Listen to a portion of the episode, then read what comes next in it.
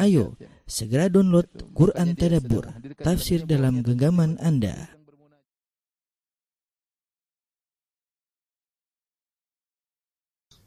Bismillahirrahmanirrahim. Assalamualaikum warahmatullahi wabarakatuh. Alhamdulillah ala ihsanih wa syukru lahu ala taufiqihi wa amtinanih. Wa asyhadu an la ilaha illallah wahdahu la syarika lahu ta'ziman li sya'nih. Wa asyhadu anna Muhammadan abduhu wa rasuluhu da'ila ridwanih. Allahumma salli alaihi wa ala alihi wa ashabihi wa ikhwani.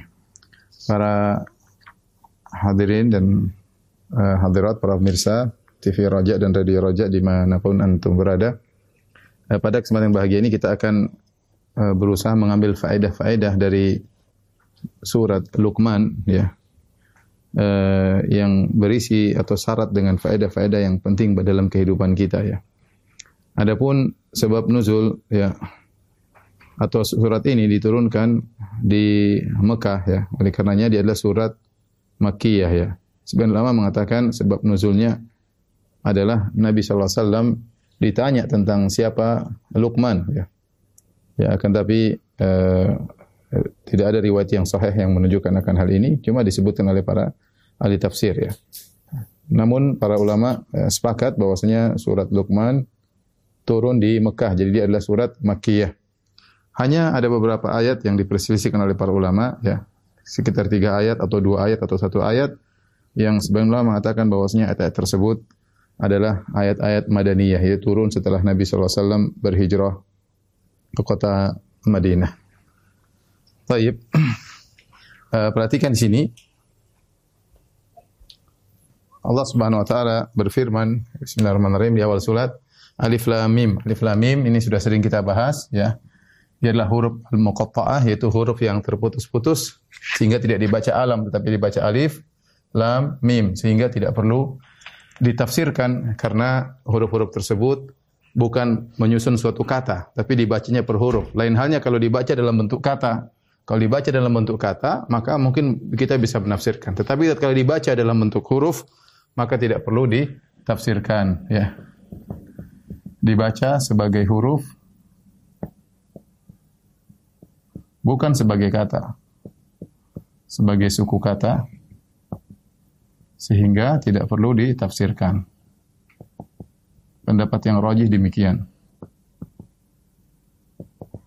Uh, adapun hikmahnya ya hikmahnya adalah uh, untuk menunjukkan bahwasanya Al-Qur'an ini adalah mukjizat turun uh, dengan bahasa kalian, dengan kata-kata kalian, dengan huruf-huruf yang kalian ucapkan uh, alif ya, huruf hijaiyah, namun kalian tidak bisa mendatangkan semisal Al-Quran. Hikmahnya yaitu menunjukkan mukjizat ya Al-Quran.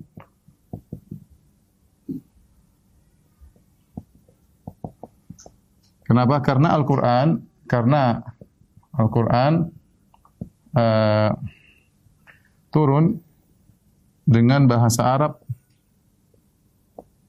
Bahkan ya dengan huruf hijaiyah. Huruf-huruf hijaiyah.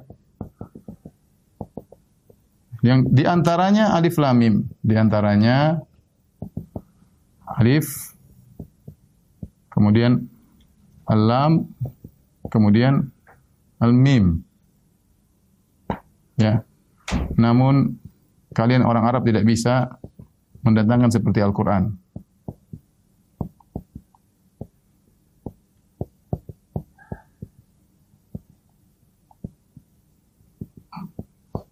Taib.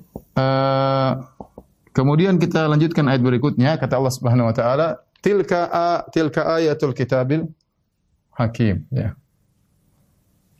Tilka ayatul kitabil hakim.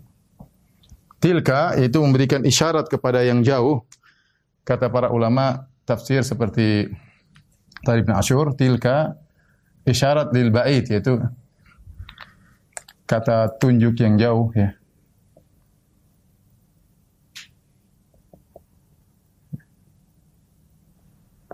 E, menunjukkan akan agungnya Al-Qur'an, menunjukkan akan tingginya kedudukan Al-Qur'an.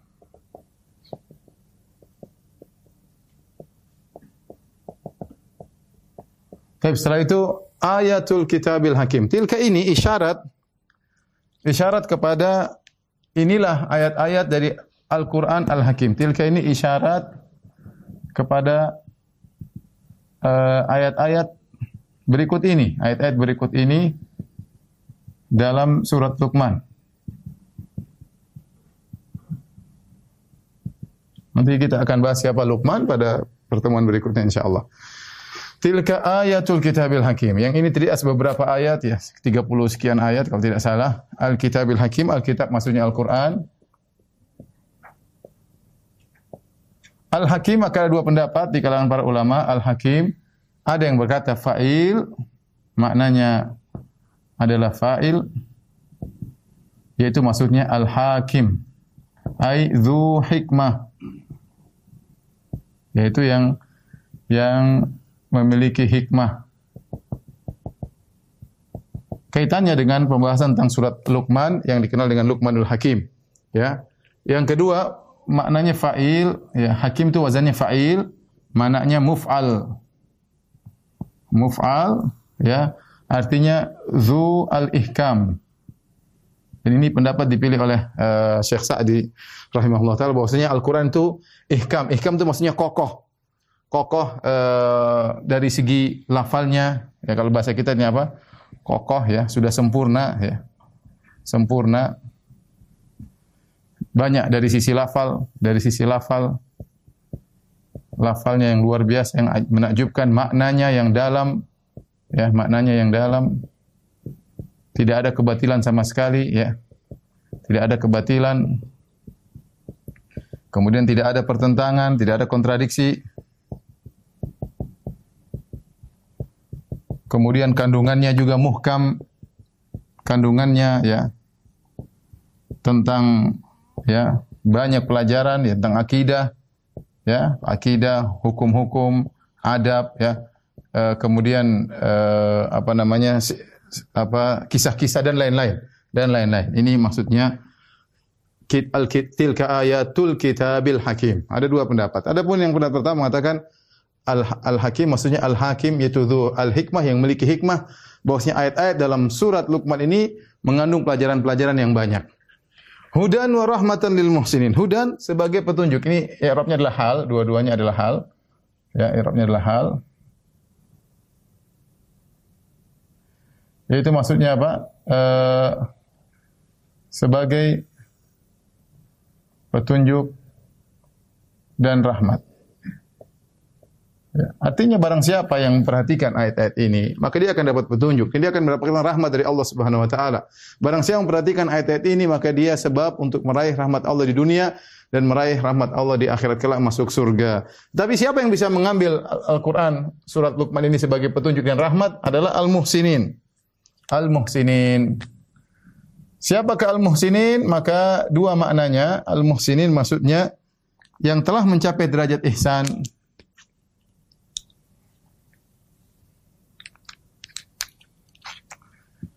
yang telah mencapai derajat ihsan.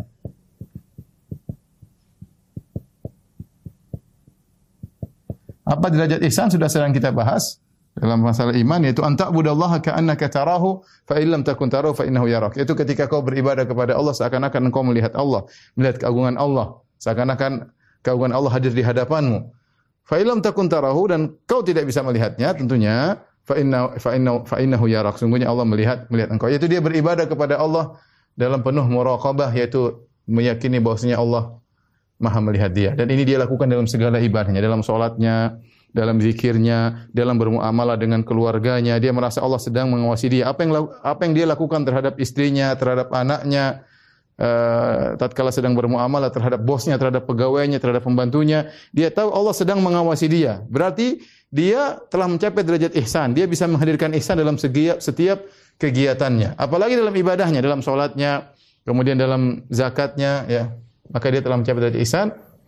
Pendapat yang kedua maksud ihsan di sini adalah orang-orang yang melakukan amal-amal soleh, yaitu orang-orang yang melakukan amal-amal soleh.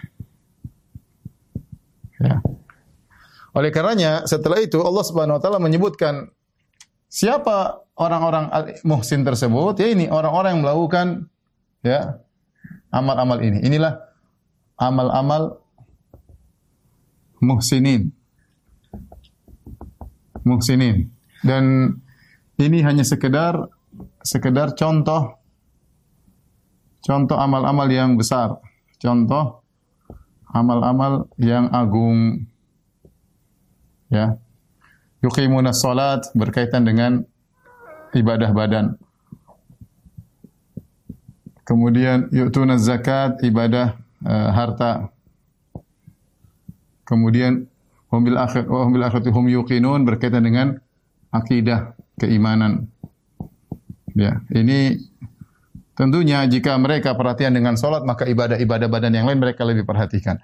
Kalau mereka bayar zakat, insya Allah ibadah badan juga mereka perhatikan. Kalau mereka beriman dengan akhirat maka uh, mereka akan beriman dengan yang lainnya tentang masalah-masalah keimanan. Ini Allah uh, contohkan tentang siapa al-muhsinin ya. Ulaika ala hudam min rabbihim wa ulaika humul muflihun. Setelah itu Allah berfirman, ya. Ulaika ala hudam min rabbihim wa ulaika ulaika humul muflihun. Mereka lah ya. Mereka itulah orang-orang yang di atas petunjuk dari Rabb mereka. Petunjuk di atas petunjuk. Petunjuk dari Arab mereka, ya. Dan mereka itulah, mereka itulah seakan-akan Allah membatasi mereka itulah, tidak yang lainnya. Wa ulaika dan mereka itulah. Mereka itulah humul muflihun yang beruntung. Yang beruntung maksudnya ya mendapat rahmat Allah di surga. Mendapat rahmat Allah di surga rahmat Allah dengan masuk surga. Baik. Eh, tolong dihapus ya.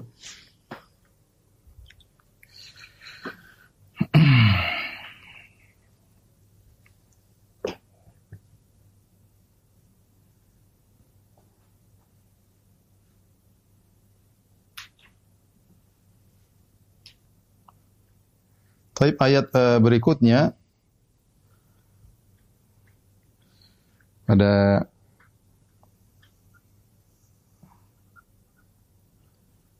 pada ayat ke 6 ya. Kata Allah Subhanahu wa taala, "Wa minan nasi may yashtari lahwal hadithi liyudhilla an sabilillahi bighairi ilmin wa yattakhidhaha huzwa, ulaika lahum adzabun muhin." Wa idza tutla alaihi ayatuna walla mustakbiran ka'an lam yasma'ha ka'anna fi udhunayhi waqara fabashirhu bi'adzabin alim.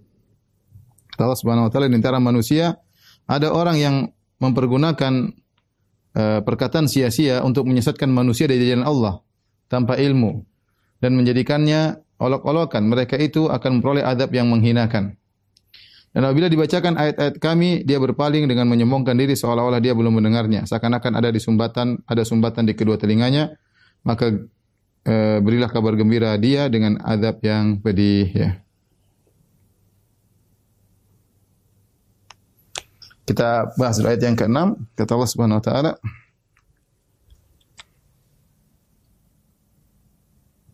Wa minan nasi may yashtari لهو الحديث ليضل عن سبيل الله بغير علم ويتخذها هزوا.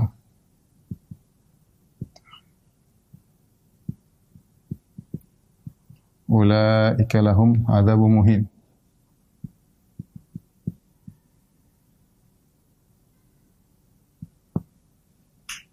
wa idza tutla alaihi ayatuna wala mustakbiran ka'alam yasma'a ka'anna fi udhunayhi waqara fabashirhu bi'adzabin alim. طيب kita ayat ke-6 dulu kata Allah Subhanahu wa taala di antara manusia di antara manusia ada yang uh, membeli, ada yang membeli lahwal hadis perkataan sia-sia. Untuk menyesatkan manusia dari jalan Allah. Untuk menyesatkan manusia dari jalan Allah.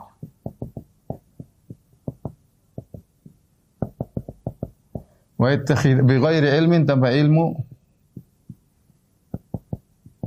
wa yattakhidha huzwa dan menjadikannya sebagai olok-olokan.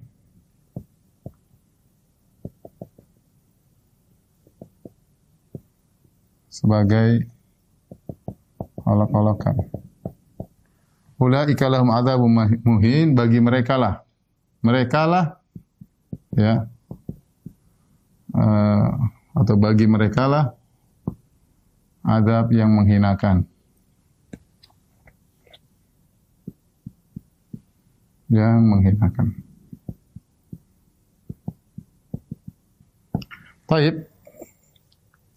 Di sini uh, pertama yang kita bahas dulu lahwal hadis ya. Apa yang maksud dengan lahwal hadis ya? Ada secara umum ada dua pendapat ya, ada khilaf ya. Eh, yang pertama, yang pertama umum ya. Mencakup mencakup semua perkataan yang memalingkan. Memalingkan dari jalan Allah. Yang kedua, uh, sebagian ulama menafsirkan dengan uh, perkataan tertentu. Perkataan tertentu. Apa perkataan tertentu tersebut datang dalam riwayat-riwayat ada beberapa. Yang pertama adalah al-ghina ya, nyanyian. Nyanyian. Ini pendapat mayoritas salaf ya. Di antaranya adalah Ibnu Mas'ud, Bahkan beliau bersumpah ketika menafsirkan al-hadid wallahi wallahi innahu ghina. Wallahi tiga kali. Demi Allah, demi Allah, demi Allah yang dimaksud dengan perkataan saya adalah nyanyian. Kemudian di antaranya Ibnu Abbas Sudah selain kalau sudah dua ahli tafsir sahabat Ibnu Mas'ud Ibnu Abbas maka yang lainnya ngikut. Maka kita dapati Mujahid bin Jabir, kemudian Ikrimah, kemudian atau Al-Khurasani, murid-murid mereka ya. uh, Ibrahim An-Nakhai muridnya Ibnu Mas'ud, semuanya hampir hampir seluruh salaf, Hasan Al-Basri, hampir seluruh salaf ya. Ini perkataan hampir seluruh salaf ya. Hampir uh, mayoritas salaf. Atau mayoritas salaf.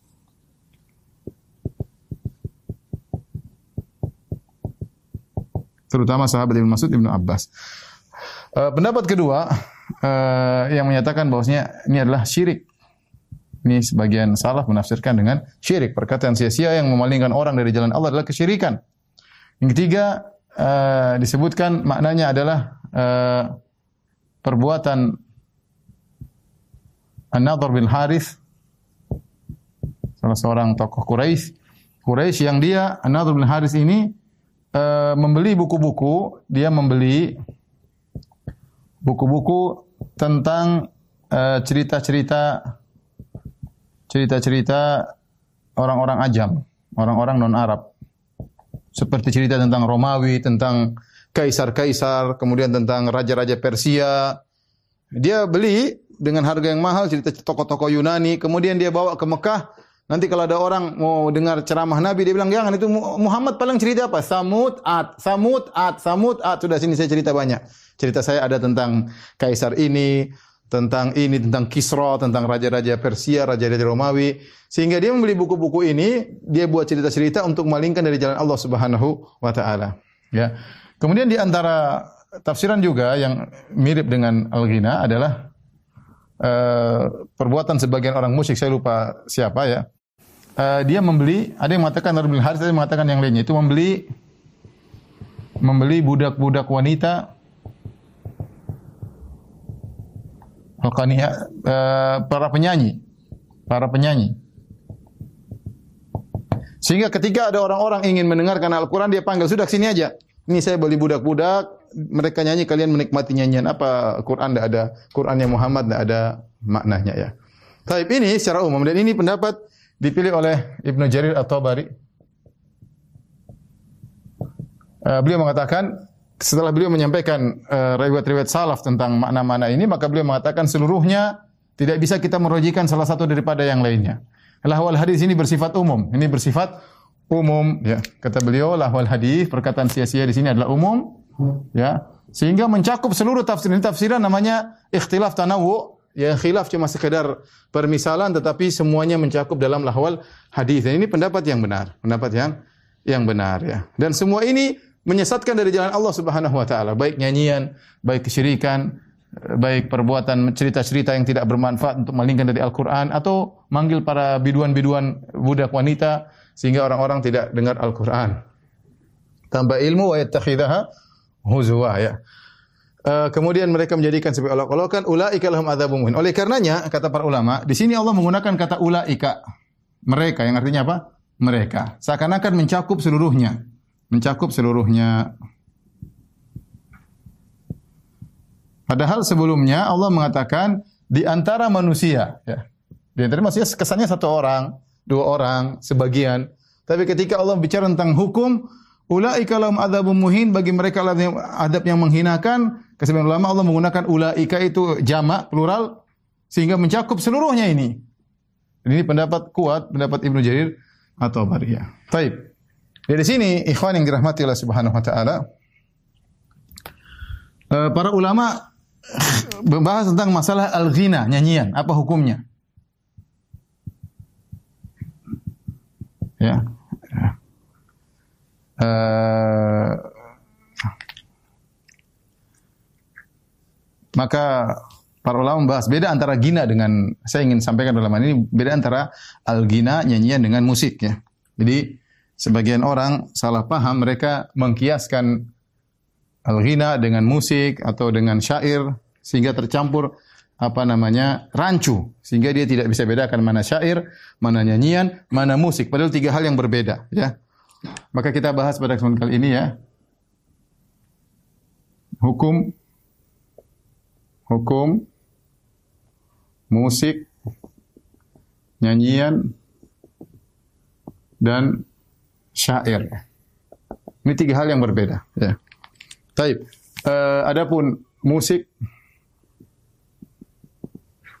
maka ijma ulama hukumnya haram. Sepakat ijma semua mazhab hukumnya haram. Kecuali sebagian ulama seperti Ibn Hazm rahimahullahu taala yang mengatakan hukumnya tidak haram. Kenapa? Karena dia mendhaifkan hadis dalam Sahih Bukhari yang dibantah oleh para para ulama, dibantah oleh para ulama ya. Sampai ada sebagian ulama yang begitu keras seperti Al-Alusi dalam tafsirnya dia mengatakan Ibnu Hazm dal mudil, sesat dan menyesatkan. Tapi kita tidak setuju dengan ibaratnya Al-Alusi eh, dalam tafsirnya dalam Ruhul Ma'ani tapi yang benar bahwasanya Ibnu Hazm keliru dalam hal ini karena dia menyelisih para ahli hadis yang mensahihkan hadis dalam Sahih Bukhari. La yakunanna aqwam min ummati yasalna hira wal, harira wal khamr wal ma'azib akan datang dari kaumku dari umatku suatu kaum yang mereka menghalalkan al hira wal harira mengharamkan uh, zina dan kain sutra bagi laki wal khamra dan uh, khamr wal ma'azib dan alat-alat musik. Oleh karenanya hukumnya sepakat. Ya, bahkan di antara perkataan yang kencang dari uh, ulama Syafi'i, ulama Syafi'i paling kencang masalah ini ya. Semuanya mengharamkan musik ya. Saya bacakan di antara perkataan yang kencang dari Ibnu Hajar Al-Haytami ya. Dia berkata bahwasanya ingin menegaskan bahwasanya tidak ada khilaf dalam masalah ini. Ya, bahkan Ibnu Hajar Al-Haytami masukannya dalam uh, dosa besar dalam azawajir ya. Kemudian beliau berkata, setelah beliau menyebutkan wal autar wal maazi katumbur wal ut was sanj dzil autar wal ribab wal jank wal kamanjah was sintir wal dirij dan yang lainnya. Beliau mengatakan senar-senar dan alat musik seperti kecapi, gitar, uh, rebab, ya, kemudian semacam gitar, kamanj, alat musik milik kayu berbentuk busur dengan empat senar, sintir, semacam pokoknya alat musik setelah beliau sebutkan, setelah itu beliau berkata, wa ghairi dzalika minal ayatil masyhura inda ahli lahwi. Ya, ayat-ayat yang terkenal di tukang orang-orang melakukan kelalaian ya, orang-orang bodoh wasafaha wal fusuk dan orang melakukan kefasikan. Wa hadhihi kulluha muharramatun bila khilaf. Ini semua adalah haram tanpa ada khilaf. Wa man haka fihi khilafan, barang siapa yang mengatakan ada khilaf dalam masalah ini, faqad ghalit, maka dia telah ghalata, dia telah salah, au ghalaba alaihi hawahu atau dia telah dikuasai, didominasi oleh hawa nafsunya, hatta asammahu a'mahu, sampai membuat dia tuli dan buta wa mana'ahu hudahu sehingga dan mencegah dia daripada petunjuknya wa zalla bihi an sunani taqwahu dan dia tergelincir dari kebiasaan ketakwaannya. Jadi tidak yang mengatakan khilaf itu ngawur ya. Dan ini jelas bahwasanya sepakat ya, sepakat hukumnya haram. Yang dibolehkan cuma apa? Yang dibolehkan uh, hanya uh, duf ya rebana, duf ya pada acara-acara acara-acara apa namanya uh, walimah dan semisalnya. Eid dan semisalnya ini dibolehkan. Baik. Kita oleh karena Imam Syafi'i juga mengatakan hukumnya haram, semuanya haram. Ini ijma. Apalagi ulama Syafi'i. Makanya saya saya katakan, datangkan satu ulama Syafi'i yang mengatakan musik halal. Datangkan satu ulama Syafi'i. Semuanya mengharamkan.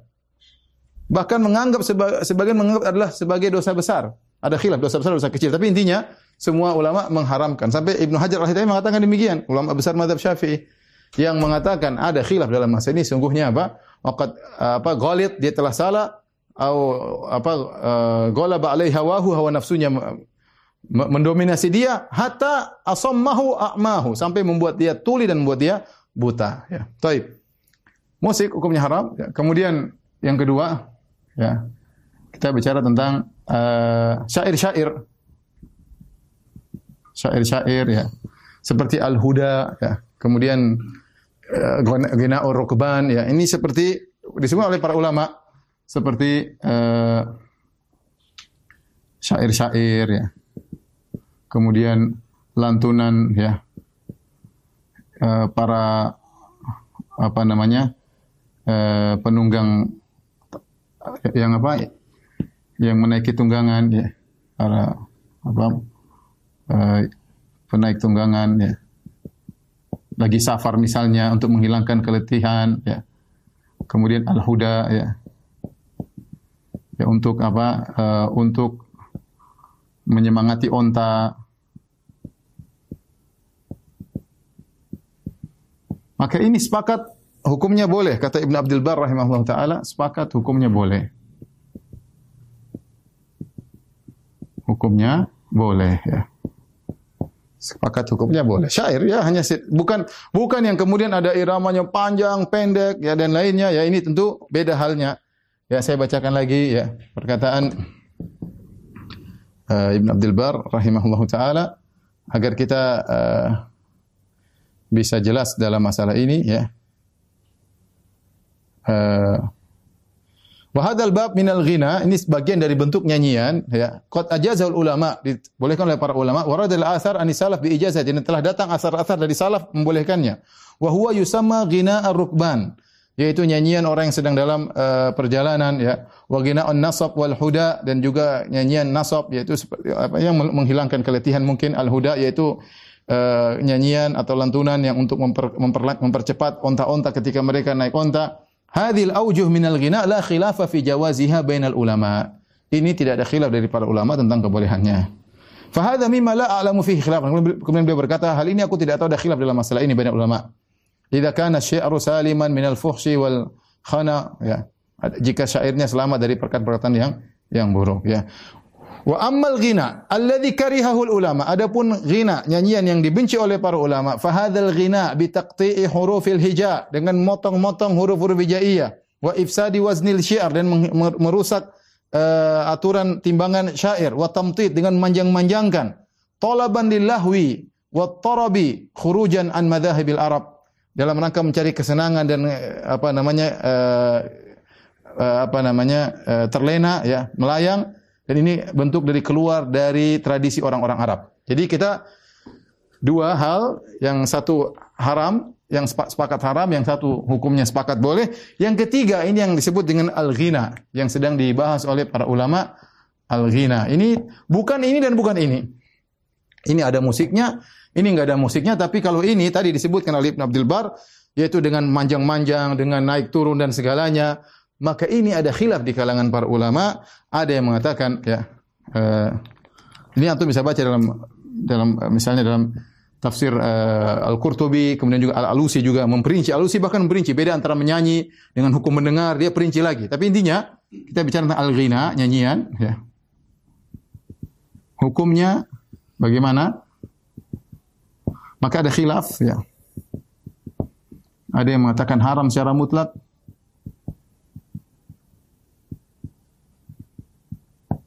Ada yang mengatakan makruh, ya. Makruh. Ya. Ada yang mengatakan ya boleh ya kalau uh, sesekali sedikit-sedikit ya. Sekali. Kalau kita sekarang boleh kita katakan ini maksud al-ghina, sekarang maksudnya nasid-nasid zaman sekarang. Persis seperti yang dikatakan oleh uh, seperti Ibn Abdul Bar, ya. Nasid-nasid demikian ada lantunannya, naiknya, turunnya, ada refnya, ada mukaddimahnya, ya seperti nyanyian-nyanyian. Bagaimana hukumnya? Dia mengatakan haram secara mutlak. Yang mengatakan haram, dia punya dalil. Dia mengatakan inilah perkataan Ibnu Mas'ud. Ibnu Mas'ud. Ketika dia bilang lahwal hadis, maka Ibnu Mas'ud mengatakan wallahi wallahi innahul ghina, wallahi innahul ghina, wallahi innahul ghina. Demi Allah yang dimaksud lahwal hadis dalam surat Luqman ayat 6 adalah ghina, adalah nyanyian. Ya. Uh, Imam Syafi'i uh, dia mengatakan makruh tidak sampai haram ya. Kalau uh, banyak ya. Dan ini pendapat dipilih oleh ya, Al-Qurtubi ya. Boleh kalau sesekali. Bukan bukan bukan sebagai profesi penyanyi. Bukan sebagai uh, profesi ya, penyanyi. Adapun Imam Syafi'i mengatakan dan semuanya berpendapat, adapun jika jika profesi penyanyi ingat ini penyanyian tanpa musik ya. Musik haram jelas. Fasik. Melakukan alat musik melakukan alat musik fasik. Dosa terus-terusan. Khilaf, dosa besar, dosa kecil. Tapi kalau terus-terusan ya fasik. Adapun jika profesi jika profesi penyanyi ya maka menurut Imam Syafi'i syahadahnya persaksiannya persaksiannya ditolak. Ditolak. Ini juga dipilih oleh uh, banyak ulama ya. Tapi saya bacakan perkataan Imam Syafi'i rahimahullah taala. Dalam kitabnya Al-Um, ya, dalam kitabnya Al-Um ya 629. Beliau berkata, "Fir rajul yughanni fayattakhidhul ghina sina'atahu tentang hukum seorang laki yang menyanyi dan menjadikan nyanyian sebagai uh, pekerjaannya. Demikian juga seorang wanita wal mar'ah. Kata beliau, la tajuzu syahadatu wahidin minhuma. Tidak boleh persaksian salah seorang dari keduanya, laki-laki dan perempuan yang profesinya sebagai penyanyi. Wa dzalika annahu minal lahwil makruh. Karena ini adalah lahu perkataan sia-sia yang makruh. Alladhi yushbihul batil. Imam Syafi'i mengatakan hukum asalnya makruh. Dia tidak mengharamkan ghina. Ya, tapi dia mengatakan gina itu makruh, nyanyian makruh. Ingat ya, bukan syair ya, bukan alat musik. Kalau musik haram, Imam Syafi'i punya pembahasan tentang alat musik dalam tempat yang lain. Yang dia mengatakan alat musik kalau sama seperti khamar, sama seperti hukumnya haram seperti khamar, sama seperti makan daging babi, hukumnya haram. Ya. E, adapun kalau ini berkaitan dengan nyanyian yang nyanyian yang biasa, yang bukan syair-syair e, dan juga tidak mengandung kata-kata Porno misalnya, kalau kata porno semua sepakat haram. Mau syair porno juga haram ya, semuanya. Atau yang buat menimbulkan syahwat semuanya haram. Atau isinya kesyirikan. Ini kita bicara tentang ghina nyanyian yang tidak berisi, yang kontennya tidak jadi masalah. Mungkin kontennya islami, mungkin. Beliau berkata, La tajuju syahadat, la tajuju syahadat wahidin minhuma, tidak halal, tidak boleh persaksian salah dari keduanya. Wa dzalika annahu minallahwil makruh. Karena nyanyian merupakan dari perbuatan sia-sia yang dibenci. Alladhi yushbihul batil yang mirip dengan kebatilan. Wa anna man sana'a hadza kana mansuban ila safah. Yang siapa melakukan hal ini maka dinisbahkan kepada kebodohan. Wa suqatatil muru'ah dan terjatuh muru'ahnya, harga dirinya. Wa man radiya bihadza li nafsihi kana mustakhiffan wa illam yakun muharraman bainat bayyinat tahrim ya. Uh, dan barang siapa yang ridha dengan hal ini dia jadikan nyanyian sebagai pekerjaannya, maka dia telah bodoh meskipun keharamannya tidak jelas-jelas haram, ya. Kemudian beliau katakan di akhir, eh, fa istima'ul hida atau al-huda, adapun mendengar al-hida tadi nyanyian yang uh, lantunan syair yang dibacakan untuk mem, apa namanya untuk menyemangati onta ketika berjalan. Wa nasyidil a'rab kemudian nasyid-nasyid syair-syairnya orang-orang Arab Badui fala ba'sa bihi qalla au kathur. Ya sedikit atau banyak tidak jadi masalah. Wa kadzalika istima'u syair demikian juga mendengarkan syair. Jadi Imam Syafi'i membedakan. Subhanallah dalam kitab Al-Um Imam Syafi'i membedakan tiga perkara. Musik beliau mengatakan haram. Syair beliau mengatakan tidak jadi masalah. Banyak atau sedikit enggak jadi masalah. Perkara yang mubah ghina beliau mengatakan makruh tidak sampai haram tapi belum makruh dan ini khilaf di kalangan para ulama ada yang mengatakan haram secara mutlak ini pendapat uh, Ibnu uh, Ibnu Mas'ud Ibnu Abbas dan banyak dari salaf karena Allah cerah dalam ayat ini dengan Allah sebut lahwal hadis. Taib. Liudil an sabilillah bi ghairi ilminya. Dengan sebab-sebab ini maka orang ter, terlalaikan dari jalan Allah. Dan benar, kita bicara soal al-ghina. Nyanyian. Ya akhi, orang nyanyian. Enggak usah pakai musik, bikin orang lalai. Kalau kebanyakan bikin orang orang lalai. Apalagi pakai musik ya. Orang bisa goyang, bisa ini, kemudian ya banyak sekali akibat buruk dari gara-gara orang senang bermusik-musik dan bernyanyi-nyanyi, ya. Maka Allah ancam ulaika lahum adzabum muhin, bagi mereka adab yang pedih. Ya, kita mungkin bisa bawakan kepada perbuatan orang kafir seperti Nadir bin Harith yang mencela Al-Qur'an, mengejek Al-Qur'an, membeli buku-buku untuk malingkan dari Al-Qur'an atau membeli budak-budak wanita di Mekah agar orang tidak mendengar Al-Qur'an tapi mendengar nyanyian budak-budak wanita, ya para penyanyi-penyanyi di sana ya. Tapi meskipun mungkin ayat ini ada yang mengatakan Ustaz, ayat ini kan turun pada orang kafir. Iya, meskipun ayat ini turun kepada orang kafir sebab nuzulnya, tetapi al-ibrah bi umumil lafzi la bi khusus sabab. Yang jadi ibrah adalah keumuman lafal bukan dari khusus sebab. Ya, intinya barang siapa yang meniru perbuatan mereka ada dapat bagian dari keharaman. Mungkin hukumnya berbeda, tetapi sama-sama terjerumus dalam keharaman karena meniru-niru akhlak mereka yang buruk. Oleh karenanya uh, Ibnu Mas'ud, Ibnu Abbas dan para salaf menafsirkan lahwal hadis dengan al-ghina, nyanyian. Wallahu alam bisawab. Tolong dihapus.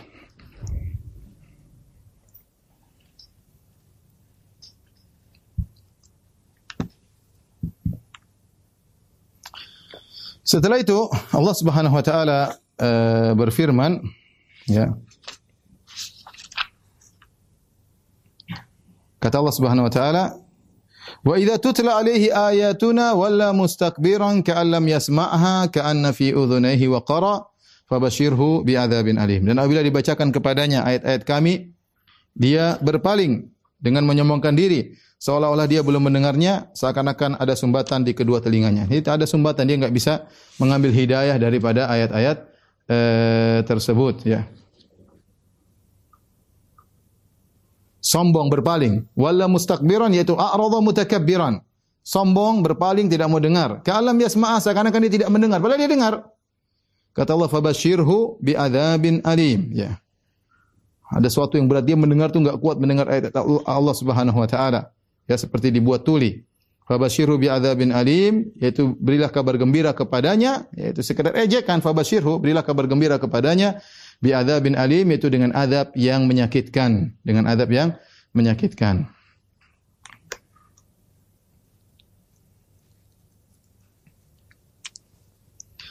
Kemudian kita lanjutkan Allah Subhanahu wa taala berfirman setelah itu setelah Allah menyebutkan tentang orang-orang kafir atau orang-orang yang lalai, Allah menyebut orang beriman. Innal ladzina amanu wa amilus salihati lahum jannatun na'im khalidina fiha wa'dallahi haqqan wa huwal azizul hakim ya Ya, huwal azizul hakim.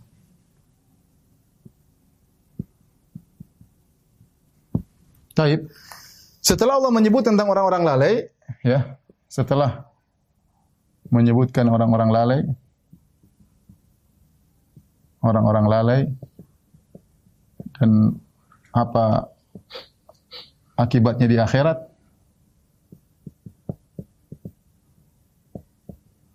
maka Allah menyebutkan yang sebaliknya. Dan itulah uh, metode Al-Qur'an menyebutkan golongan sebaliknya yaitu orang-orang beriman orang-orang beriman Dan inilah metode Al-Quran. Tinggal seorang tinggal pilih. Mau pilih kelompok pertama sudah dijelaskan. Mau pilih kelompok kedua ada. Bagaimana sikap mereka? Innalladzina amanu. Orang-orang yang beriman. Beramal soleh. Beramal soleh. Ya, ini sering saya sampaikan. Kenapa disebutkan amal soleh? Agar orang tahu bahwasanya bukti dari keimanan adalah amal soleh. Amal soleh disebutkan secara khusus meskipun amal soleh bagian dari iman, tetapi zikrul khas ba'dal ba'dal am disebutkan secara khusus untuk menjelaskan bahwasanya kalau beriman mana buktinya? Buktinya adalah amal amal saleh ya. Kata Allah lahum bagi mereka. Bagi mereka jannatun naim ya. Surga-surga yang penuh kenikmatan. Al-Alusi rahimahullah taala Dia yang bahas. Ini dia mengatakan, kenapa Allah tidak mengatakan lahum naimul jannat? Bagi mereka nikmat-nikmat surga. Kenapa Allah tidak mengatakan bagi mereka nikmat-nikmat surga, tapi Allah mengatakan bagi mereka surga-surga yang penuh dengan kenikmatan. Karena kalau dibilang bagi mereka nikmat-nikmat surga, seakan-akan surga bukan milik mereka, cuma mereka dikasih nikmat. Atau seakan-akan selain ada nikmat di surga ada yang bukan nikmat. Saya ulangi, kenapa Allah tidak mengatakan jannah naimul jannah? Allah tidak mengatakan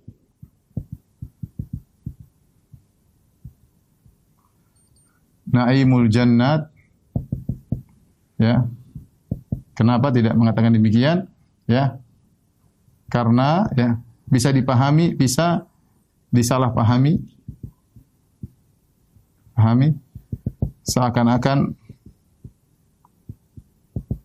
surga bukan milik mereka. Bukan milik mereka hanya nikmatnya saja. Atau dipahami di surga ada hal selain nikmat. Oleh karena kalau kita renungkan ungkapan-ungkapan Allah luar biasa. Padahal kita tahu di surga semuanya adalah kenikmatan. Kata Allah, wa idza ra'aita thamma ra'aita na'iman. Kalau kau di surga lihat di mana pun semuanya isinya kenikmatan. Lihat ke sana, ke sini, ke samping, ke atas, ke bawah, semuanya isinya kenikmatan. Khalidina fiha, mereka kekal di dalamnya. Wa'adallahi haqqa janji Allah pasti Allah buktikan. Wahwal azizul hakim dan dialah maha perkasa lagi maha bijak. Ini semua mudah bagi Allah. Allah maha perkasa untuk membalas orang-orang yang berbuat uh, maksiat dan Allah mampu untuk membalas kebaikan bagi orang-orang yang melakukan uh, kebajikan.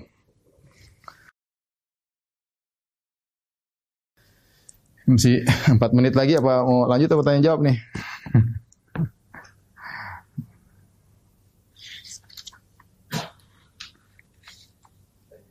tanya jawab ya. Oke, silakan tanya jawab lebih bagus ya. Kita manfaatkan waktu. Eh, saya serahkan kembali kepada ikhwan-ikhwan di studio Roja. Kalau ada yang bertanya, saya persilakan.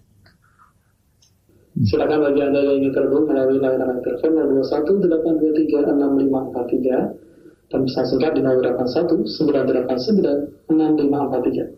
Silakan kami akan angkat di layanan telepon bagi Anda yang ingin bertanya secara langsung. Ya, halo. Halo. Ya, silakan. Halo, Assalamualaikum Ustaz. Waalaikumsalam. Saya warahmatullahi dengan siapa dari mana Pak? Dari Bapak Jicin di Kerinci. Silakan Bapak di Kerinci. Ha? Mau tanya tentang masalah keimanan nih, Ustaz. Baik. Bagaimana seseorang yang tidak melakukan amal soleh, apakah tidak dikatakan sebagai orang yang beriman? Dan saya pernah mengalami dan menyaksikan orang orang tersebut mengatakan saya ini tidak beriman, jadi tidak wajib berpuasa. Karena yang disuruh untuk berpuasa itu orang yang beriman, sedangkan orang tersebut orang Islam. Tak? Bagaimana itu konsekuensinya? Tak? Assalamualaikum warahmatullahi wabarakatuh. Waalaikumsalam warahmatullahi wabarakatuh. Terima kasih Bapak. Silakan Ustaz. Uh, limaan menurut ahlu sunnah wal jamaah terdiri atas tiga poin yaitu uh, al-qawlu bil lisan perkataan uh, dengan lisan kemudian al-i'tiqad bil jinan keyakinan dalam hati kemudian al-amal bil arkan kemudian beramal dengan anggota tubuh. Itulah bagian-bagian daripada keimanan ya. Maka keimanan dengan hati keimanan dengan lisan keimanan dengan uh, amal anggota tubuh ya. Oleh karena di antara bukti keimanan adalah seorang memproyeksikan imannya dalam amal dia sehari-hari ya. Makanya misalnya Allah mengatakan i'malu ala Dawud syukran wahai keluarga Daud beramallah sebagai bentuk bersyukur kepada Allah Subhanahu wa taala sebagai bukti keimanan ya. Maka kalau orang e, beriman namun dia tidak beramal, maka imannya sangat berkurang. Dan bisa jadi dia sampai pada derajat kufur jika dia meninggalkan amal-amal tertentu yang merupakan uh, syarat keimanan kalau ditinggalkan bisa keluar dari Islam ya. Tergantung amal apa yang dia tinggalkan ya. Tergantung amal apa yang dia tinggalkan. Adapun perkataan seorang bahwasanya yang Allah mengatakan ya ayyuhalladzina amanu ya kutiba alaikumusiyam wahai orang yang beriman diwajibkan atas kalian untuk berpuasa kata dia saya belum beriman ya kita katakan kalau kata iman disebutkan secara tersendiri maka iman adalah Islam, Islam adalah iman ya. Iman adalah Islam, Islam adalah iman ya. Dan ini mencakup semua orang Islam. Baik yang kewajiban berpuasa mencakup seluruh orang Islam, baik yang imannya tinggi maupun imannya sangat rendah maupun imannya hampir hilang ya. Selama dia masih masih ada Islamnya, belum batal keimanannya, masih belum batal syahadahnya, maka dia masih terkena dalam perintah ini. Ya ayyuhalladzina amanu maksudnya mencakup orang-orang Islam. Karena kita tahu bahwasanya kata iman dan Islam ini jika disebutkan secara bersendirian ya maka dia mencakup makna yang lain. Jika disebutkan bareng baru kemudian masing-masing memiliki makna tersendiri. Jadi dia salah paham. Jadi semua orang yang masih muslim, belum non muslim, belum kafir, maka terkena kewajiban untuk melaksanakan uh, melaksanakan ibadah puasa. Tolong nasihati orang tersebut ya agar dengan dia melaksanakan ibadah puasa, maka tingkat keimannya semakin bertambah, semakin tinggi, semakin dekat kepada Allah Subhanahu wa taala. Adapun dia meninggalkan dengan alasan seiman saya belum cukup, sama seperti seorang kemudian dia mau hajian dia mengatakan ah saya iman saya belum sampai, saya tidak mau haji nanti dulu. Ini tidak benar. Kamu kalau sudah punya harta, kamu orang muslim wajib untuk berhaji. Bagaimanapun kondisimu wajib untuk berhaji. Mungkin eh, demikian saja para pemirsa eh, Roja TV dan Radio Roja di mana pun anda berada karena waktu yang membatasi kita. Insya Allah kita lanjutkan uh, pengajian kita pada kesempatan berikutnya dalam tafsir surat Luqman yang kedua. Uh, demikian wabillahi taufik wal hidayah. Assalamualaikum warahmatullahi wabarakatuh. Ayo, segera download Quran Tadabbur, tafsir dalam genggaman Anda.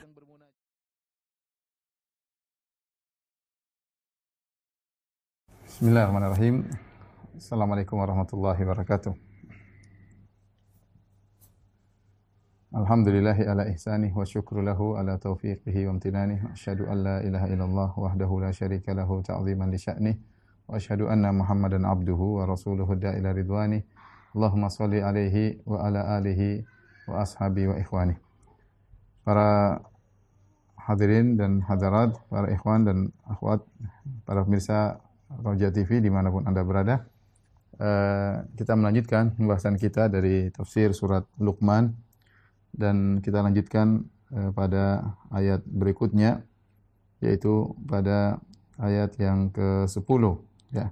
Allah Subhanahu wa taala berfirman khalaqas samawati bighairi amadin tarawnaha wa alqa fil ardi rawasiya an tamida bikum wa batha fiha min kulli dabbah wa anzalna minas samai ma'an fa anbatna fiha min kulli zawjin karim hadha khalqullah fa'arni madza khalaqal ladzina min zalimuna fi dhalalim mubin. Allah berfirman, Dialah Allah yang telah menciptakan langit ya, yang bertingkat-tingkat ya, tujuh langit. Tanpa ada tiang yang kalian lihat dan Allah uh, melemparkan ke atas bumi hujan uh, gunung-gunung ya. Yaitu Allah meletakkan di gunung-gunung di atas permukaan bumi agar tidak mengoncangkan kalian dan Allah memperkembangbiakan segala macam jenis makhluk yang bergerak, yang bernyawa di bumi. Dan kami turunkan air hujan dari langit, lalu kami tumbuhkan padanya segala macam tumbuh-tumbuhan yang baik. Inilah ciptaan Allah, maka perlihatkanlah olehmu kepadaku apa yang telah diciptakan oleh sembahan-sembahan kalian selain Allah. Sebenarnya orang-orang zalim itu berada dalam kesatan yang nyata.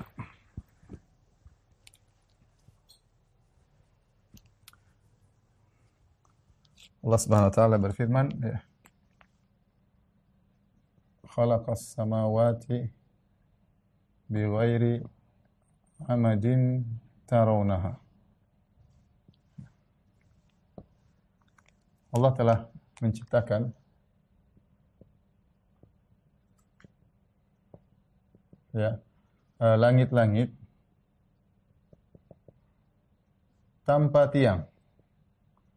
tanpa tiang uh, kalian melihatnya. Kalian melihat. Baik, di sini uh, kita tahu bahwasanya uh, langit uh, uh, apa namanya bertingkat-tingkat dan ini semua diciptakan Allah Subhanahu wa taala. Namun langit tersebut Allah ciptakan bi ghairi amadin tanpa tiang. Di sini ada khilaf di kalangan para ulama. Apa maksudnya tanpa tiang ya? Ada dua pendapat. Uh, pendapat pertama mengatakan bahwasanya tiang tersebut ada namun tidak terlihat. Namun tidak terlihat. Kalau kita i'rab, kita mengatakan bi ghairi amadin bi ghairi amadin tarawunaha. Nah, kalau i'rabnya maka amadin tarawunaha ini adalah na'at. Na'at ya, ini adalah sifat man'utnya kembali kepada amadin uh, kemudian ha tarawunaha kembali kepada amadin. Ini secara bahasa. Bi ghairi amadin tarawunaha yaitu Allah menciptakan langit-langit tanpa tiang yang kalian melihatnya. Artinya tiang tersebut ada namun tidak terlihat. E, pendapat yang kedua, tiang tiang tersebut benar-benar tidak ada.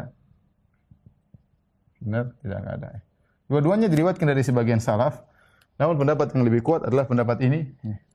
Ini pendapat yang lebih kuat berdasarkan kenyataan wa yumsikus sama ya.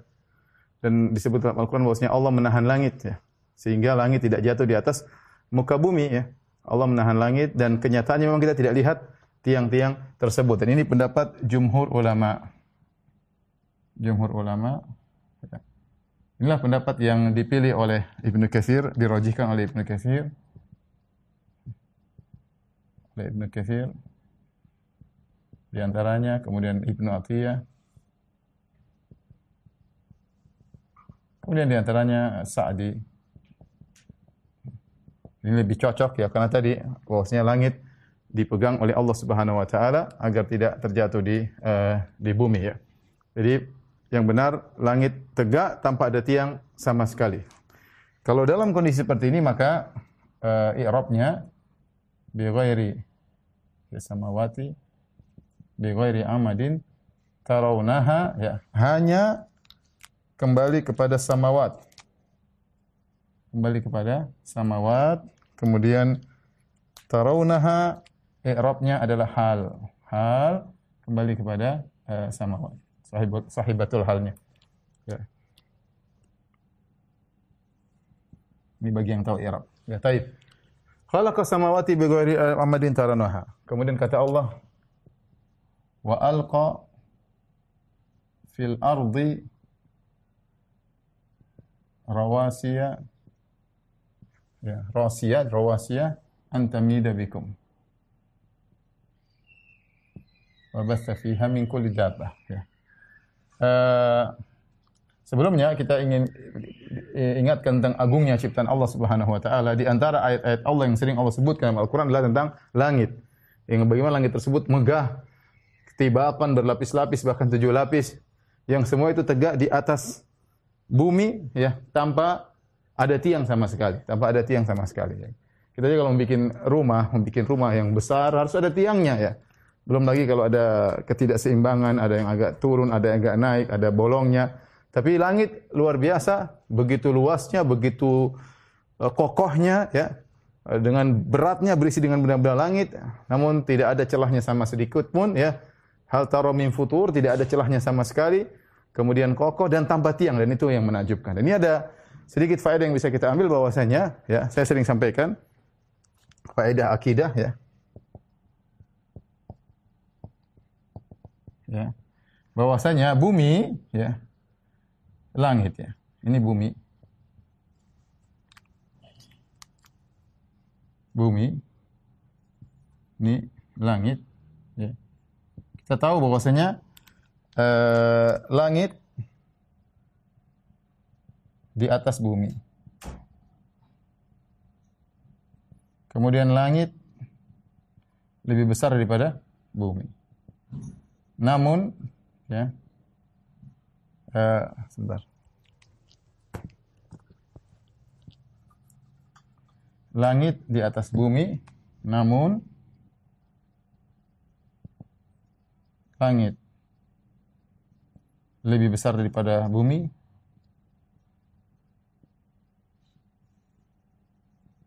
Kemudian langit tidak butuh kepada bumi. Tiang dari bumi. Kenapa? Karena Allah yang memegangnya. Baik.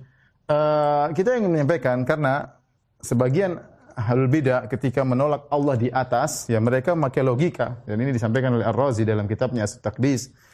Kata mereka, kalau Allah di atas, berarti Allah lebih kecil daripada arsh. Karena yang di atas butuhkan kepada yang di bawah. Dan berarti yang di atas dinaungi oleh yang di bawah. Ini logika mereka. Kemudian yang di atas butuh kepada yang di bawah. Seandainya kalau arsh jatuh, Allah ikut jatuh. Maka dibantah oleh para ulama dengan logika sederhana. Ya, jadi saya ulangi logika mereka, Allah di atas, tidak masuk logika mereka. Kata mereka, kalau Allah di atas, berarti lebih kecil daripada ars. Berarti ars itu menaungi Allah. Ya. Yang kedua, Allah butuh kepada ars karena di atas butuh kepada yang di bawah. Kalau ars jatuh, Allah ikut jatuh. Ini tidak benar. Kita bilang logika antara bumi dengan langit. Langit lebih luas daripada bumi. Langit di atas bumi. Namun, langit lebih besar daripada bumi. Dan langit tidak butuh tiang dari dari bumi. Kalau antara benda dunia saja, yang di atas tidak mesti lebih kecil, yang di atas tidak mesti butuh kepada yang di bawah, apalagi Allah Subhanahu wa taala, Allahu Akbar, yang langit dan bumi sangat kecil dalam genggaman Allah Subhanahu wa taala. Wal ardu jami'an qabdatuhu yaumal qiyamah, was samawati matwiyatun bi yaminih. Ya, bahwasanya bumi dalam genggaman Allah, kemudian langit dilipat dengan tangan kanan Allah Subhanahu wa taala. Justru langit dan bumi dalam genggaman Allah dipegang oleh Allah. Inna Allah yumsikus samawati wal ardu antazula. Allah memegang langit dan bumi agar tidak jatuh. Bagaimana kemudian seorang bayangkan kalau Allah di atas, Allah lebih kecil, Allah butuh kepada tempat. Ini semua khayalan yang diagungkan oleh sebagian orang untuk menolak ayat-ayat Allah Subhanahu wa taala dan itu adalah kesalahan fatal. Ya, sementara kita lihat antara bumi dan langit saja bisa tidak demikian apalagi antara ini antara makhluk dengan makhluk apalagi antara al-khaliq dengan makhluk antara pencipta dengan makhluk. Allahu Akbar.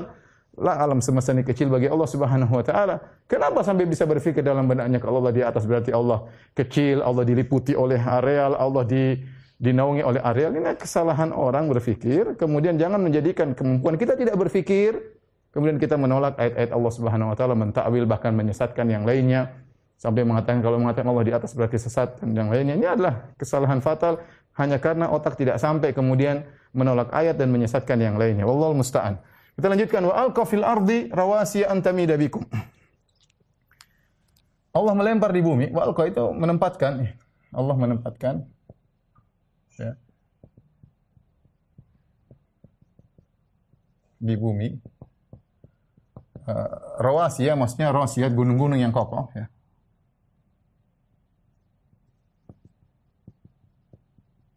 Untuk apa? Agar agar uh, bumi tidak bumi tidak menggoncangkan kalian.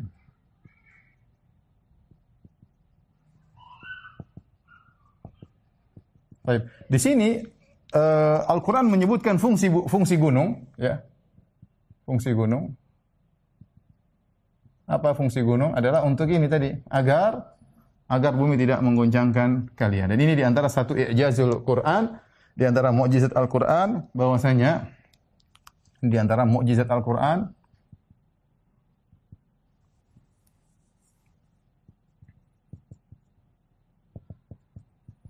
Al-Quran tentang gunung. Tentang uh, gunung ya. Ternyata ada mukjizat Al-Quran ternyata informasi Al-Quran, gunung itu ya seperti pasak ya. Seperti seperti pasak. Autada ya. Pasak ya. Pasak itu paku ya, paku. Kalau kita paku eh, biasanya kan kalau kita bikin kemah ada pasaknya, ada pakunya. Nah, pakunya kita paku, maka yang yang terlihat di luar cuma sepertiganya, yang menjulang ke dalam dua pertiganya atau yang keluar cuma sedikit mungkin cuma sepersepuluhnya di dalamnya lebih dalam agar semakin kokoh semakin menjulang ke dalam maka dia semakin kokoh dan itu tidak tergambarkan oleh banyak orang ketika zaman dahulu apalagi 1400 tahun yang lalu tatkala Al-Qur'an turun sebagian orang menyangka namanya gunung sekedar diletakkan di atas di atas bumi. Ternyata tidak. Ternyata dia punya akar yang menjulang ke dalam. Ini baru diketemukan oleh para pakar geologi dari Amerika, dari Jepang ya. Setelah ratusan tahun atau ribuan tahun setelah uh, Al-Qur'an setelah Al-Qur'an men men menyatakan demikian. Jadi ternyata gunung ya seperti pasak. Jadi kalau ada gunung, ini bumi, ternyata dalamnya ini menjulang lebih jauh ya. Lebih jauh. Ini akarnya lebih dalam daripada atasnya.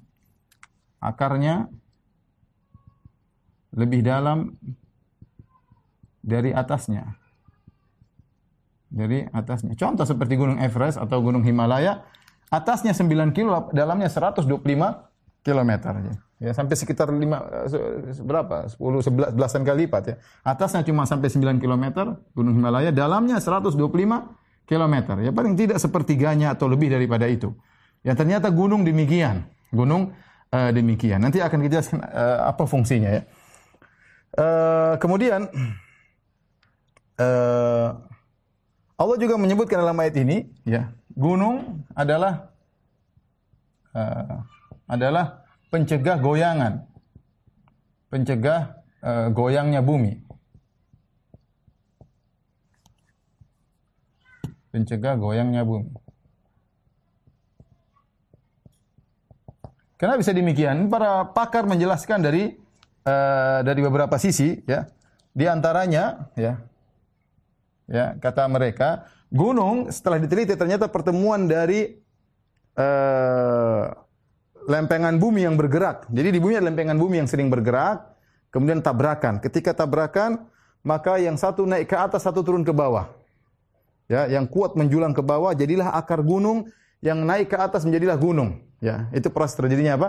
Terjadi gunung tabrakan lempengan. Yang lempengan-lempengan ini banyak terjadi di beberapa daerah ya, di permukaan bumi sehingga fungsi ketika lempengan tersebut bertemu, maka seakan-akan ada paku yang mengikat dua lempengan tadi ya. Yang seandainya kalau kalau tidak terjadi gunung, maka akan terjadi kehancuran ya, kemudian goncangan luar biasa yang dahsyat. Karena terjadi pas gunung tadi seakan-akan ini pasak yang memegang lempengan-lempengan seperti papan-papan yang terikat. Sehingga gerakannya terhenti ya. Tidak menjadikan uh, artinya gerakannya tidak menjadikan bumi bergoyang ya di antaranya tadi gunung menahan fungsinya mengunci atau memasak seperti memaku lempengan-lempengan bumi. Sehingga akhirnya gerakannya bisa terhambat. Yang kedua, ya. Yang kedua di antara fungsinya saya baca menurut mereka mengatakan bahwasanya eh, lempengan bumi lempengan bumi berada di atas di atas cairan ya yang yang yang ada yang bergejolak di dalamnya ya.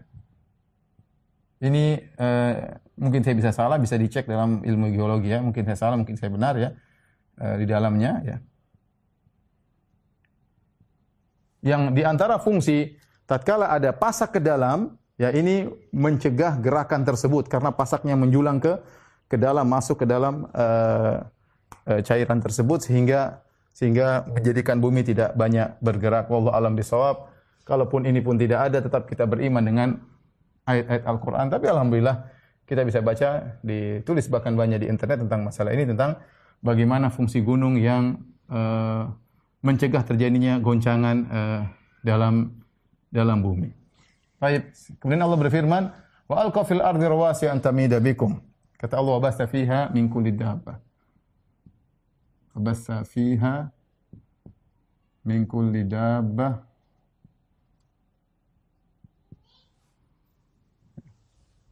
Wa anzalna minas sama'i ma'an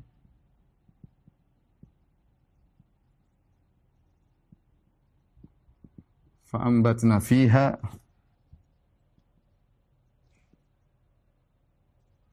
min kulli zaujin bahi karim. Min kulli zaujin karim. Ya. Baik. Kemudian kata Allah Subhanahu wa taala, Allah menebarkan di atas muka bumi. Ya Allah ya. Menebarkan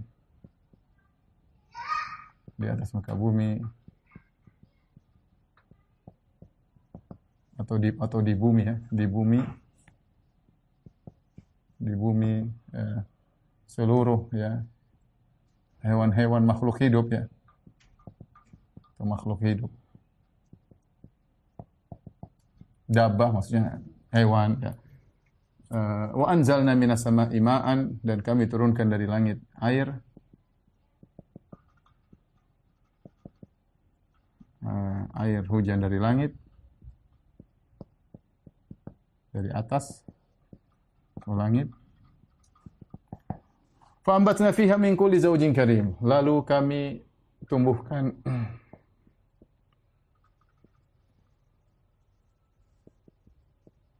di bumi ya dari seluruh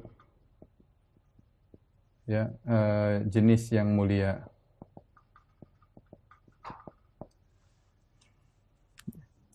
Fa'ambatna fiha di sini ada namanya fa sababiyah ya. Uh, dengan air tersebut ya maka Allah tumbuhkan uh, berbagai macam tumbuh-tumbuhan yang mulia yaitu yang yang indah, yang mulia atau yang yang indah ya. Kata para ulama, karim di sini uh, bisa diartikan pada dua makna, karim atau mulia ya, indah. Bisa diartikan dari sisi uh, proses penciptaannya yang sempurna yang sempurna, yang indah, sempurna dan indah. Dari sisi uh, bentuk ya. Tumbuh-tumbuhan tersebut yang indah. Tersebut yang indah. Dua-duanya tafsiran yang yang benar. Wallahu alam bisawab tapi tolong dihapus. Ah lanjutkan. Kita lanjutkan sekaligus. Allah Subhanahu wa taala berfirman hadza khalqullah فأروني ماذا خلق الذين من دونه بل الظالمون بل الظالمون في ضلال مبين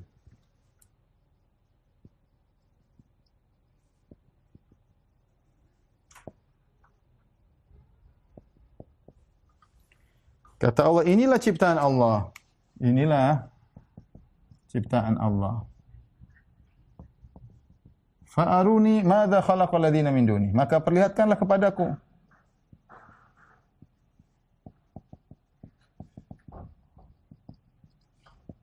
kepadaku apa yang diciptakan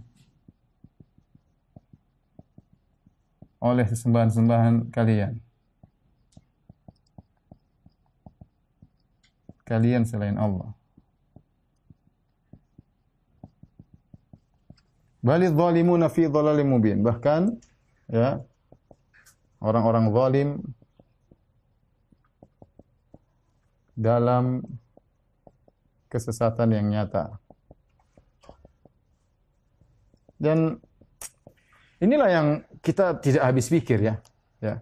Tidak habis pikir. Bagaimana mungkin seorang menyembah Tuhan yang tidak pernah mencipta? Ini pertanyaan apa namanya? Eh, yang harusnya dipikirkan oleh manusia. Bagaimana? Bagaimana mungkin? Maksudnya zalimin, maksudnya orang zalim, maksudnya orang musyrik.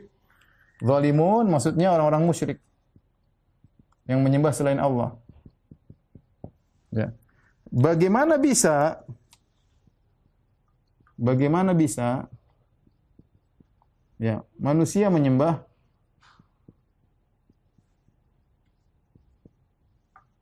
selain pencipta? Kok bisa demikian ya? Tidak logis ya. Ada yang menyembah Nabi, misalnya Nabi Isa. Nabi Isa tidak pernah mencipta. Tidak ada satupun tersebut dalam kitab suci bahwasanya Nabi Isa mencipta. Enggak ada. Ya. Bahkan Nabi Isa lapar, Nabi Isa haus, Nabi Isa tidur, Nabi Isa alaihissalam uh, ketakutan, Nabi Isa alaihissalam dikejar-kejar. Nah, kemudian bagaimana? Tidak pernah disebutkan dia mencipta sedikit pun. Lantas bagaimana seorang bisa menyembah yang tidak mencipta? Demikian lagi bagaimana seorang bisa menyembah misalnya eh, patung-patung uh, yang yang tidak bisa mencipta bahkan dia yang menciptakan patung tersebut, dia yang bikin patung tersebut, kemudian dia menyembah patung tersebut sangat tidak logis. Bagaimana kemudian seorang bisa menyembah hewan-hewan, tikus disembah, monyet disembah, sapi disembah yang tidak bisa berbuat apa-apa, tidak bisa menciptakan apa-apa. Namun demikianlah kita harus tahu bahwa hidayah di tangan Allah Subhanahu wa taala. Ya. Makanya pantas jika Allah mengatakan bali zalimuna fi dhalalim mubin, sungguh orang musyrik berada dalam kesesatan yang nyata. Bagaimana mereka bisa menyembah sesuatu yang tidak mencipta? Sungguh mereka dalam kesesatan yang yang nyata ya. ya karena ini hujah atau untuk membantah orang-orang musyrikin yang mereka menyembah sesuatu yang tidak yang mereka tahu itu tidak mencipta. Aneh, mereka tahu tidak mencipta kemudian mereka mereka sembah. Baik, kita lanjutkan. Selanjutnya kita masuk pada ayat yang berikutnya, ayat yang 13. Allah Subhanahu wa taala uh, berfirman ayat yang ke-12 ya. Wa laqad atayna Luqmanal hikmata an yashkur lillah. Wa may yashkur fa inna ma yashkur li nafsihi. Wa man kafara fa inna Allaha ghaniyyun hamid. Kata Allah Subhanahu wa taala, sungguh kami ya telah berikan hikmah kepada Luqman yaitu bersyukurlah kepada Allah dan barang siapa bersyukur kepada Allah maka sungguhnya dia bersyukur untuk dirinya sendiri. Dan barang siapa yang kufur tidak bersyukur maka sungguhnya Allah Maha Kaya, Maha Terpuji. Setelah itu Allah menyebutkan di antara hikmah-hikmah yang Allah turunkan berikan kepada Luqman yaitu nasihat dia kepada anaknya. Kata Luqman ya, li ibnihi wa huwa ya'idhuhu ya bunayya la tusyrik billah inna syirka la dzulmun 'adzim. Tatkala Luqman berkata kepada putranya, wah Sementara dia sedang menasihatinya. Ya bunayya la tusyrik billah. Wahai putraku janganlah kau berbuat syirik kepada Allah. Inna syirka la zulmun azim. Sungguhnya kesyirikan adalah kezaliman yang agung. Kemudian Allah berfirman, "Wa wassaynal insana biwalidayhi hamalathu ummuhu wahnan ala wahnin wa fisaluhu fi amaini an ishkur li wa liwalidayka ilayyal masir." Dan kami wasiatkan kepada manusia untuk berbuat baik kepada kedua orang tuanya. Ibunya telah mengandungnya kelemahan di atas kelemahan wa fisalu fi amain kemudian telah menyusuinya selama dua tahun. Hendaknya kalian hendaknya engkau bersyukur kepadaku dan berterima kasih kepada orang tuamu dan kepadakulah engkau akan kembali. Wa in jahadaka ala an tusyrika ma laysa laka bi ilmun fala tuti'huma. Jika keduanya memaksamu untuk berbuat syirik kepadaku yang kau tidak punya ilmu tentangnya maka janganlah taat kepada keduanya. Wasahibuhuma fid dunya ma'rufa tapi pergaulah mereka di dunia keduanya di dunia dengan baik.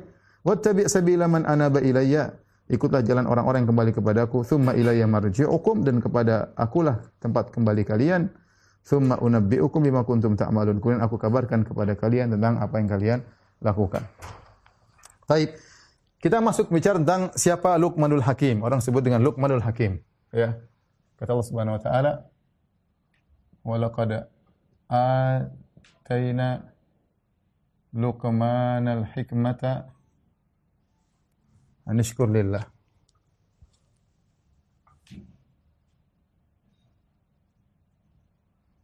Anishkur lillah. Wa may yashkur fa inna ma yashkur nafsi. Innahu yashkuru li nafsi. Wa man kafara fa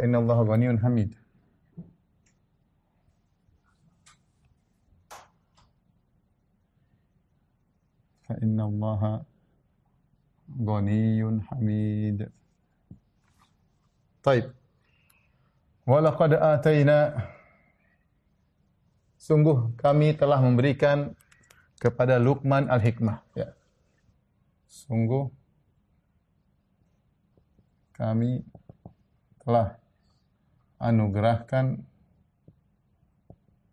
kepada Luqman kepada Luqman apa? Al-hikmah. Hikmah. Ya, anishkur lillah, ya, hendaknya kau Luqman bersyukur kepada Allah. Hendaknya engkau Luqman bersyukur kepada Allah. Bersyukur kepada Allah. Ini pertanyaan, siapa Luqman ini? Luqman uh, ini adalah uh, sosok yang diperselisihkan oleh para ulama dalam beberapa hal. Luqman. Ya, siapa Luqman ini? Ada khilaf dalam beberapa hal di kalangan para ulama. Yang pertama, yang kedua, yang ketiga. Yang pertama, apakah Luqman nabi ataukah apakah Luqman nabi ataukah hamba yang soleh? Hamba yang yang soleh dan bukan nabi. Uh, Ibnu Katsir rahimahullah taala mengatakan memang datang dari sebagian salaf namun ada yang mengatakan Luqman adalah nabi. Namun semua riwayat yang mengatakan Luqman adalah nabi adalah riwayat datang lemah dari salaf. Kebanyakan jumhur mengatakan Luqman adalah hamba yang soleh. Ini yang benar. Jumhur salaf ulama uh, Luqman adalah Luqman bukan nabi Luqman bukan nabi kemudian juga dikhilafkan tentang nasabnya ya nasabnya ada beberapa pendapat di antara dia mengatakan uh, Luqman ya. Luqman adalah uh, putra saudarinya Ayub. Saudarinya Nabi Ayub alaihissalam. Alaihissalam. Ada yang mengatakan Luqman adalah putra bibinya bibinya Ayub alaihissalam. Kalau begitu berarti Luqman adalah sepupunya Nabi Ayub alaihissalam. Ya. Ada yang mengatakan Luqman ya hidup di zaman di zaman Nabi Daud. Datang riwayat ya di zaman Nabi Daud alaihissalam. Daud alaihissalam. Ya. Kemudian khilaf juga tentang pekerjaannya. Namun uh, saya ingin sampaikan bahwasanya ya mayoritas ulama mayoritas ulama berpendapat Luqman hidup di dari Bani Israel. Berpendapat Luqman uh, uh, orang soleh dari kalangan Bani Israel. Bani Israel. Taib. Pekerjaannya pun ada khilaf. Ada yang mengatakan dia adalah najjar. Ya, tukang kayu ya. Ada yang mengatakan dia khayyat. Tukang jahit. Ada yang mengatakan dia adalah qadhi. Qadhin yaitu qadhi uh, hakim di zaman Nabi Daud. Di zaman Nabi Daud alaihissalam. Ada yang mengatakan dahulunya dia adalah budak ya. Budak yang dibebaskan oleh tuannya. Oleh tuannya. Adapun ciri fisiknya ya, ciri fisik uh, ciri fisik rata-rata sepakat ciri fisik ya. Luqman disebutkan orang berkulit hitam.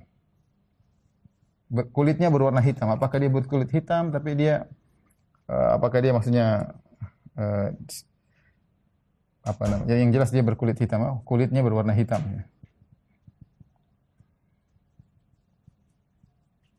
Bahkan disebutkan juga hidungnya eh, tidak mancung ya.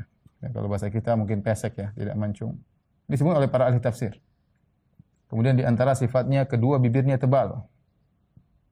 Seperti ya, ciri-cirinya orang eh, hitam, orang negro dan seperti misalnya bibirnya hitam ya eh, kedua bibirnya tebal ya. Inilah Luqman, subhanallah, bagaimana seorang yang kulit hitam, kemudian bibirnya tebal, tapi hatinya bersih, kemudian Allah pilih dia. Ini menunjukkan Islam benar-benar uh, tidak rasis ya, tidak uh, tidak membedakan antara hitam dan putih dari warna kulit ya.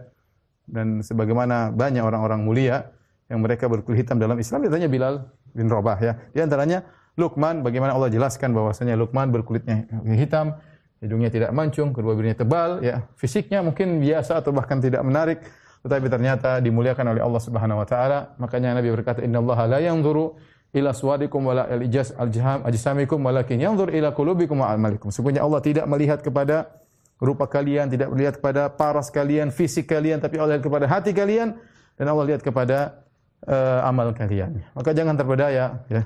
Kita selalu memperhatikan fisik kita, memperhatikan rupa kita, ya, tapi kita lupa membersihkan hati kita, kotoran-kotoran hati kita. Lihatlah Luqman sampai orang bilang badannya hitam, hatinya putih bersih. Tapi, tapi ini kira-kira tentang Luqman intinya sepakat dia adalah seorang hamba soleh dan ada beberapa khilaf di kalangan para para ulama. Ya Allah uh, dan disebutkan oleh para ulama Luqman adalah orang yang masyhur. Sampai di sini dalam suatu riwayat ketika Nabi bertemu dengan Suwaid bin Samit ya. Uh, ketika itu dia seorang ahli yang memberi nasihat ketemu dengan Nabi SAW Nabi dakwahi dia. Ini sebelum sebelum hijrah. Nabi dakwahi dia karena dia seorang yang terkenal pandai berbicara beri nasihat. Maka Suwaid mengatakan saya punya sesuatu yang saya bawa. Nabi bertanya apa yang kau bawa? Kata dia majalatul Luqman. Itu nasihat-nasihat Luqman. Maka Nabi mengatakan, coba dengarkan kepadaku. Maka Suwaid bin Samit menyampaikan kepada Nabi SAW. Kalau saya tidak salah ingat namanya Suwaid bin Samit, nanti bisa dicek lagi. Dia menyampaikan nasihat tersebut, kata Nabi, ini perkataan laqulun hasan. Ini perkataan yang indah. Waladhi indi ahsan min hada. Yang saya bawa lebih baik daripada ini, kata Nabi SAW. Maka Nabi pun menyampaikan ayat-ayat Al-Quran. Uh, akhirnya Suwaid ketika tidak beriman langsung di depan Nabi. Tapi ketika dia pulang kampung ke kaumnya, disebutkan terjadi peperangan. Kalau tidak salah di perang Buas, dia meninggal. Semua orang mengatakan dia sudah masuk Islam. Ya, tetapi nasihat-nasihat Luqman adalah suatu perkara yang masyhur ya. Sampai orang-orang Arab pun mengenalnya tentang Luqman ini. Nasihatnya dikumpulkan sampai dibawa oleh Suwaid bin Samit tadi tentang nasihat-nasihat Luqman. Insyaallah nanti kalau ada waktu di penghujung pengajian mungkin pertemuan berikutnya saya akan sebutkan tentang nasihat-nasihat Luqman dikumpulkan oleh para ulama. Di antaranya dikumpulkan oleh uh, yang disebut dengan hikmah ya dikumpulkan oleh uh, Al-Alusi ya dalam kitabnya Ruhul Ma'ani sekitar 28 28 nasihat. Kemudian diteruskan oleh uh, Tahir bin Ashur dalam kitabnya Tahrir wa Tanwir, dia nukil dari Alusi kemudian dia tambahkan sehingga totalnya 70 nasihat. Itu kata-kata mutiaranya Luqman ya. Itulah hikmah. Ya. Hikmah itu apa ya? Orang bilang tadi kata-kata mutiara. Hikmah ya, nasihat-nasihat. Kalau istilah kita adalah apa? Kata-kata mutiara kata-kata emas ya. Dari Luqman Al-Hakim. Allah mengatakan, "Walaqad ataina Luqman al-hikmata an lillah." Kami berikan kepada engkau wahai Luqman hikmah, an lillah. Hendaknya kau Luqman bersyukur kepada Allah. Anugerah yang Allah berikan berupa ilmu, ini anugerah besar. Allah tidak berikan dia harta. Perhatikan, Allah tidak berikan dia harta, Allah tidak berikan dia jabatan, Allah tidak berikan, tapi Allah berikan dia hikmah yang menjadikan dia mulia dan mengharuskan dia bersyukur kepada Allah Subhanahu wa taala ya mengharuskan dia bersyukur kepada Allah. Kata Allah anishkur lillah. Bersyukurlah kepada Allah wahai wahai Luqman. Ya ya. Dan ini menunjukkan agungnya ilmu ya. Dan para anbiya mereka dimuliakan dengan dengan ilmu. Kemudian Allah berfirman wa may yashkur fa inna ma yashkuru li nafsi barang siapa yang bersyukur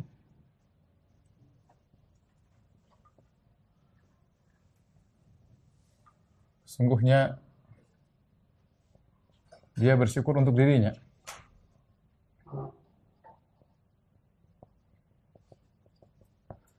Man kafara fa inna Allah ghaniyun hamid. Siapa yang kufur, kafir atau kufur, sesungguhnya Allah ya Maha kaya, Maha terpuji. Maha terpuji. Maksudnya apa? Itu seorang tatkala di antara bentuk syukur adalah beribadah kepada Allah. Tatkala seorang bersyukur kepada Allah, jangan sampai dibayangkan bahwasanya Allah butuh dengan ibadah kita, Allah butuh dengan syukur kita. Tidak. In ahsantum ahsantum li anfusikum wa in asatum falaha.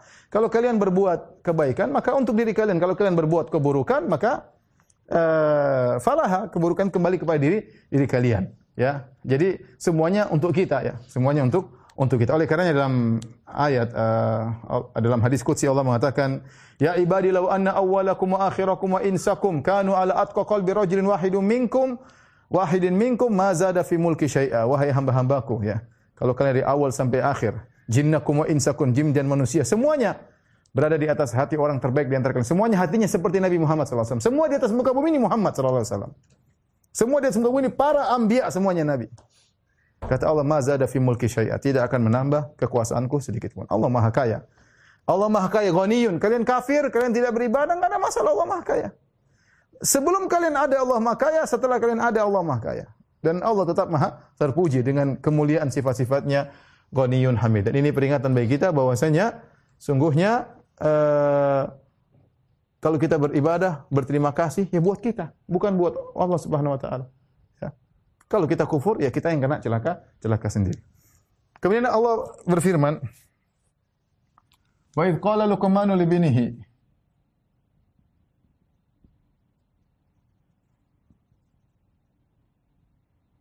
Li binihi wa huwa ya'idhuhu. Ya bunayya la tusyrik billah. Inna syirka la zulmun azim.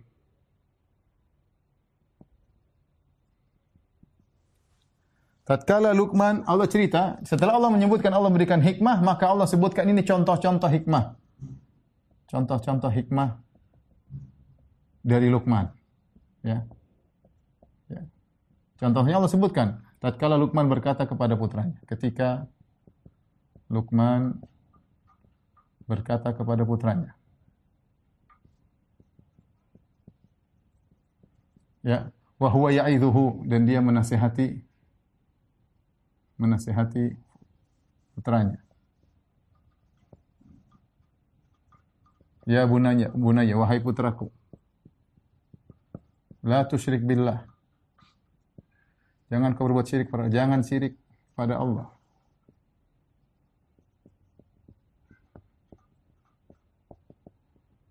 Sungguhnya syirik adalah kezaliman yang nyata, yang agung, ya, yang besar.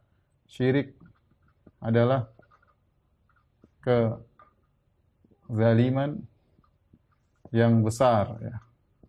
Baik. Ini di antara contoh-contoh nasihat Luqman dan Allah sebutkan yang nasihat pertama adalah masalah kesyirikan. Karena ini nasihat yang sangat penting. Yang penting seorang tidak berbuat kesyirikan. Maka para ulama khilaf, ya, apakah anaknya Luqman ini syirik atau tidak? Ini khilaf. Anaknya Luqman ya, musyrik atau tidak? Musyrik atau tidak. Ini ada khilaf di kalangan para ulama. Sebenarnya mengatakan musyrik makanya Luqman menasihatinya agar tidak syirik. Ada yang mengatakan dia tidak musyrik, tetapi Luqman menasihati jangan sampai kau terjerumus dalam kesyirikan di kemudian hari. Artinya jagalah tauhidmu. Yang benar wallah alam dia tidak musyrik, tapi dia nasihati dan sebagaimana kita menasihati anak kita jangan berbuat syirik, hati-hati. Bukan berarti dia sedang musyrik. Ya, tidak ada zahir bahwasanya dikatakan dia dia musyrik. Wa huwa ya'idhuhu. Apa itu mau'idhah? Uh, mau'idhah artinya adalah uh, nasihat, al-mau'idhah yaitu uh, adalah nasihat yang disertai dengan dengan apa? Targhib wa tarhib, motivasi dan peringatan. Itu maksudnya mau'izah ya. Ada yang mengatakan mau'izah adalah suatu nasihat untuk menjadikan hati menjadi lembut. Kemudian Luqman di sini menggunakan tasgir ya bunayya. Ya. Dan ini kata para ulama menunjukkan lafal kasih sayang. Tasgir menggunakan metode tasgir, pengecilan itu ini bahasa Arab ya. Kadang dalam rangka untuk menghina, kadang dalam rangka untuk kasih sayang ya. Karena uh, kelembutan kepada putranya. Dan ini apa namanya?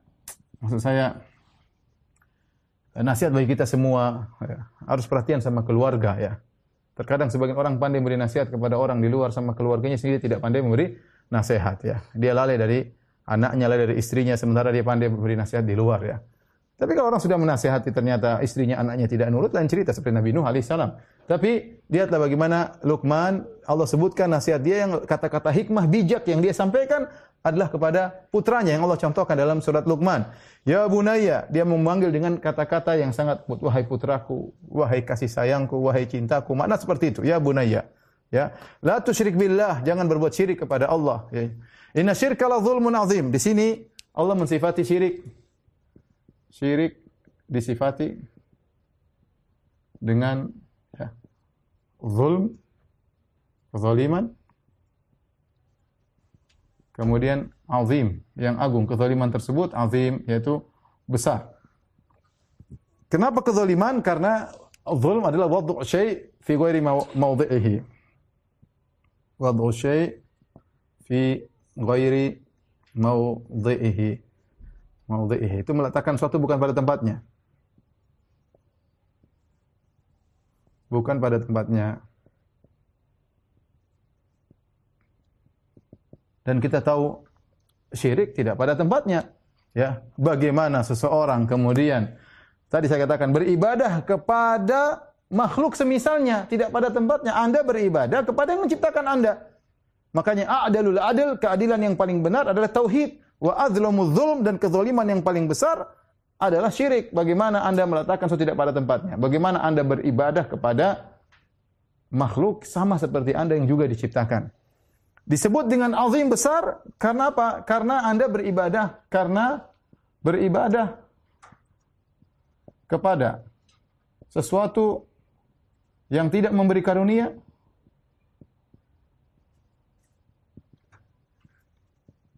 dengan meninggalkan dengan ya e, menyekutukan menyamakan dengan sang khalik pencipta, sang khalik sang pemberi karunia. Memberi karunia. Maka uh, syirik itu adalah kezaliman yang sangat sangat besar ya. Kezaliman yang sangat sangat besar. Ya, insyaallah kita ingin menyampaikan tentang berbakti pada orang tua tapi kita tunda pekan depan insyaallah taala. Demikian saja para pemirsa uh, Roja TV di mana pun anda berada kajian kita insyaallah kita lanjutkan pekan depan masih dalam surat Luqman uh, dengan izin Allah taala ya. Kurang lebihnya saya mohon maaf. Subhanakallah bihamdik anta astaghfiruka Assalamualaikum warahmatullahi wabarakatuh. Ayo, segera download Quran Tadabbur, tafsir dalam genggaman Anda.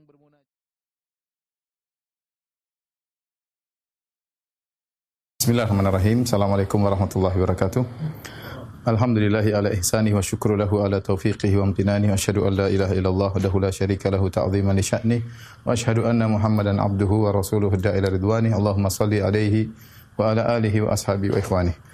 Para pemirsa Roja TV, Radio Roja di mana pun antum berada. Uh, kita melanjutkan bahasan kita dari tafsir surat Luqman pada pertemuan lalu telah kita buka uh, yang pertama wasiat dari Luqman kepada anaknya ya bahwa ya'idhuhu ya bunayya la tusyrik billah inna syirka la dzulmun azim. Setelah itu Allah menyampaikan ayatnya kata para ulama ini Allah menyampaikan uh, penggalan ayat uh, yang memotong antara uh, wasiat Luqman uh, kepada anaknya nanti akan datang wasiat setelah potongan ayat ini untuk menekankan tentang pentingnya berbakti kepada kedua orang tua. Ya. Ya. Allah berfirman, "Wasainal insana biwalidayhi hamalathu ummuhu wahnan ala wahnin wa fisaluhu fi amaini an ishkur li wa liwalidayka ilayal masir."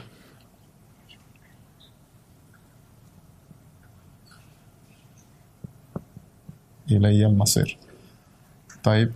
Artinya, kami wasiatkan itu kami perintahkan kami wasiatkan uh, kepada manusia al-insan maksudnya seluruh manusia ya seluruh manusia alif lam di sini memberikan faedah keumuman ya biwalidayhi kepada kedua orang tuanya yaitu wasiat untuk berbuat baik untuk berbakti kepada kedua orang tuanya. Setelah itu Allah mengkhususkan penyebutan tentang ibunya. Hamalathu ummuhu wahnan ala wahnin. Ibunya telah mengandungnya. Ibunya telah mengandungnya dalam kondisi lemah dalam kondisi kelemahan di atas kelemahan. di atas kelemahan. Wa fisaluhu fi amain dan menyusuinya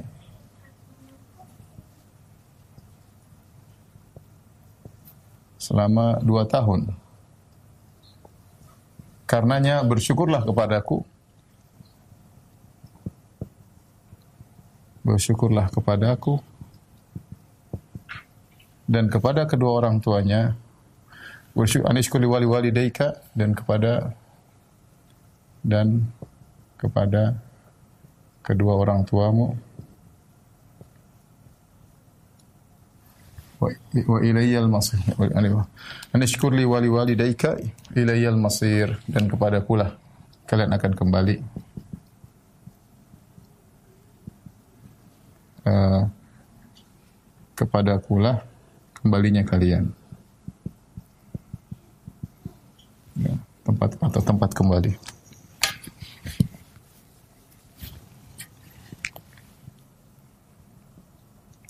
Taib, uh, perhatikan ayat ini ya. Kita tahu bahwasanya berbakti kepada kedua orang tua adalah ibadah yang sangat agung ya. Ya, bahwasanya ibadah yang paling cepat untuk masukkan seorang ke dalam surga. Ya, ya, hak manusia yang paling terbesar adalah hak kedua orang tua. Ya. Bahkan dalam ayat ini Allah menggandengkan antara bersyukur kepada Allah dengan bersyukur kepada kedua orang tua. Sini perhatikan, ya. Allah menggandengkan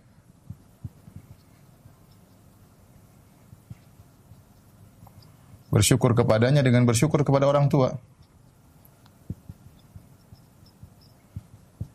Dengan bersyukur kepada orang tua.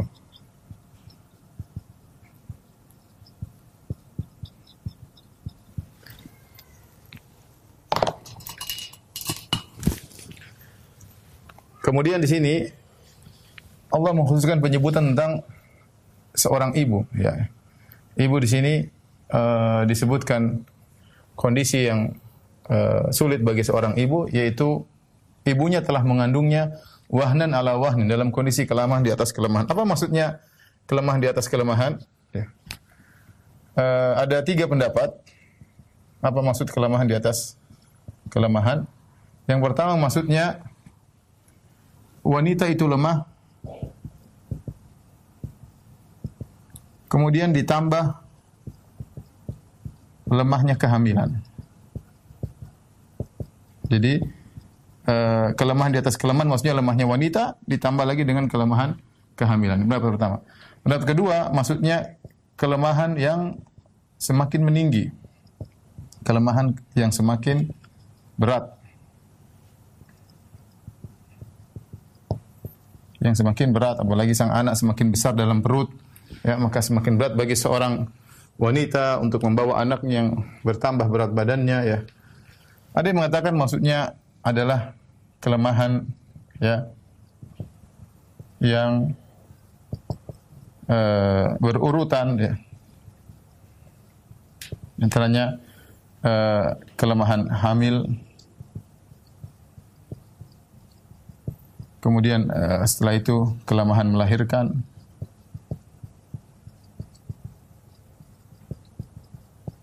Setelah itu uh, kelemahan nifas ya. ya dan lain-lain ya.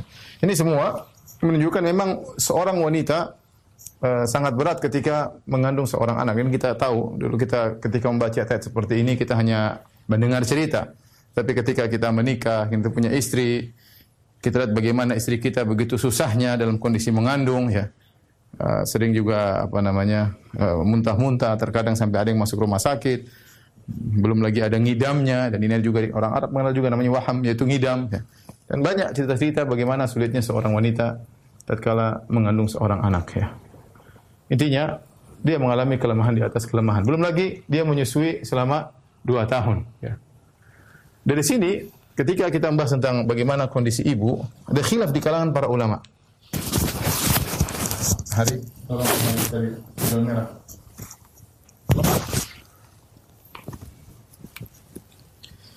permasalahan ya. Uh, mana yang didahulukan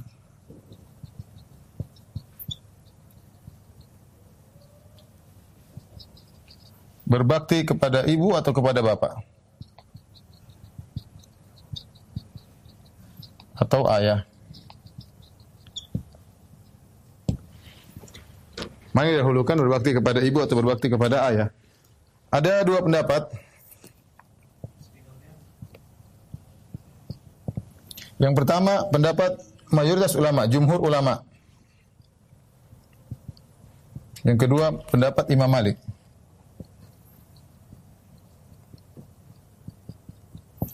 Menurut jumhur ulama, ya ibu yang didahulukan. Ibu yang didahulukan. Ibu yang didahulukan. Kemudian mereka berpendapat lagi, ibu yang didahulukan, ada yang mengatakan, ya, ada lagi yang mengatakan hak ibu dua kali lipat ayah, hak ibu dua kali lipat hak ayah. Ada yang mengatakan tiga kali lipat.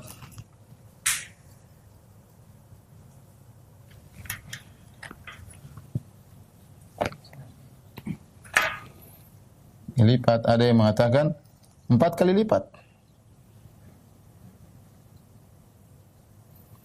Ada pun Imam Malik mengatakan hak ibu hak ibu sama dengan hak ayah. Hak ibu sama dengan hak ayah. Oleh karenanya uh, ketika Imam Malik ditanya oleh seorang wahai Imam Malik ya inna abi fi Sudan kataba ilayya an aqdim ilayya ayahku menulis surat kepada aku datanglah kepada ayahku sementara ayahku jauh wa inna ummi tamna'uni. Adapun ibuku melarang aku untuk pergi ke ayahku bersafar. Apa yang harus aku lakukan? Apa kata Imam Malik? Ati abak wala ta'si ummak. Kata Imam Malik, taati ayahmu dan jangan kau uh, melawan ibumu. Gimana caranya? Ya, bapaknya suruh pergi ke luar kota, ibunya bilang jangan pergi. Imam Malik ditanya kata Imam Malik, taat sama ayahmu, jangan melanggar ibumu.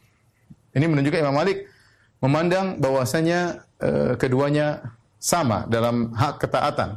Ya, ada yang mengambil maksudnya Imam Malik itu ada yang mengatakan Imam Malik maksudnya yaitu ibunya dibawa kemudian bersafar bersama dia menuju ayahnya. Dan ini pendapat Imam Malik bahwasanya hak ibu sama dengan hak, hak ayah di, didukung oleh sebagian ulama Malikiyah seperti Al-Qarafi dan juga didukung oleh Tahir bin Ashur dalam tafsirnya ya, mereka mengatakan bahwasanya hak ibu sama dengan hak hak ayah. Adapun ulama jumhur mereka mengatakan hak ibu lebih utama didahulukan daripada hak ayah. Adapun dari mereka seperti ayat-ayat ini ketika Allah mengatakan Allah berwasiat untuk berbuat baik kepada kedua orang tua. Setelah itu Allah menghususkan penyebutan ibu. Hamalathu ummuhu wahnan ala wahnin fasalahu fi amaini. Ibumu telah mengandung, ibunya telah mengandungnya di atas kelemahan, di atas kelemahan dan menyusuinya selama apa? Uh, dua tahun dan ini adalah hal-hal yang yang berat ya, hal yang berat. Kemudian juga mereka dengan hadis yang masyhur hadis Abu Hurairah radhiyallahu taala anhu ketika ada seorang laki bertanya kepada Nabi sallallahu alaihi wasallam, "Ya Rasulullah, man ahakun nasi bihusni sahabati. Ya Rasulullah, siapa orang yang paling utama, yang paling berhak untuk aku berbuat baik kepadanya? Maka Nabi SAW mengatakan, ummuk, ibumu. Kemudian bertanya lagi, summa man? Kemudian siapa ya Rasulullah? Kata Rasulullah SAW, ummuk, ibumu. Dia bertanya lagi, summa man? Siapa ya Rasulullah? Ummuk, ibumu. Tiga kali ibunya disebut. Summa man? Summa abu, kemudian ayahmu. Nabi menyebut ibu tiga kali, ayah sekali. Makanya di sini ada yang mengatakan maksudnya uh, tadi uh, ayah ke, ke, ber, berbakti kepada ibu tiga kali lipat, ada yang mengatakan dua kali lipat, ada yang mengatakan empat kali lipat, ada khilaf di kalangan mereka berdasarkan hadis. Dalam sebagian riwayat disebut cuma dua kali. Ummuka, summa ummuka, summa abuk. Ya. Ibu, ibu disebut dua kali, kemudian yang ketiga uh, ayah. Dalilnya sangat zahir bahwasanya pertanyaan jelas, man ahakun nasi bihusni sahabati? Siapa yang paling utama aku berbuat baik? Ya.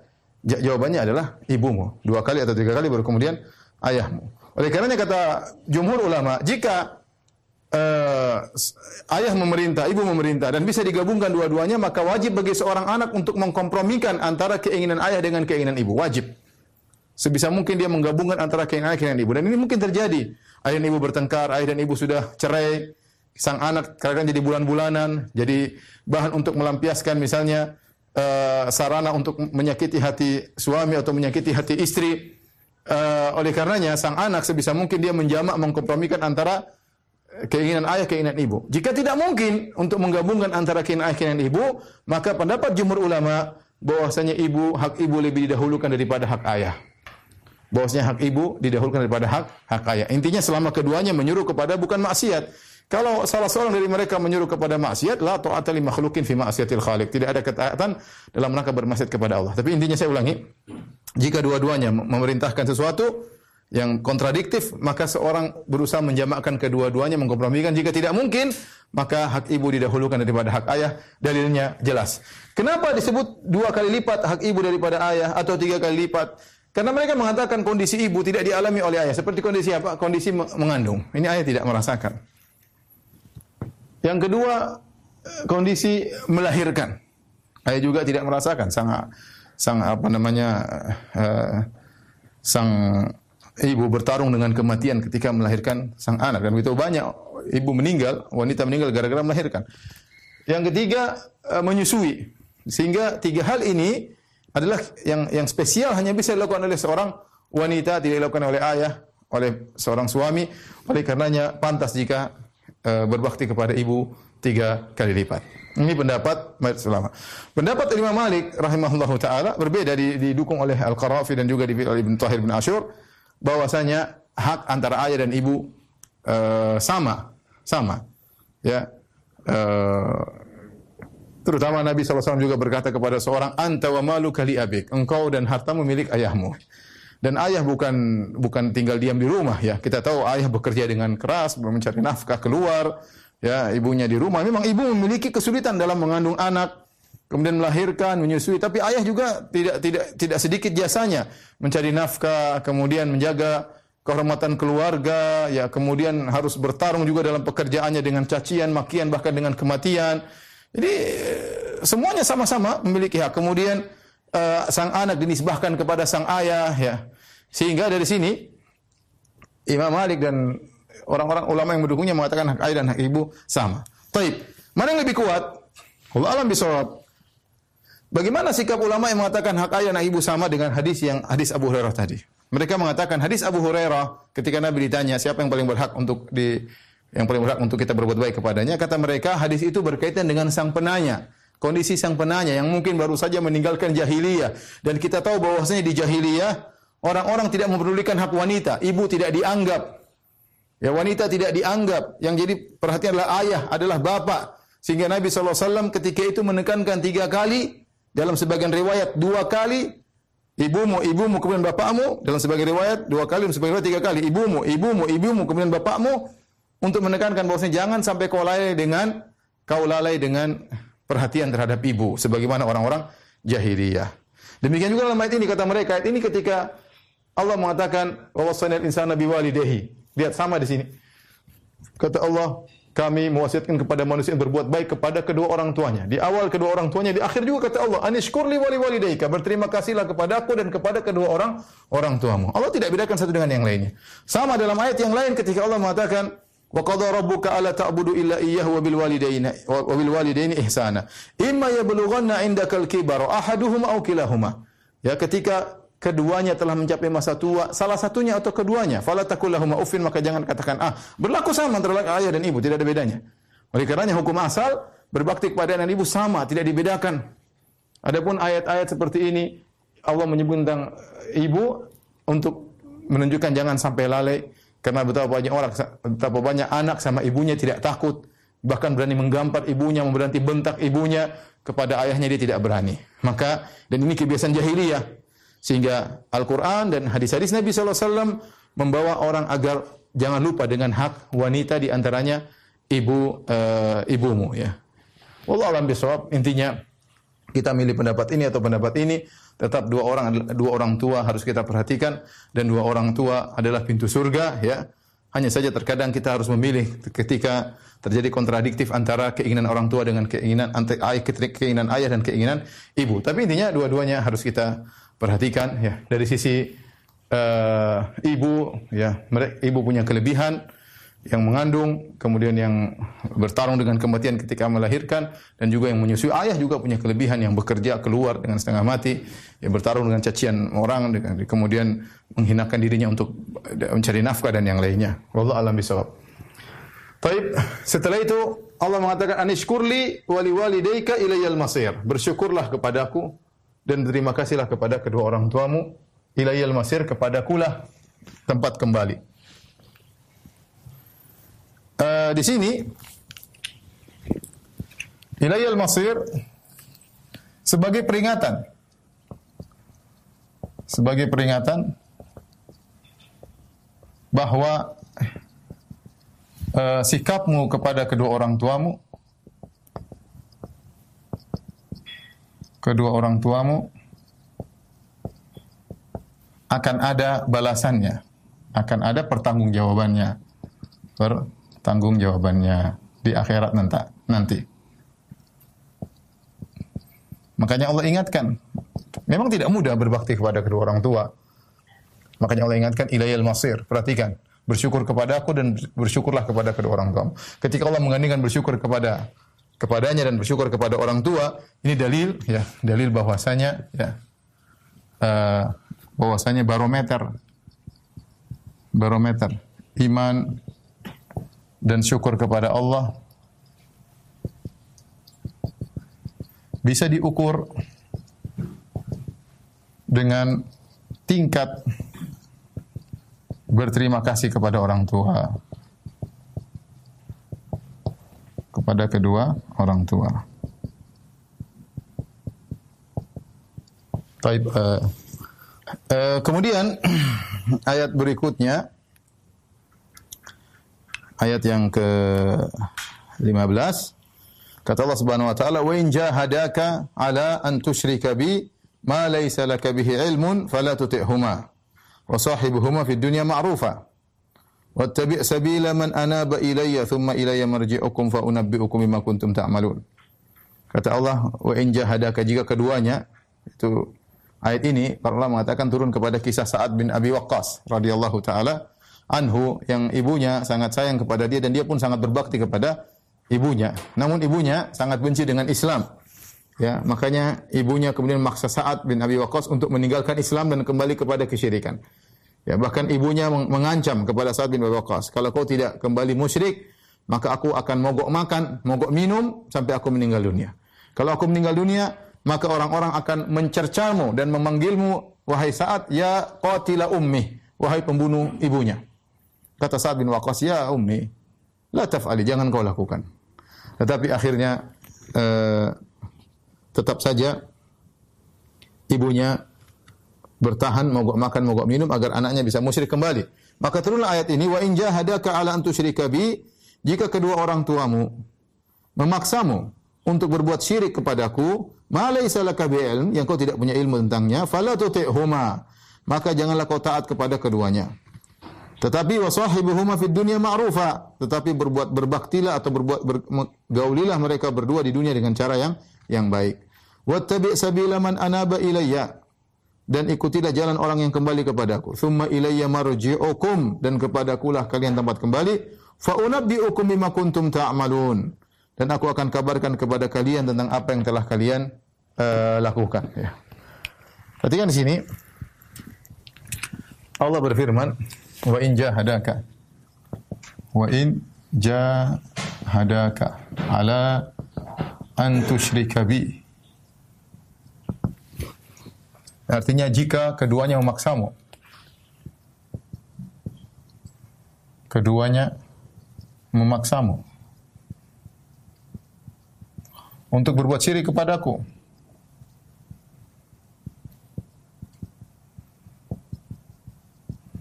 Perhatikan di sini. Jika keduanya memaksamu, berarti apa? Ini berarti dalam kondisi kedua orang tuanya, ya. Berarti apa? Kondisi orang tuanya musyrik.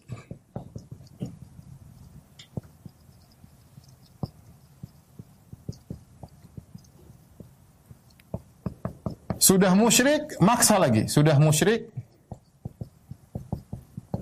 terus maksa anaknya untuk syirik.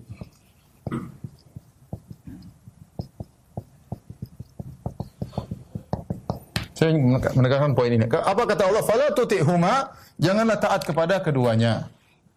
Fala tuti'huma. Ya. Tetapi wasahibhuma fi dunia ma'rufa. Jangan taat kepada keduanya. Maka jangan taat kepada keduanya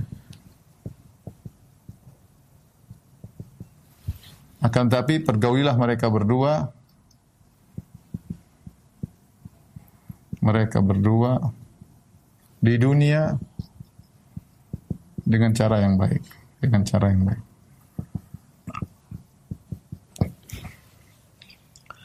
Uh, meskipun seorang anak tidak taat kepada kedua orang tuanya karena menyuruh kepada kesyirikan. Ini dalil bahwasanya tidak boleh taat kepada orang tua dalam kemaksiatan kepada orang tua dalam kemaksiatan. Hadis yang ma'ruf, la ta'ata li makhlukin fi ma'siyatil khaliq. Tidak ada ketaatan kepada makhluk dalam rangka bermaksiat kepada khalik ya. Fala tuti'huma, maka jangan taat kepada keduanya. Tapi ingat, pergaulah mereka di dunia dengan cara cara yang baik ya. Para menjelaskan, Allah mengatakan di dunia. Ada beberapa faedah diambil dari kata di dunia. Faedah ya yaitu pertama dunia hanya sebentar. Hanya sebentar. Artinya apa? Memang berat. Memang berat menghadapi ya orang tua yang seperti itu. Orang tua yang seperti itu. berat. Yang musyrik, yang maksa orang untuk musyrik, apalagi seperti saat bin Waqqas ibunya sampai mogok, sampai bersikap seperti itu berat, ya. Tapi kata Allah, ingat di dunia hanya sebentar, sabarlah. Ya meskipun kedua orang tua mungkin menjengkelkan, mungkin ya, ini dalam kondisi orang tua musyrik ngajak musyrik, maksa bahkan nekat untuk mogok makan dan macam-macam, ingatlah di dunia sabar, cuma uh, cuma sebentar. Faedah yang kedua, ingatlah ya, dunia maksudnya yaitu hanya taat kepada mereka berdua berdua dalam urusan urusan dunia bukan untuk bukan untuk uh, membangkang perintah Allah. Ini tiga faedah ini disebutkan oleh Al-Alusi dalam tafsirnya. Kemudian yang ketiga, di dunia di dunia sebagai isyarat ada akhirat. Di mana sikap kalian baik itu tersebut, di mana sikap baik sikap baik kepada orang tua. Orang tua ada ganjarannya di akhirat. Ganjarannya sangat sangat besar. Ya, ganjarannya sangat sangat besar. Maka Allah ingatkan oh, sahibu dunya sahibu sahibuhuma fid dunya dengan cara yang yang baik. Apa maksudnya ma'rufah cara yang baik? Umum di sini umum meskipun orang tua kafir, meskipun orang tua kafir, maka kata Allah dan ini ibadah, Allah yang Allah yang suruh. Jadi kita bisa masuk surga, maksud saya untuk masuk surga tidak harus orang tua kita uh, muslim taat, tidak harus. Kita orang tua kita, ya, misalnya kafir, misalnya brengsek, misalnya penjudi, misalnya pemabuk, kita diperintahkan untuk berbakti kepada mereka. Di antaranya cara-cara yang baik, mendakwahi mereka, beri nasihat kepada mereka. Dan itu pintu surga. Jadi pintu surga tidak disyaratkan orang tua harus baik. Ya, ini saya perlu ingatkan. Ya. Karena sebagian orang hanya mau berbakti kepada orang tuanya kalau orang tuanya baik. Orang yang tidak baik itu mau berbakti. Ya akhi, jangankan orang tua tidak baik. Orang tua kafir ini, apalagi yang lebih dari yang, yang kurang daripada ini. Ya. Kondisi ini dan kedua orang tuanya musyrik, bukan cuma pelaku maksiat, bukan cuma pelaku bid'ah, ini musyrik kafir. Yang diajak apa? Bukan diajak main judi, bukan diajak untuk ngerampok, diajak syirik. Apalagi yang lebih parah daripada kondisi kedua orang tua ini. Ini kondisi kedua orang tua yang sangat parah. Ya, seperti yang dialami oleh Sa'ad bin Abi Waqqas. Tapi apakah Allah kemudian menyuruh Sa'ad bin Abi Waqqas membentak orang tuanya, memarahi orang tuanya? Tidak. Allah suruh wasahibuhuma fid dunya ma'rufa. Berbuatlah baik kepada mereka berdua dengan cara yang baik. Cara yang baik umum. Umum mencakup segala kebaikan.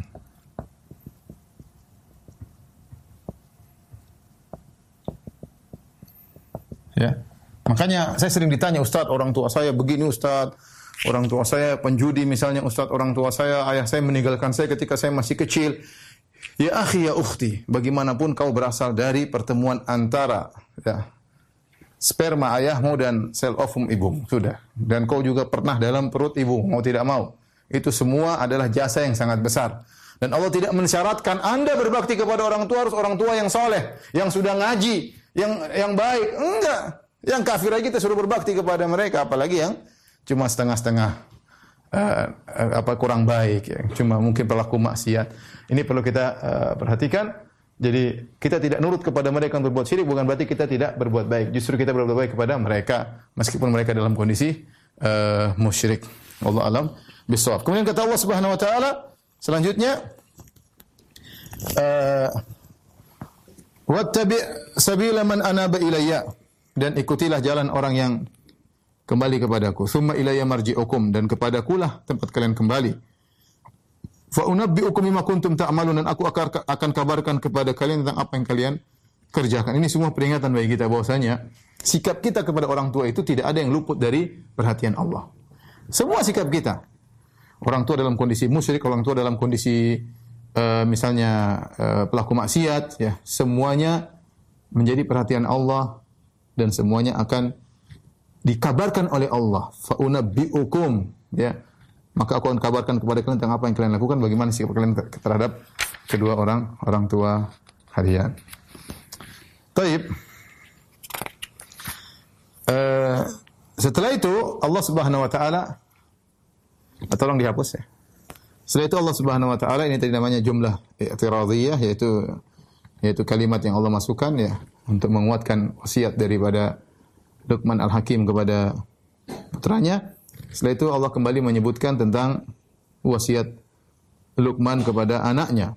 Kata Allah Subhanahu wa taala, "Ya bunayya, innaha in takum mithqala habatin min khardalin fatakun fi sakhratin aw fi samawati aw fil ardi ya'ti biha Allah inna Allah latifun khabir.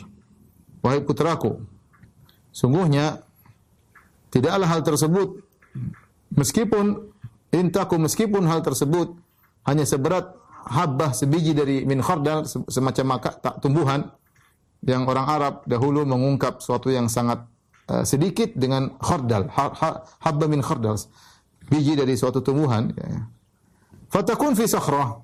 Kemudian biji yang sangat kecil tersebut berada dalam batu, au fi samawati atau di langit, au fil ardi atau di bumi ya'ti Allah maka Allah akan mendatangkan hal tersebut. Innallaha latifun khabir. Sungguhnya Allah maha halus dan Allah maha mengetahui yang detail-detail. Taib. Apa maksud ayat ini? Ayat ini ada dua pendapat di kalangan para ulama. Maksudnya innaha intaku. Sungguhnya itu meskipun sedikit apa maksudnya yang itu meskipun sedikit? Benar pertama mengatakan maksudnya rizki. Yaitu uh, Luqman Al-Hakim sedang menasihati anaknya untuk yakin dengan rizki. Bahwasanya rizkimu tidak akan kabur. Meskipun rizki tersebut berada dalam batu tersembunyi, Allah akan hadirkan buatmu. Ya. Meskipun rizki tersebut berada di dalam tanah, Allah akan datangkan buatmu. Meskipun rizki tersebut berada di langit, di angkasa sana, Allah akan datangkan bagimu. Sehingga anaknya harus sadar bahwasanya rezeki sudah dijamin. Seorang berusaha dari rezeki tersebut tidak akan lari darinya. Anna nafsan inna, inna ruhal qudus nafatha fi ra'i kata Nabi SAW sungguh Jibril telah membisikkan ke dalam jiwaku ya, atau memberi wahyu kepadaku anna nafsan lan tamuta hatta tastakmila rizqahu bahwasanya suatu jiwa tidak akan meninggal sampai dia telah menyempurnakan uh, rezekinya ya ya wattaqullaha wa ajmilu fi talab. Maka bertakwalah kepada Allah mencari rezeki dan cari rezeki dengan cara yang baik. Karena rezeki tidak akan lari, tidak akan lari. Apa yang Allah sudah catat meskipun se se sekecil biji biji sawi kalau bahasa kita atau eh, sekecil sedikit pun meskipun terletak dalam batu bayangkan dalam batu gimana siapa yang mau ambil Allah akan keluarkan karena rezekimu tidak akan hilang yang penting kau berusaha di sini Luqman menanamkan uh, kepada anaknya untuk yakin akan hal tersebut. Ini pendapat pertama. Pendapat kedua, pendapat mayoritas ulama yang dimaksud dengan innaha intaqu maksudnya perkara tersebut meskipun sekecil, sekecil biji sawi atau sekecil biji khardal maksudnya adalah maksiat maupun ketaatan. Itu Allah ingin menjelaskan bahwasanya Luqman menasihati putranya dengan mengatakan wahai putraku, apa pun yang kau lakukan, kebaikan sekecil apa pun, ya meskipun kebaikan tersebut tersembunyi dalam batu, nggak ada yang lihat. Sudah masukin dalam batu, nggak ada yang lihat, ya nggak ada yang tahu. Tidak kau share di Facebook, tidak kau share di Instagram, anakmu nggak lihat, istrimu nggak lihat, ya temanmu nggak lihat, tangan kirimu tidak melihat apa yang diinfakkan oleh tangan kananmu, tersembunyi dalam batu, nggak ada yang lihat. Au fil ardi atau tertancap dalam bumi. Au fis samawati au fil ardi atau terlemparkan fis samawati di angkasa luar sana. Kalau itu kebaikan sedikit apa pun, Ya'ti bihallah Allah akan datangkan pada hari kiamat. Allah akan datangkan pada hari kiamat. Ini pendapat pertama. Artinya ini penjelasan di antara ketaatan uh, tidak akan ada yang lolos dari catatan Allah dan akan ada balasannya. Makanya Allah mengatakan, "Fama ya'mal mithqala dzarratin khairan." Barang siapa melakukan kebajikan meskipun sebesar zarrah sekecil zarrah, ya dia akan melihat apa? Melihat hasilnya, ya. Makanya kata Nabi SAW uh, dalam hadis, dalam hadisnya, Eh, la tahtakir la tahkiranna minal ma'rufi syai'an walau an akhaka biwajhin talik. Jangan kau meremehkan kebaikan sedikit pun meskipun hanya tersenyum ketika ketemu saudara. Kalau senyumnya tersebut adalah kebajikan, ya, meskipun kamu senyum ternyata orangnya enggak lihat, misalnya, enggak ketahuan. Tapi Allah tahu, jangan khawatir akan ada pahalanya, akan ada pahalanya, ya. Ya. Ittaqun nar walau bisyakkit tamrah. Jagalah dirimu dari neraka jahanam meskipun hanya dengan bersedekah sepenggal korma. Kau nggak punya apa-apa, cuma sepenggal korma. Ya, yang penting kau tulus, maka ini ada nilainya di sisi Allah Subhanahu wa taala.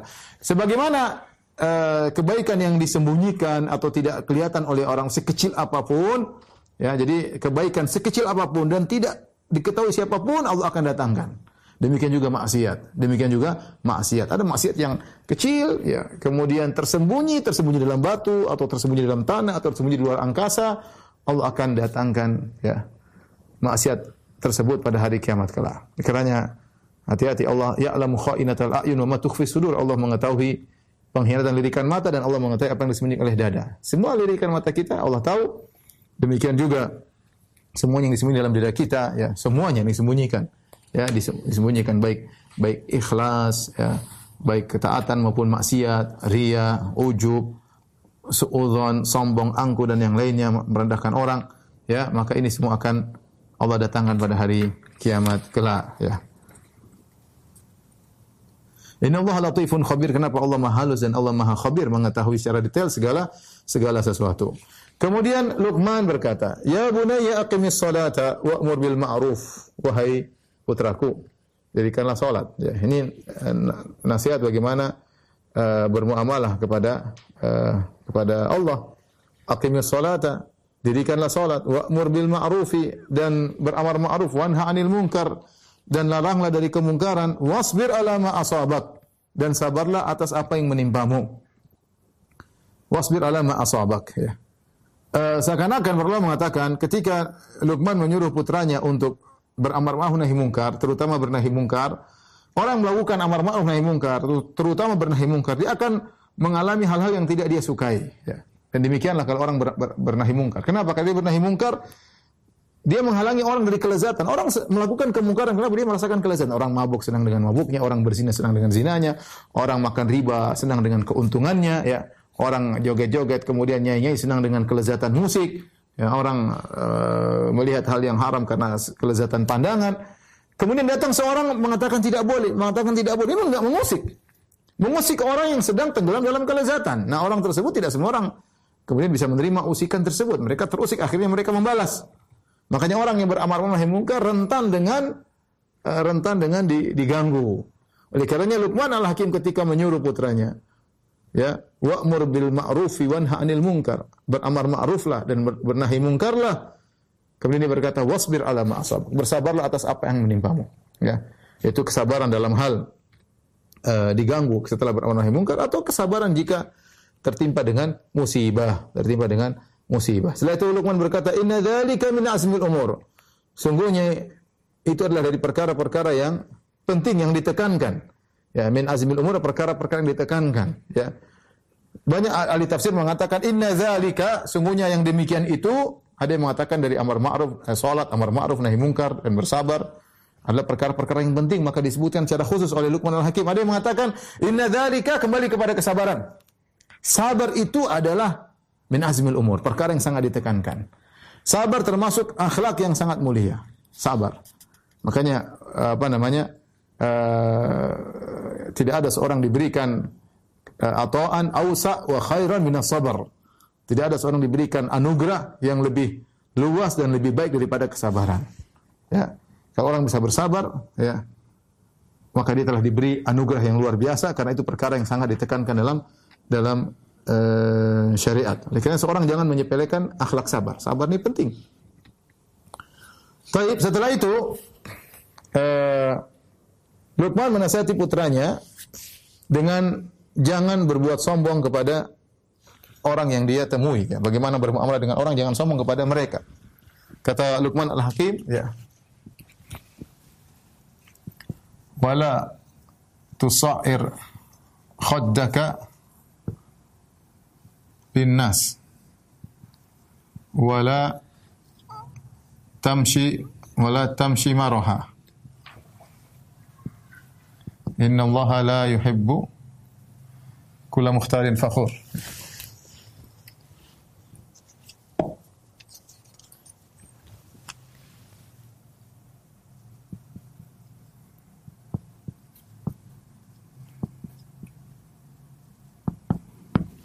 واقصدي في مشيك.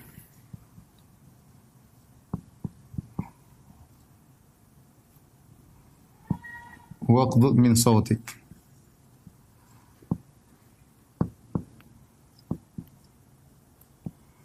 Inna al aswati la sautul hamir. Inna al aswat La sautul hamir. Kata Allah Subhanahu wa taala, "Sa'ir." Wala tusair itu jangan kau miringkan. Jangan kau miringkan ya, khaddaka yaitu pipimu linnas di hadapan manusia.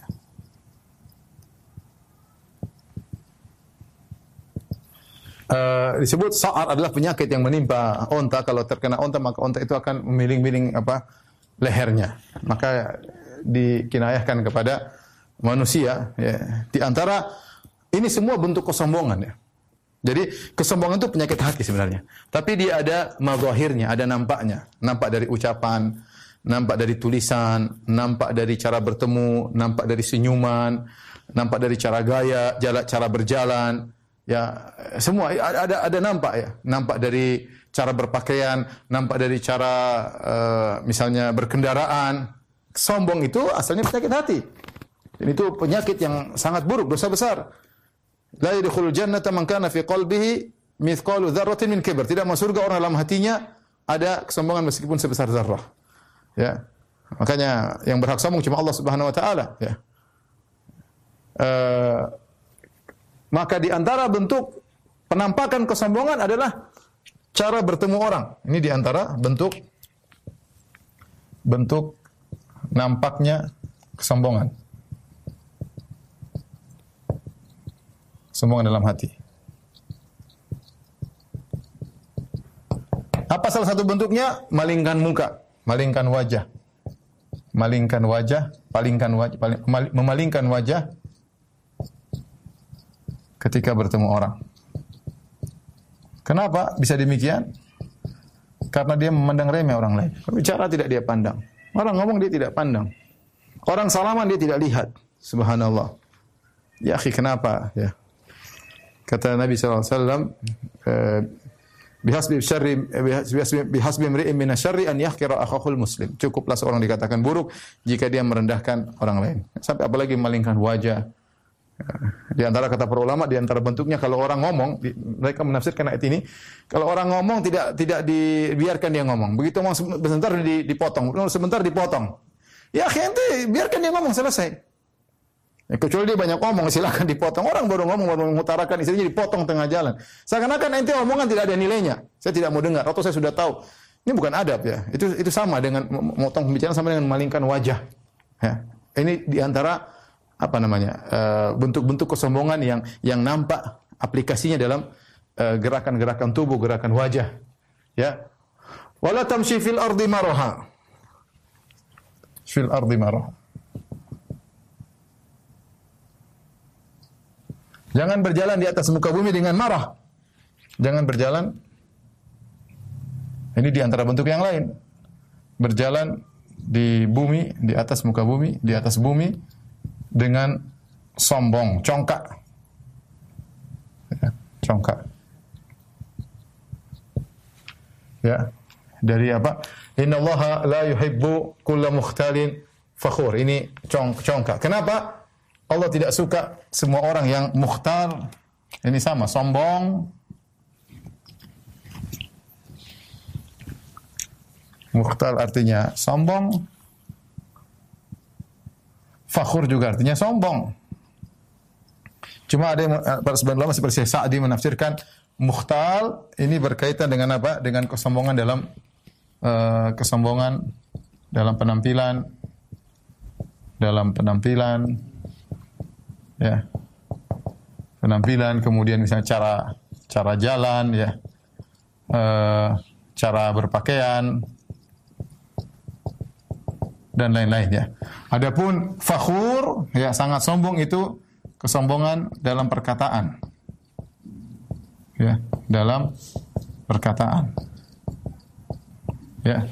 Tamshi fil ardi maroha ini kesombongan dalam bentuk eh, apa namanya? mengungkit-ungkit mengungkit mungkit nikmat kenikmatan yang dia miliki, nikmat yang dia miliki pamer maksudnya dia miliki dengan lupa kepada lupa kepada sang pemberi nikmat yaitu Allah Subhanahu wa taala. Orang seperti itu ungkit sana ungkit sini, lupa bahwa semua itu dari Allah. Sebenarnya ini menimbulkan apa? Menimbulkan ujub, ya. Jadi Allah larang jangan berjalan. Cara berjalan pun harus yang benar. Jangan berjalan dengan cara jalan yang sombong. Kenapa Allah tidak suka dengan orang sombong? Sombong dengan penampilan, sombong dengan cara jalannya, sombong dengan pakaiannya, sombong dengan jamnya, sombong dengan mobilnya, sombong dengan badannya, sombong dengan sehat tubuhnya, sombong dengan rupanya, sombong dengan parasnya. Semuanya nggak boleh dengan penampilan zahir. Ini semua perkataan, dengan perkataan atau dengan nasabnya, ya sebenarnya mengatakan dengan fakhr maksudnya dengan nasabnya, dengan keturunannya, saya keturunan inilah, saya keturunan anulah. Maka Allah mengatakan waqsid fi masjid, kalau berjalan sederhana saja. Ya. Berjalan dengan sederhana lah. Berjalanlah dengan sederhana. Itu biasa-biasa saja maksudnya. Biasa-biasa saja. Jangan aneh-aneh, jangan menunjukkan Waqdud min sautik. Ya. Kemudian apa? Rendahkan suaramu. Ya. Kalau nggak ada perlu, maka tidak perlu angkat suara. Perhatikan kata para ulama, yaitu jangan angkat suara kalau tidak perlu.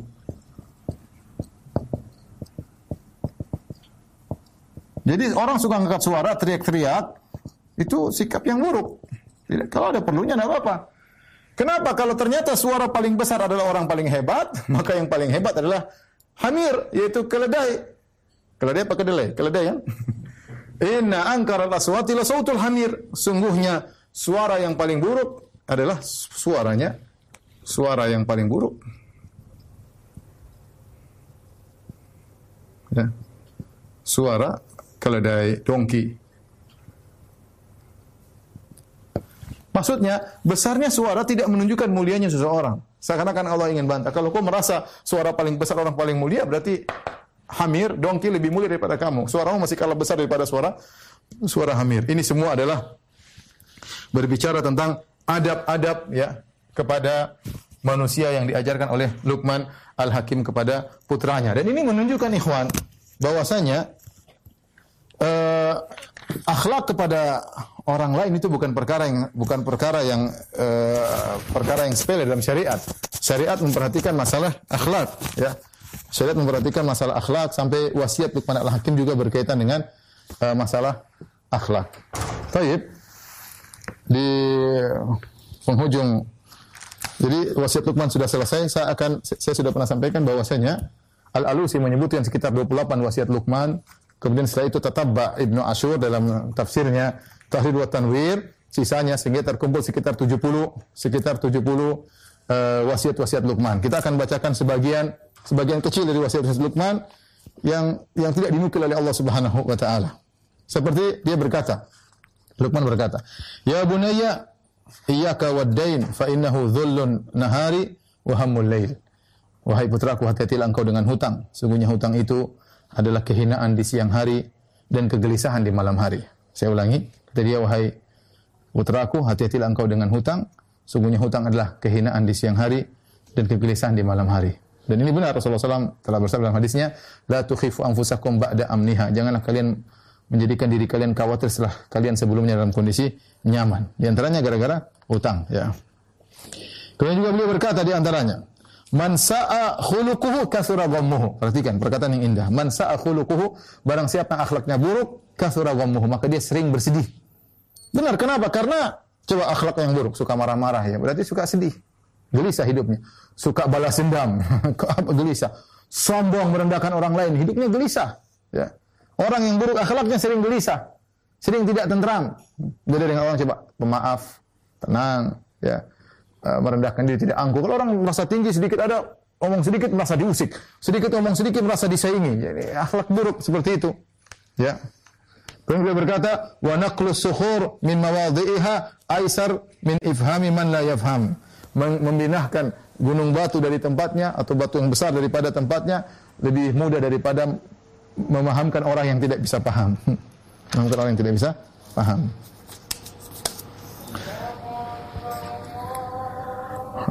Taib, ikhwan para pemirsa raja, qadarullah waktu sudah selesai. Insya Allah kita lanjutkan uh, pekan depan. Uh, untuk sementara tidak ada tanya jawab karena uh, setelah ini saya ada kajian yang lain. Saya mohon maaf kepada para pemirsa Raja TV dan Radio Raja di mana pun Anda berada. Semoga Allah senantiasa memberkahi kita seluruhnya. Dan kita berlanjut, kita lanjutkan pengajian kita tentang tafsir surat Luqman pada pekan berikutnya taala. Wabillahi taufik walhidayah. Assalamualaikum warahmatullahi wabarakatuh.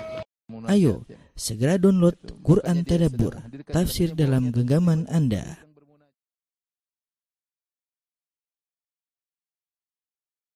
Bismillahirrahmanirrahim. Assalamualaikum warahmatullahi wabarakatuh. Para pemirsa Raja TV yang dirahmati oleh Allah Subhanahu wa taala. Alhamdulillah uh, puji dan syukur kita panjatkan kepada Allah yang memberikan kita kesempatan untuk bisa bersuah kembali dalam rangka belajar ayat-ayat Allah Subhanahu wa taala. Sungguh dalam belajar ayat-ayat Allah kebahagiaan akan turun kepada kita, ketenangan dan ketentraman. Dan uh, kita lanjutkan bahasan kita dari uh, tafsir surat Luqman Ya kita sampai pada ayat yang uh, ke-20.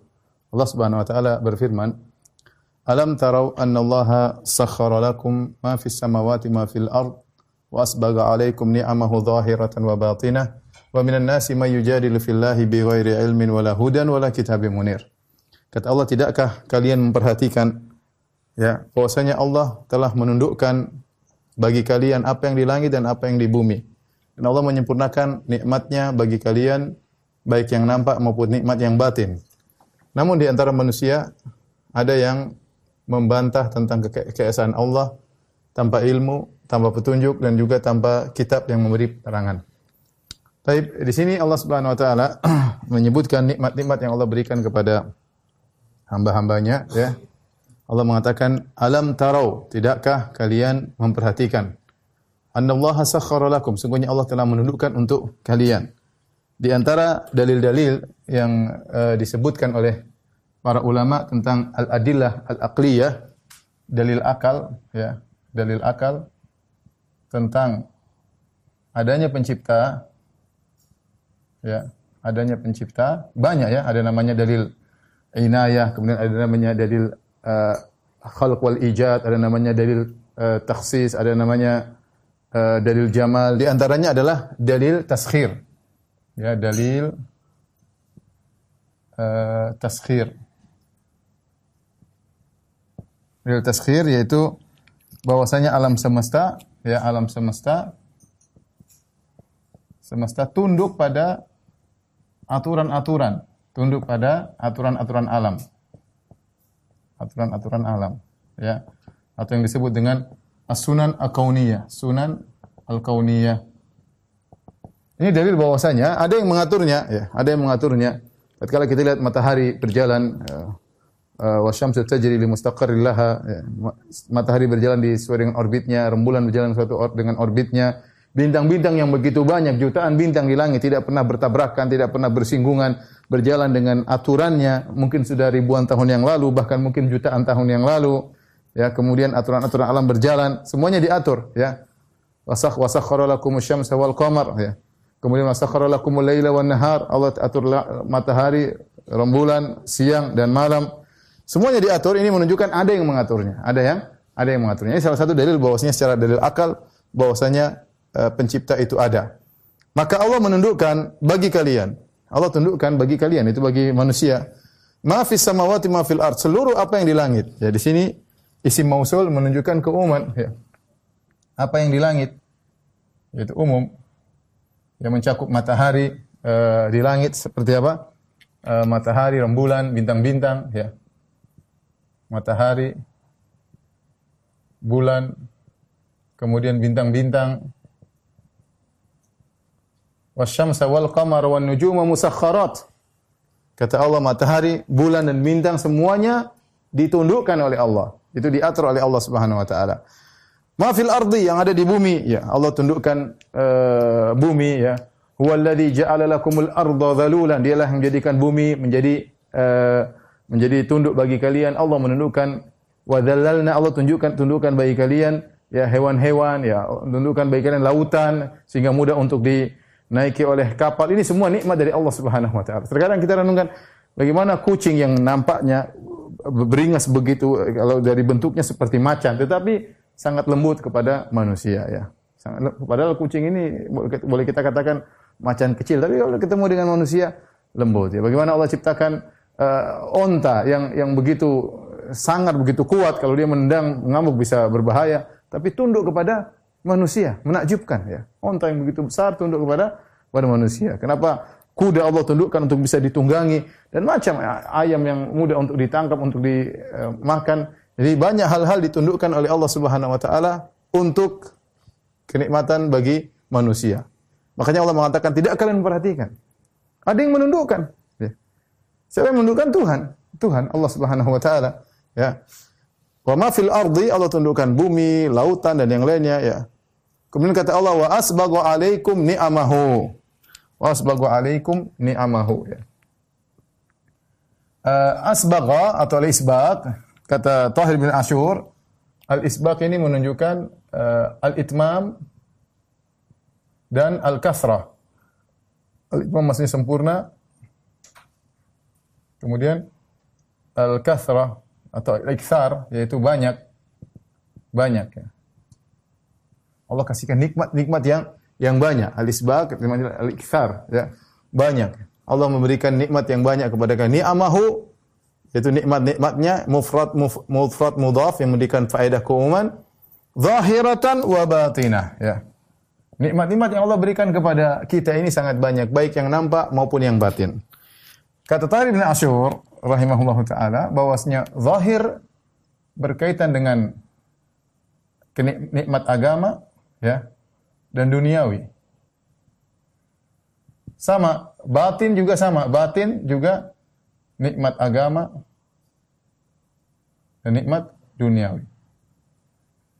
Contoh zahir nikmat agama apa kita Alhamdulillah sebagian kita dapat taufik sehingga kita bisa melangkahkan kaki menuju ke masjid misalnya wanita-wanita berjilbab. Ini nikmat yang zahir yang orang-orang lihat. Hidup beragama, kemudian waktunya uh, mengadakan haji-haji, umroh-umroh, kemudian waktu menyembelih-menyembelih. Alhamdulillah ya, berkorban-berkorban. Nikmat zahir yang berupa nikmat keagamaan yang orang bisa bisa lihat. Dan ini kita rasakan nikmat-nikmat tersebut menjalankan syariat Islam, alhamdulillah ya dijauhkan dari hal-hal yang diharamkan oleh Allah Subhanahu wa taala. Ini adalah nikmat-nikmat yang zahir. Duniawi apa lagi? Duniawi kita memiliki anak, memiliki istri, memiliki rumah, memiliki kendaraan, kesehatan alhamdulillah ya banyak kenikmatan-kenikmatan zahir. Uh, kita dihilangkan rasa lapar oleh Allah Subhanahu wa taala dan masih banyak kenikmatan-kenikmatan duniawi yang Allah berikan kepada kita dan banyak bukan sedikit ya, bukan sedikit makanya Allah mengatakan wa asbagha yaitu aktsara Allah perbanyak nikmat-nikmat tersebut kepada kepada kalian. Tinggal seorang mau merenungkan atau atau tidak. Kata Allah Subhanahu wa taala wa in ta'uddu nikmatallahi la tuhsuha. Kalau kalian menghitung nikmat-nikmat Allah kalian tidak akan bisa menghitungnya. Demikian juga nikmat batin. Nikmat batin agama maupun duniawi. Nikmat batin duniawi contohnya apa? Contohnya uh, sehat jasmani bagian di dalam ya. Bagaimana banyak keajaiban dalam tubuh manusia. Wa fi anfusikum afala tubsirun. Pada diri kalian tidak kalian kalian melihat banyak rahasia-rahasia kenikmatan Allah dalam tubuh manusia yang dahulunya orang tidak tahu sekarang orang tahu dengan kecanggihan uh, ilmu medis dan yang lainnya mengetahui bagaimana luar biasa proses eh, organ-organ uh, tubuh yang sangat luar biasa. Nikmat ya. Bagaimana detak jantung yang berjalan yang setiap hari kita uh, yang kita rasakan ya. Kita bisa organ pernapasan, organ organ pelanggaran darah, ginjal dan macam-macamnya, otak uh, dan segala macam organ dalam tubuh yang bekerja dengan uh, dengan luar biasa ya.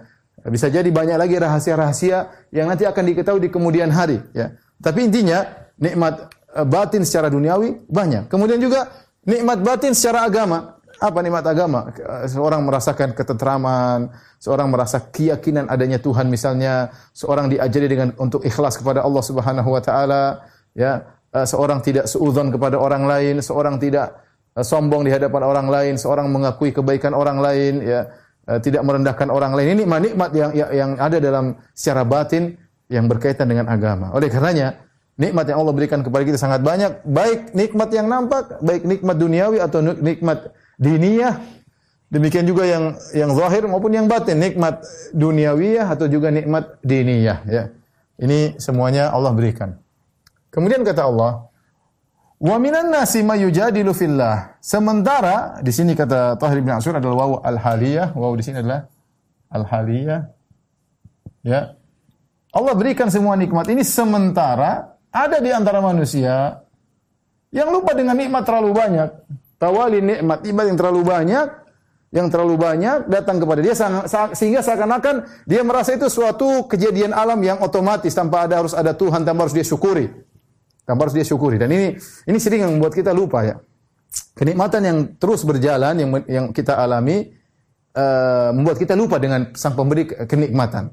Terkadang seorang baru sadar apa tatkala nikmat tersebut dicabut, dikasih sakit baru tahu nikmat sehat. Tuh, subhanallah Tuhan selama ini kasih nikmat, Allah kasih nikmat sehat. Ya, sering orang baru sadar bahwasanya nikmat yang dia rasakan selama ini benar-benar karena dari Tuhan setelah dicabut oleh Tuhan ya. Oleh karena sebagian orang begitu sering dapat nikmat yang berturut-turut tanpa henti-hentinya sehingga dia merasakan seakan-akan itu sudah hal yang biasa, bukan lagi suatu kenikmatan padahal ikhwan yang dirahmati Allah Subhanahu wa taala. Setiap hari kita mendapat nikmat baru, setiap saat kita dapat nikmat baru, jantung kita berdetak setiap saat itu nikmat baru. Allah berikan nikmat lagi karena suatu saat Allah berhentikan. Allah berhentikan. Berarti setiap setiap saat Allah kasih nikmat baru. Kita bisa bernapas suatu nikmat yang yang baru. Namun begitu sering kita merasakan nikmat tersebut, terkadang kita lupa seakan-akan sudah hal yang otomatis, sudah merupakan uh, proses alam yang harus terjadi. Padahal kita lupa betapa banyak orang yang meninggal di sekitar kita, betapa banyak orang yang sakit di sekitar kita, ya, betapa banyak orang kekurangan di sekitar kita. Ya, oleh karenanya kita harus sadar bahwa nikmat yang Allah berikan kepada kita terus silih berganti di bawah pengaturan Allah Subhanahu wa taala, di bawah penundukan Allah Subhanahu wa taala. Makanya Allah mengatakan wasakhar alam tarau annallaha sakhkhara lakum. Tidak kalian lihat bagaimana Allah menundukkan bagi kalian apa yang di langit dan di bumi. Allah sempurnakan nikmat-nikmatnya kepada kalian yang zahir maupun yang batin. Namun ternyata ada sebagian orang begitu banyak nikmat yang dia rasakan, dia mendebat tentang keesaan Allah. Yujadilu fillah. Bi ghairi ilmin wala hudan wala kitabim munir. Tanpa ilmu, tanpa petunjuk, tanpa uh, kitab yang memberi petunjuk, kita memberi penerangan. Jadi dia debat dengan apa? Dengan taklid kepada nenek moyang. Tidak tanpa dalil, tanpa ilmu, ilmu nggak ada. Mau debat dengan ilmu nggak ada. Tanpa petunjuk yang diikuti juga nggak ada. Ya, mungkin dia bilang ada orang dapat petunjuk dia ikuti bahwa ini dalilnya benar, nggak ada tahu petunjuk. Tanpa kitab yang benar dari dalil man dari buku-buku juga nggak ada. Kemudian dia meragukan tentang keesaan Allah Subhanahu Wa Taala dia tetap bersikeras untuk berbuat syirik kepada Allah Subhanahu wa taala. Berdebat dengan apa? Dengan taklid. Taklid buta. Ilmu tanpa ilmu, petunjuk tidak ada, tanpa ada buku yang dia ikuti, begitulah cara dia berdebat. Maka Allah menceritakan tentang jenis manusia ini yang tidak bersyukur kepada Allah Subhanahu wa taala. Ini jenis manusia yang tidak bersyukur.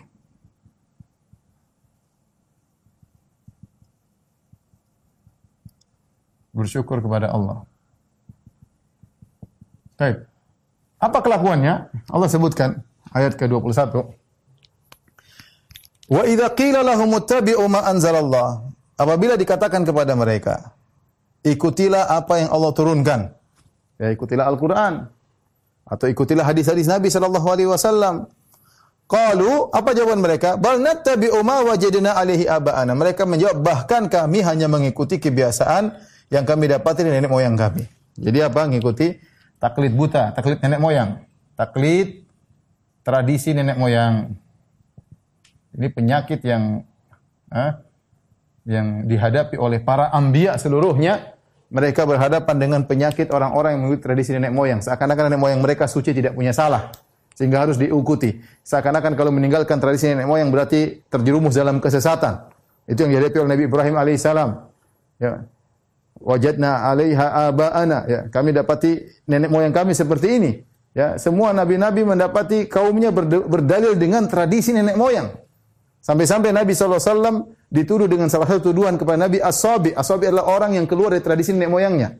Ini adalah tuduhan yang ditempelkan kepada Nabi agar orang menjauhi Rasulullah SAW. Kenapa? Sabi ketika Abu Lahab uh, apa namanya menjauhkan manusia dari Nabi, dia mengatakan jangan ikuti orang ini kadzabun sabi. Ini orang pendusta dan sabi mengikuti tradisi nenek keluar dari tradisi nenek moyangnya ya.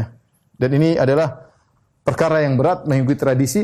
Banyak orang terhalangi dari hidayah, dari petunjuk karena berpegang teguh dengan tradisi nenek moyang. Maka Allah bantah kata Allah, "Awalau kana syaitanu yad'u ila sa'ir." Apakah mereka tetap mengikuti nenek moyang mereka sementara setan yadu'uhum ya. Setan menyuruh nenek moyang mereka kepada adab yang menyala-nyala ya. Artinya apakah kalian masih tetap mengikuti nenek moyang sementara nenek moyang kalian dulu mengikut setan Ya, tetap ngeyel ikut nenek moyang sementara nenek moyang dulu salah, sesat, ya. Mengikuti jalan syaitan tetap kalian ikuti dan mereka tidak peduli. Ya.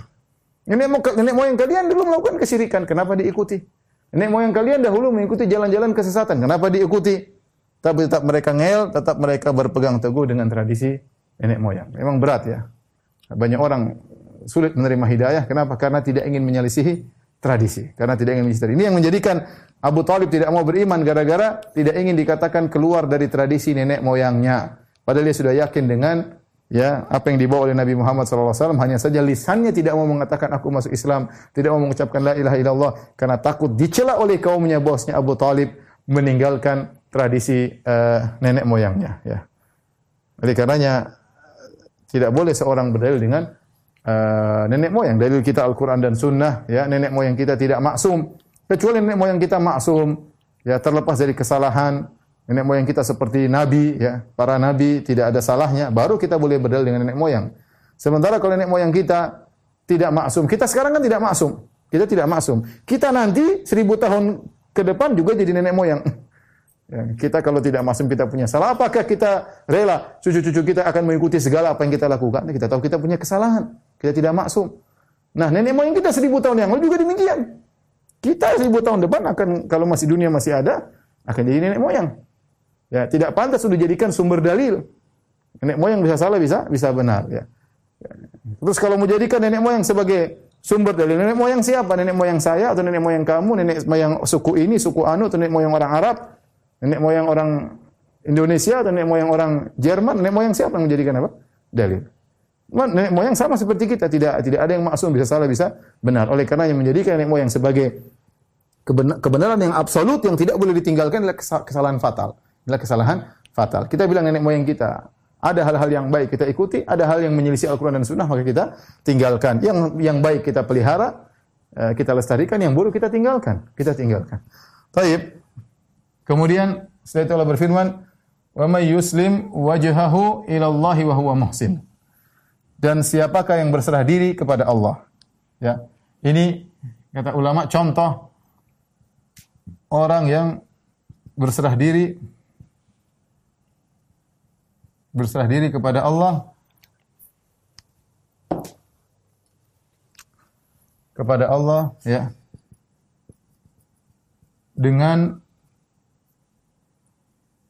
rela meninggalkan adat meninggalkan tradisi nenek moyang. Berat memang meninggalkan tradisi nenek nenek moyang.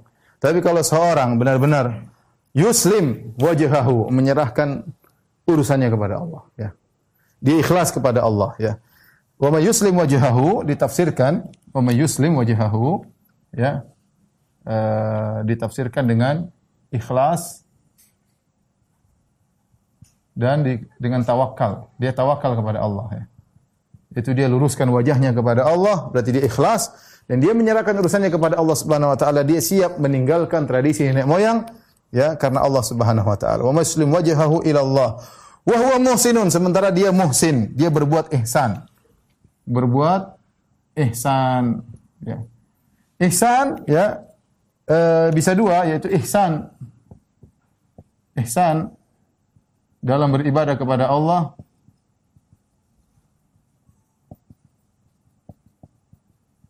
Yang kedua ihsan dalam uh, berbuat baik kepada manusia.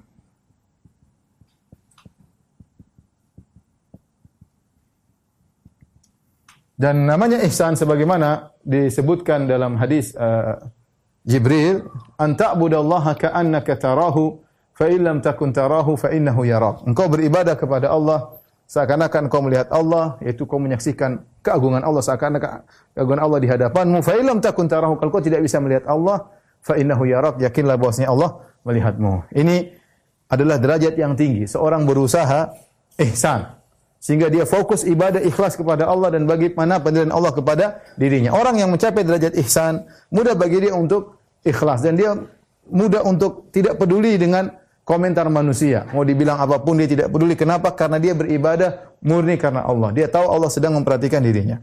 Sama ketika dia berbuat baik kepada manusia, kepada orang juga dia berbuat ihsan. Dia membantu orang lain tidak mengharapkan pujian manusia, tapi dia tahu Allah sedang melihat dia ketika dia membantu orang lain.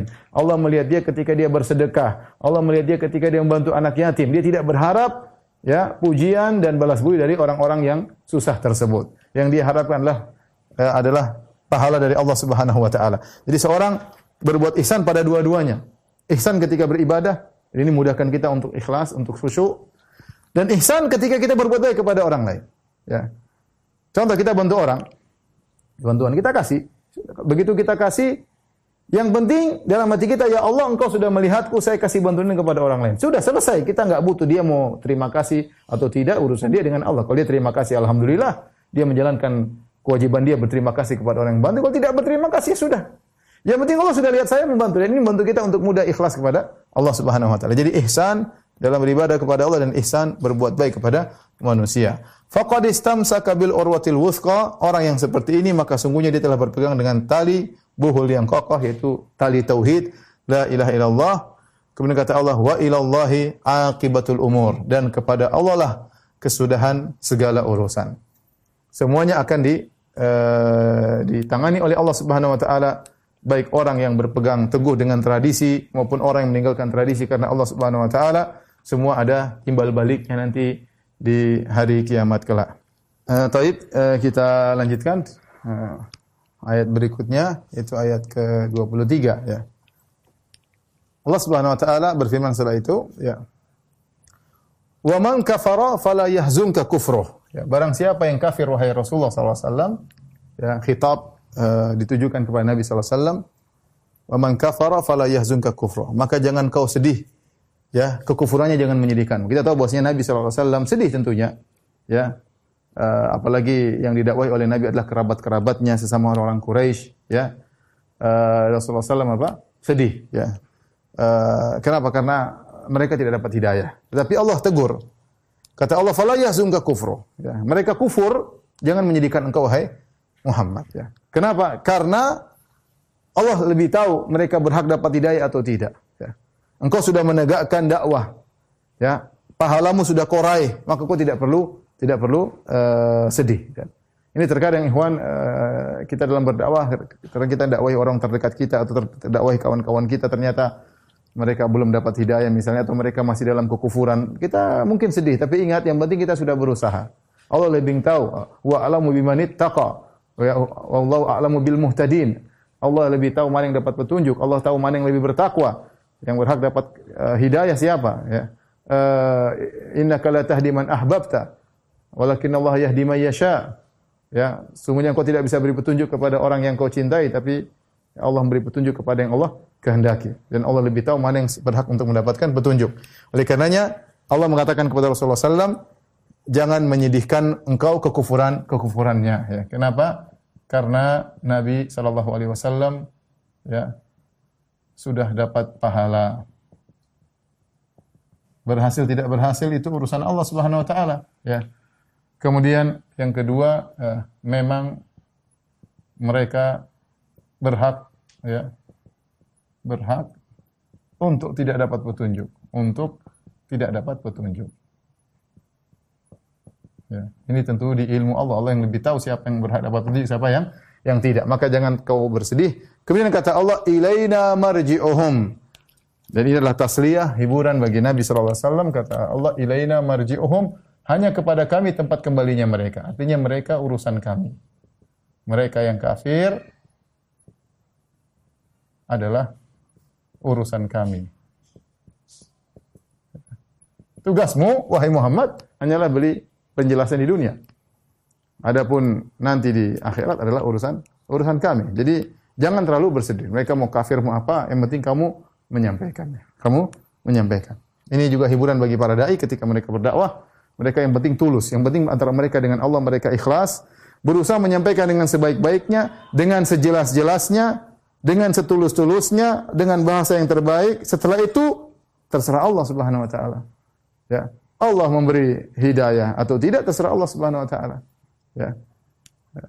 Kalau kita sudah berusaha semaksimal mungkin maka pahala sudah di tangan. Urusan mereka mau dengar atau tidak itu urusan Allah Subhanahu wa taala. Masing-masing akan kembali kepada Allah Subhanahu wa taala.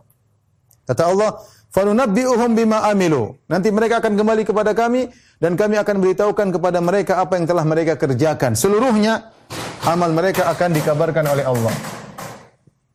Seluruh amal mereka akan dikabarkan oleh Allah.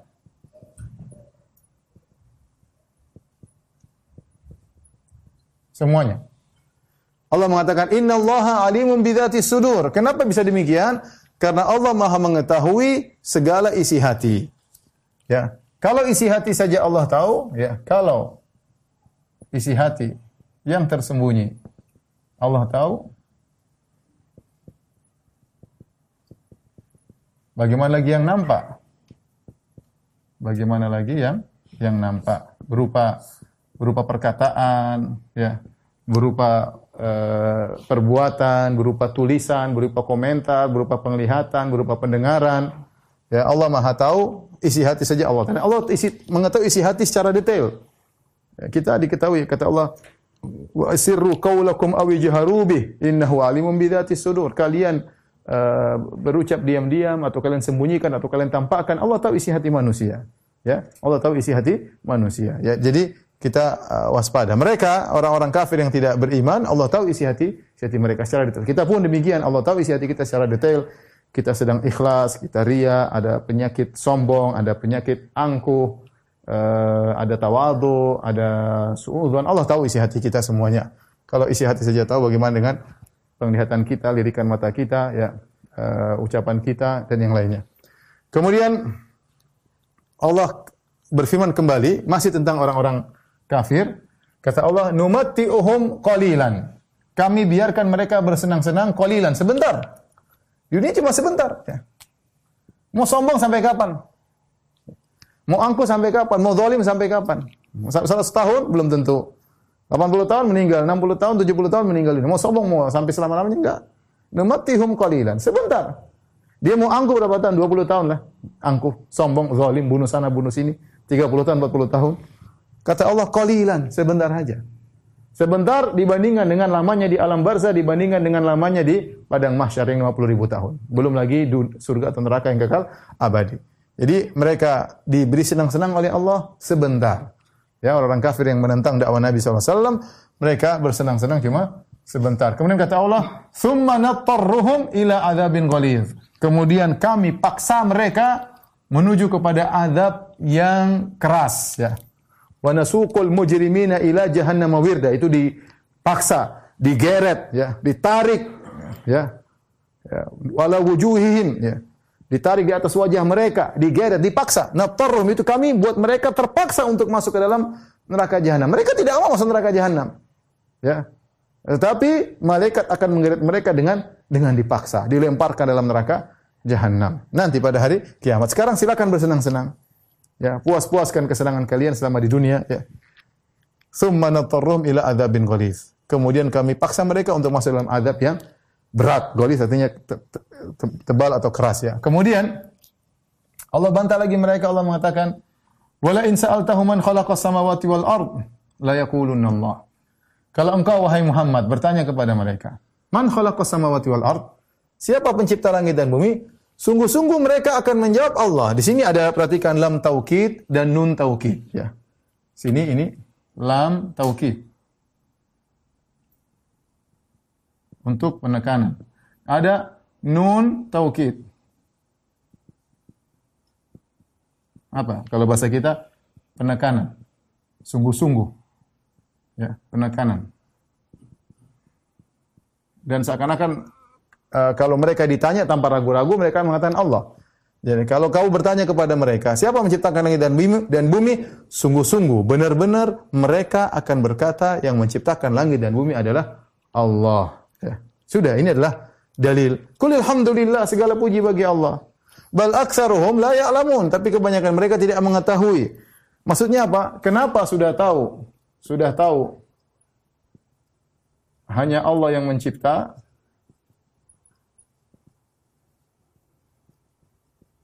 Lantas kenapa menyembah kepada selain Allah? Kenapa? Syirik. Ya. Kenapa syirik? Kalian sudah tahu menciptakan langit dan bumi hanya Allah Subhanahu wa taala. Kenapa masih berbuat kesyirikan? Kenapa masih minta kepada penghuni kubur ya? Kenapa masih minta kepada berhala-berhala menjadi wasilah antara kalian dengan Allah? Kalau ditanya, kenapa kalian menjadi berhala-berhala? Kata mereka, "Ma na'buduhum illa liyuqarribuna ila Allahi zulfa." Kami tidak beribadah kepada ya berhala-berhala tersebut kecuali untuk mendekatkan kami kepada Allah ya. Haula'i syufa'auna inda Allah. Kata mereka berhala-berhala orang-orang soleh ini adalah ya, pemberi syafaat bagi kami di sisi Allah Subhanahu wa taala. Harusnya kalau kalian tahu yang menciptakan langit dan bumi hanyalah Allah, harusnya ibadah hanya untuk Allah Subhanahu wa taala. Namun demikian orang musyrikin, mereka mengakui tauhid rububiyah, namun mereka salah dalam tauhid uluhiyah. Ya ini dalil kaum musyrikin ya. Kaum musyrikin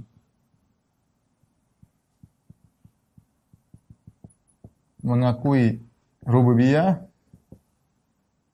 rububiyah Allah namun apa? Namun mereka uh, syirik dalam uluhiyah, dalam peribadatan.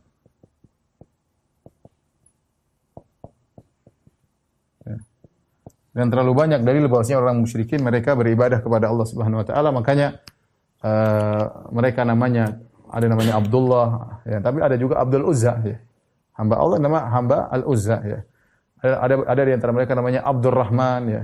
ya. Nama-nama mereka juga menunjukkan mereka tahu tentang Allah Subhanahu wa taala. Oleh karenanya mereka juga umroh, mereka juga haji ya. Mereka juga uh, iktikaf di Masjidil Haram, bahkan Nabi ketika berdakwah Nabi di musim haji selalu datang ke Mina untuk mendakwai orang-orang musyrikin yang sedang berhaji. Orang musyrikin sedang berhaji. Jadi mereka tahu adanya Allah, ya.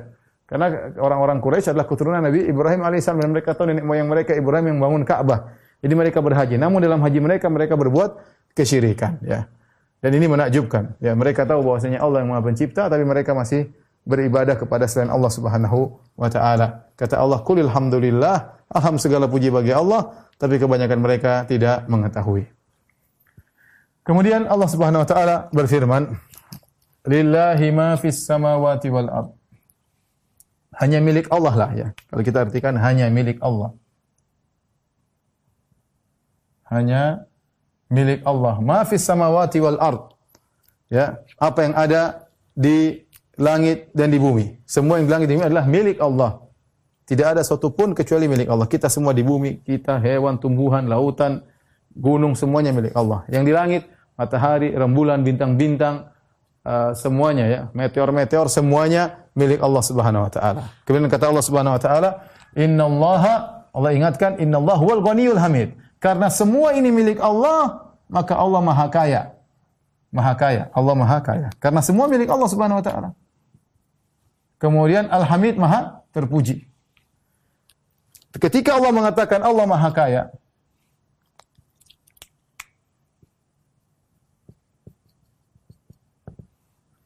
isyarat peringatan peringatan bahwa Allah tidak membutuhkan ibadah kita. Allah tidak membutuhkan ibadah kita. Butuhkan tidak membutuhkan ibadah ibadah kita. Allah tidak butuh dengan kesolehan kita. Ya. Karena apa? Allah Maha Maha Kaya. Ini sering saya sampaikan dalam hadis qudsi Allah mengatakan, "Ya ibadi law anna awwalakum wa akhirakum wa insakum wa jinnakum kanu ala afjari qalbi rajulin wahidin minkum ma naqasa fi mulki syai'a." Wahai hamba-hambaku, jin dan manusia, dari sejak awal sampai terakhir seluruhnya, seandainya kalian semua hatinya seperti hati orang yang paling fajir. Hati kalian semua seperti iblis hatinya, seperti Abu Jahal, seperti Fir'aun hatinya, mana qasafi mulki syai'an. Maka ke kekuasaanku tidak akan berkurang sedikit pun. Ya wa may yashkur fa inna ma yashkuru li. Barang siapa yang bersyukur, sungguhnya dia bersyukur untuk dirinya sendiri. Man ihtada fa inna ma yahtadi li nafsih. Barang siapa dapat petunjuk, maka petunjuk untuk dirinya sendiri bukan untuk Allah Subhanahu wa taala. In ahsantum ahsantum li anfusikum. Kalau kalian berbuat baik untuk diri kalian. Bukan untuk Allah. Allah tidak butuh dengan salat kita. Allah tidak butuh dengan puasa kita, tidak butuh dengan ibadah kita. Kita berbuat baik untuk kita. Allah kasih ganjaran untuk kita. Adapun Allah, Allah sudah maha kaya sebelum ada makhluk. Allah sudah maha kaya sebelum ada makhluk dan Allah tetap kaya meskipun makhluk semuanya kufur kepada Allah Subhanahu wa taala. Dan kalau kita kufur kepada Allah, masih banyak makhluk-makhluk Allah yang beribadah kepada Allah. Masih banyak malaikat yang tidak pernah la yasamun, la yafturun, tidak pernah bosan untuk beribadah, tidak pernah letih untuk beribadah. Ya. La yastahsirun tidak pernah putus dalam beribadah, ya. Jadi Allah Maha Kaya. Kemudian yang kedua Maha terpuji.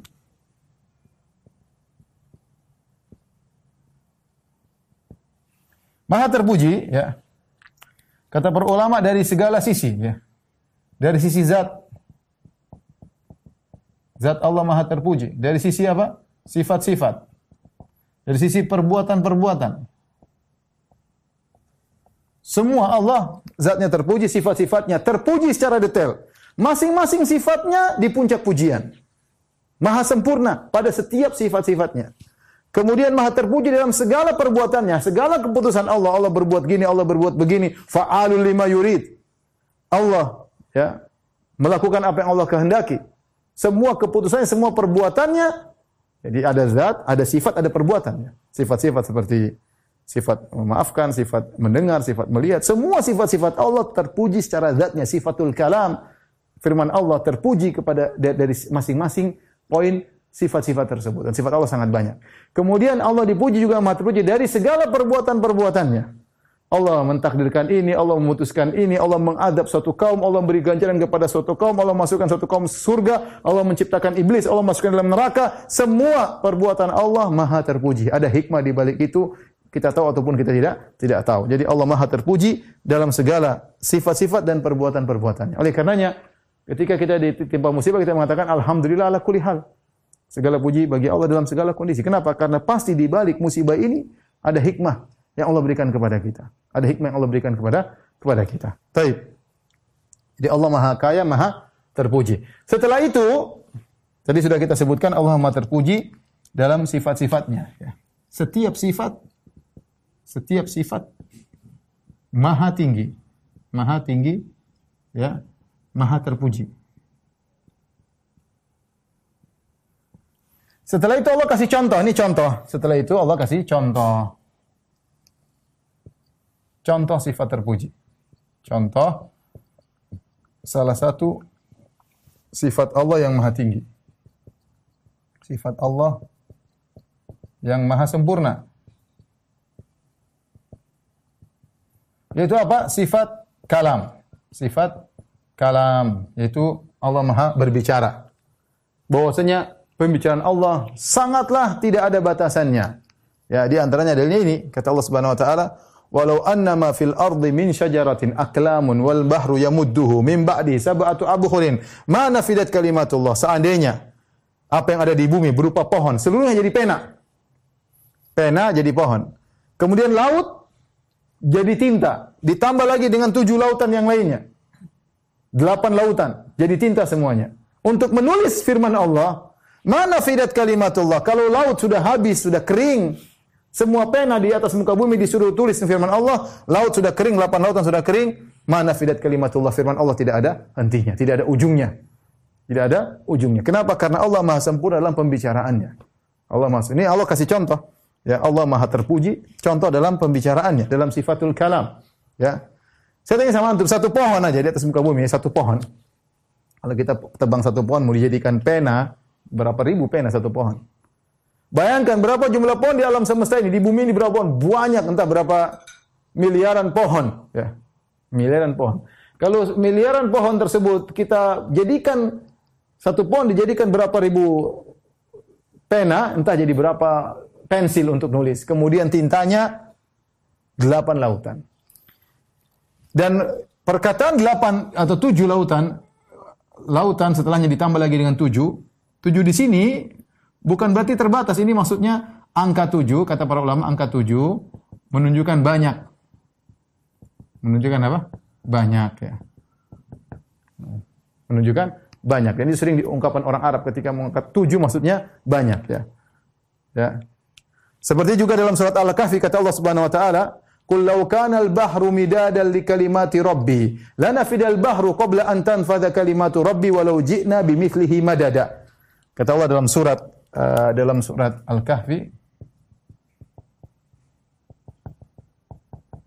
di akhir surat Al-Kahfi, "Lau kana al-bahru midadan li kalimati rabbi," kalau seandainya lautan dijadikan sebagai tinta untuk menulis firman-firman Tuhan, La nafidal bahru, maka lautan akan habis qabla an tanfadha kalimatu rabbi. Sebelum selesai firman Allah, kemudian kata Allah di akhir ayat, walau ji'na bimithlihi madada. Meskipun kami datangkan yang semisalnya, yang artinya jadi lautan sudah habis meskipun kami datangkan lautan semisalnya untuk sebagai tinta. Lautan semisalnya untuk jadi tinta. Tahir bin Ashur dalam tafsirnya ketika dia mengatakan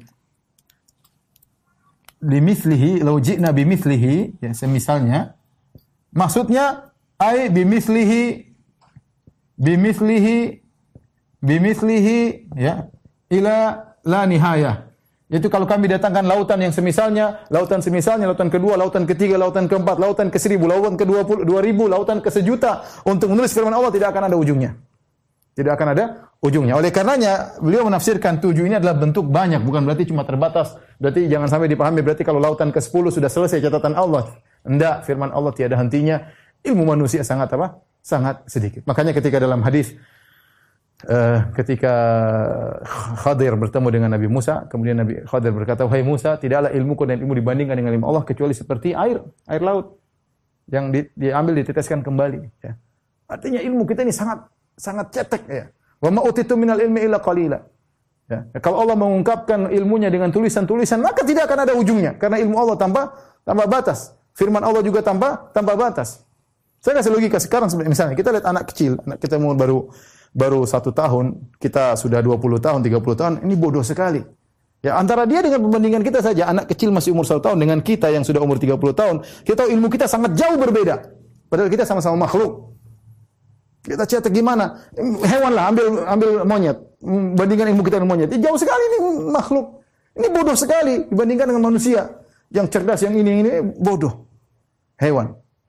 Ini antara makhluk dengan makhluk saja kita bisa kita bisa bandingkan jauh berbeda antara ilmu satu orang dengan orang lainnya, satu manusia dengan hewan. Apalagi kita bicara tentang ilmu Tuhan dengan firman-firman Tuhan, maka tidak ada ujungnya yang tanpa batas. Jadi Allah ini contoh setelah Allah menyebutkan innallaha huwal ghaniyul hamid, sungguhnya Allah Subhanahu wa taala maha kaya maha terpuji, terpuji dari sifat-sifatnya di antaranya sifat sifat kalam. Innallaha azizun hakim. Sungguhnya Allah maha perkasa dan maha bijak ya. Allah Maha Perkasa ya dalam dalam menjalankan segala keputusannya. Ya. Tidak ada la muaqiba li hukmih, tidak ada yang protes keputusan Allah. Kata Allah Subhanahu wa taala la muaqiba li. Tidak ada yang bisa protes dengan keputusan Allah Subhanahu wa taala. Ya, tetapi seluruh keputusannya itu Allah jalankan dengan maha bijak, ya, maha bijaksana. Tidak ada apa pun terjadi dalam semesta ini. Yakin. Tidak ada suatu pun yang terjadi. Kita tahu semua yang terjadi atas kehendak Tuhan. Mau kebaikan, mau musim panen, musim kemarau, musim hujan, mau bencana alam, mau ada pandemi, mau apa saja yang terjadi. Ya, satu dapat kenikmatan, satu dapat ujian. Semuanya tidak ada yang bisa keluar daripada keputusan Allah. Semuanya keputusan Allah. Dan semuanya dijalankan dengan hikmah. Ya, dengan hikmah. Ya. Kalau kita bicara sama orang, misalnya ada orang cerdas, dia bikin keputusan di kantor, kemudian dia bilang begini-begini, oh orang ini cerdas banget nih. Kenapa dia direktur yang canggih menghadapi permasalahan, harus gini, ini harus dipecat, ini harus dihadapi, ini harus gini. Canggih itu direktur. Ini kita bicara Tuhan yang mengatur alam semesta. Yang otak kita tidak sampai dengan apa yang hikmah-hikmah yang dikehendaki oleh Allah Subhanahu wa taala. Ada yang otak kita sampai, ada yang seringnya tidak sampai. Ya.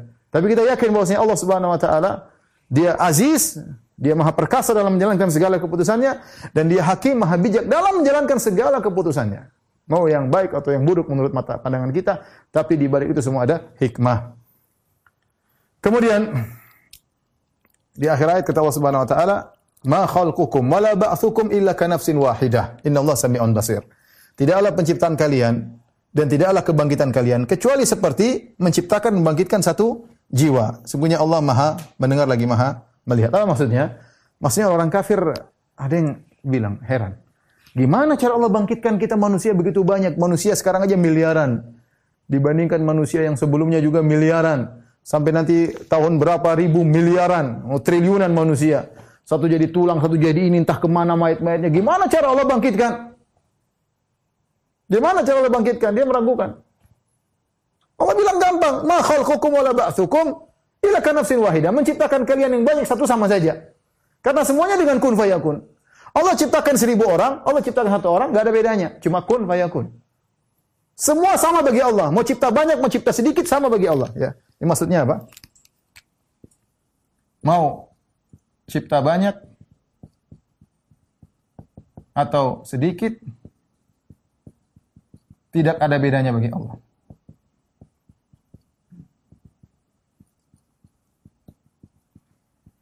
Tinggal apa? Kun fayakun. Kun fayakun. Selesai. Jadi maka jadilah. Mau sedikit mau banyak enggak ada susahnya bagi Allah Subhanahu wa taala. Sama membangkitkan pun demikian. Illa ka nafsin wahida ai illa ka ba'thi nafsin wahida. Sama seperti membangkitkan satu. Allah bagi satu orang dan membangkitkan triliun orang tinggal kun fayakun tidak ada bedanya. Ini untuk bantahan kepada orang-orang musyrikin yang mengatakan bagaimana Allah bisa bangkitkan. Allah Maha Kuasa. Semuanya mudah bagi Allah Subhanahu wa taala fa idahum qiyamu yanzurun. Kata Allah Subhanahu wa taala, "Tsumma nufikha fihi ukhra fa idahum qiyamu yanzurun." Kemudian ditiupkan sangkakala yang kedua, tiba-tiba semua mereka berdiri menunggu kedatangan Allah. Tiba-tiba semua bangkit. Tiba-tiba semua bangkit dari kuburan, tiba-tiba semua sudah ada di padang mahsyar. Fa idahum tiba-tiba Allah bangkitkan semuanya. Kanafsin wahidah, mudah bagi Allah. Kemudian kata Allah, "Innallaha sami'un basir." Ingat hati-hati, Allah Maha mendengar, Allah Maha melihat. Wahai kalian apa yang kalian kerjakan, apa yang kalian ungkapkan, apa yang kalian perbuat, Allah Maha mendengar dan Allah Maha melihat. Bahkan Allah Maha mengetahui isi isi hati ya. Ini uh, yang bisa saya sampaikan pada kesempatan kali ini. Uh, saya lupa tadi ada perkataan yang indah dari uh, Ibnu Abbas ya. Ketika dia menafsirkan tentang fasbagu alaihi ni'amahu zahiratan wa batinah. Allah Subhanahu wa taala menyempurnakan nikmat zahir dan batin di antaranya ya uh, diriwayatkan beliau berkata az-zahirah al-islam wa mahasuna min khalqika. Zahirah nikmat zahir adalah Islam itu uh, nikmat agama wa mahasuna min khalqika dan penampilanmu yang indah itu nikmat yang zahir berupa nikmat duniawi. Kemudian wal batinah ma satara alaika min sayyi amalika. Di antara nikmat batin yaitu keburukanmu yang Allah sembunyikan, yaitu maksiatmu yang Allah sembunyikan orang tidak tahu. Ini juga di antara nikmat batin yang sampai sebagian orang berkata, sebagian salah berkata, saya tidak tahu mana nikmat yang lebih besar bagiku. Apakah aku diberi taufik untuk menjalankan amal soleh, ataukah aib-aibku ditutup dari mata manusia. Ya. Intinya di antara nikmat batin yang Allah berikan adalah aib-aib kita semua yang Allah tutup. Tidak ada orang yang tahu kecuali hanya Allah Subhanahu Wa Taala. Semoga Allah menjadikan kita hamba-hambanya yang pandai bersyukur kepada Allah Subhanahu wa taala. Tapi demikian saja karena sudah masuk waktu Isya. Sampai sini saja kajian kita. Insya Allah kita lanjutkan pada kesempatan berikutnya. Uh, wabillahi taufiq wal hidayah. Assalamualaikum warahmatullahi wabarakatuh. Ayo, segera download Quran Tadabbur, tafsir dalam genggaman Anda.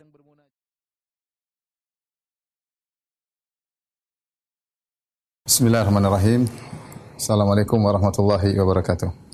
Alhamdulillahi ala ihsani wa syukru lahu ala taufiqihi wa amtinani. Wa asyhadu an la ilaha illallah wahdahu la syarika lahu ta'ziman sya'ni. Wa asyhadu anna Muhammadan abduhu wa rasuluhu da'ali ridwani. Allahumma salli alaihi wa ala alihi wa ashabi wa ikhwani. Para pemirsa Raja TV dan Radio Raja di mana pun Anda berada eh, Kita melanjutkan pembahasan kita dari tafsir surat Luqman. Dan insya Allah ini pertemuan yang terakhir dari tafsir surat Luqman ya. Kita akan lanjutkan dari ayat ke-29 dan seterusnya. Allah Subhanahu wa taala berfirman Alam tara anna Allah yulijul laila fin nahari wa yulijun nahara fil lail wa sakhara syamsa wal qamar kullun yajri ila ajalin musamma. Tidakkah kau memperhatikan? Alam tara, tidakkah kau lihat, tidakkah engkau memperhatikan anna Allah yulijul laila fin nahar, bahwasanya Allah memasukkan malam ke dalam siang. Wa yulijun nahara fil lail dan Allah memasukkan siang ke dalam malam. Yaitu Allah memasukkan malam dalam siang, akhirnya terbitlah uh, matahari dan Allah memasukkan siang dalam malam artinya terbitlah rembulan dan matahari terbenam.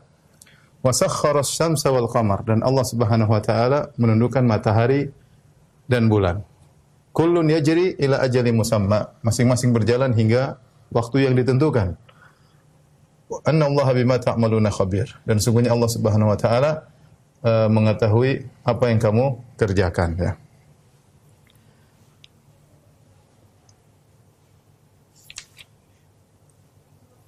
Tapi perhatikan di sini uh, Allah mengajak kita untuk memperhatikan ya ini khitab uh, pembicaraan ditujukan kepada Nabi sallallahu alaihi wasallam tapi berlaku kepada kita seluruhnya.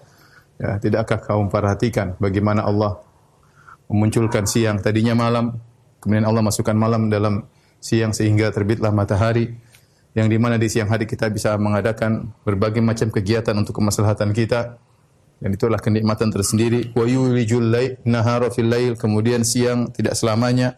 Allah masukkan ke dalam malam terbitnya rembulan kemudian terbenamnya matahari. Di malam hari kita bisa istirahat ya. Kemudian wasakhara syamsa wal qamar ya. Kemudian Allah memperjalankan menundukkan matahari dan rembulan. Menundukkan buat siapa? Buat kita. Ya menundukkan buat kita. Jadi matahari rembulan berjalan pada edarannya Semuanya ini adalah untuk untuk kita. Kullun yajri ila ajalin musamma. Masing-masing yaitu matahari dan rembulan itu masing-masing berjalan hingga pada waktunya. Di sini ada uh, dua pendapat ya di kalangan para ulama, dua pendapat.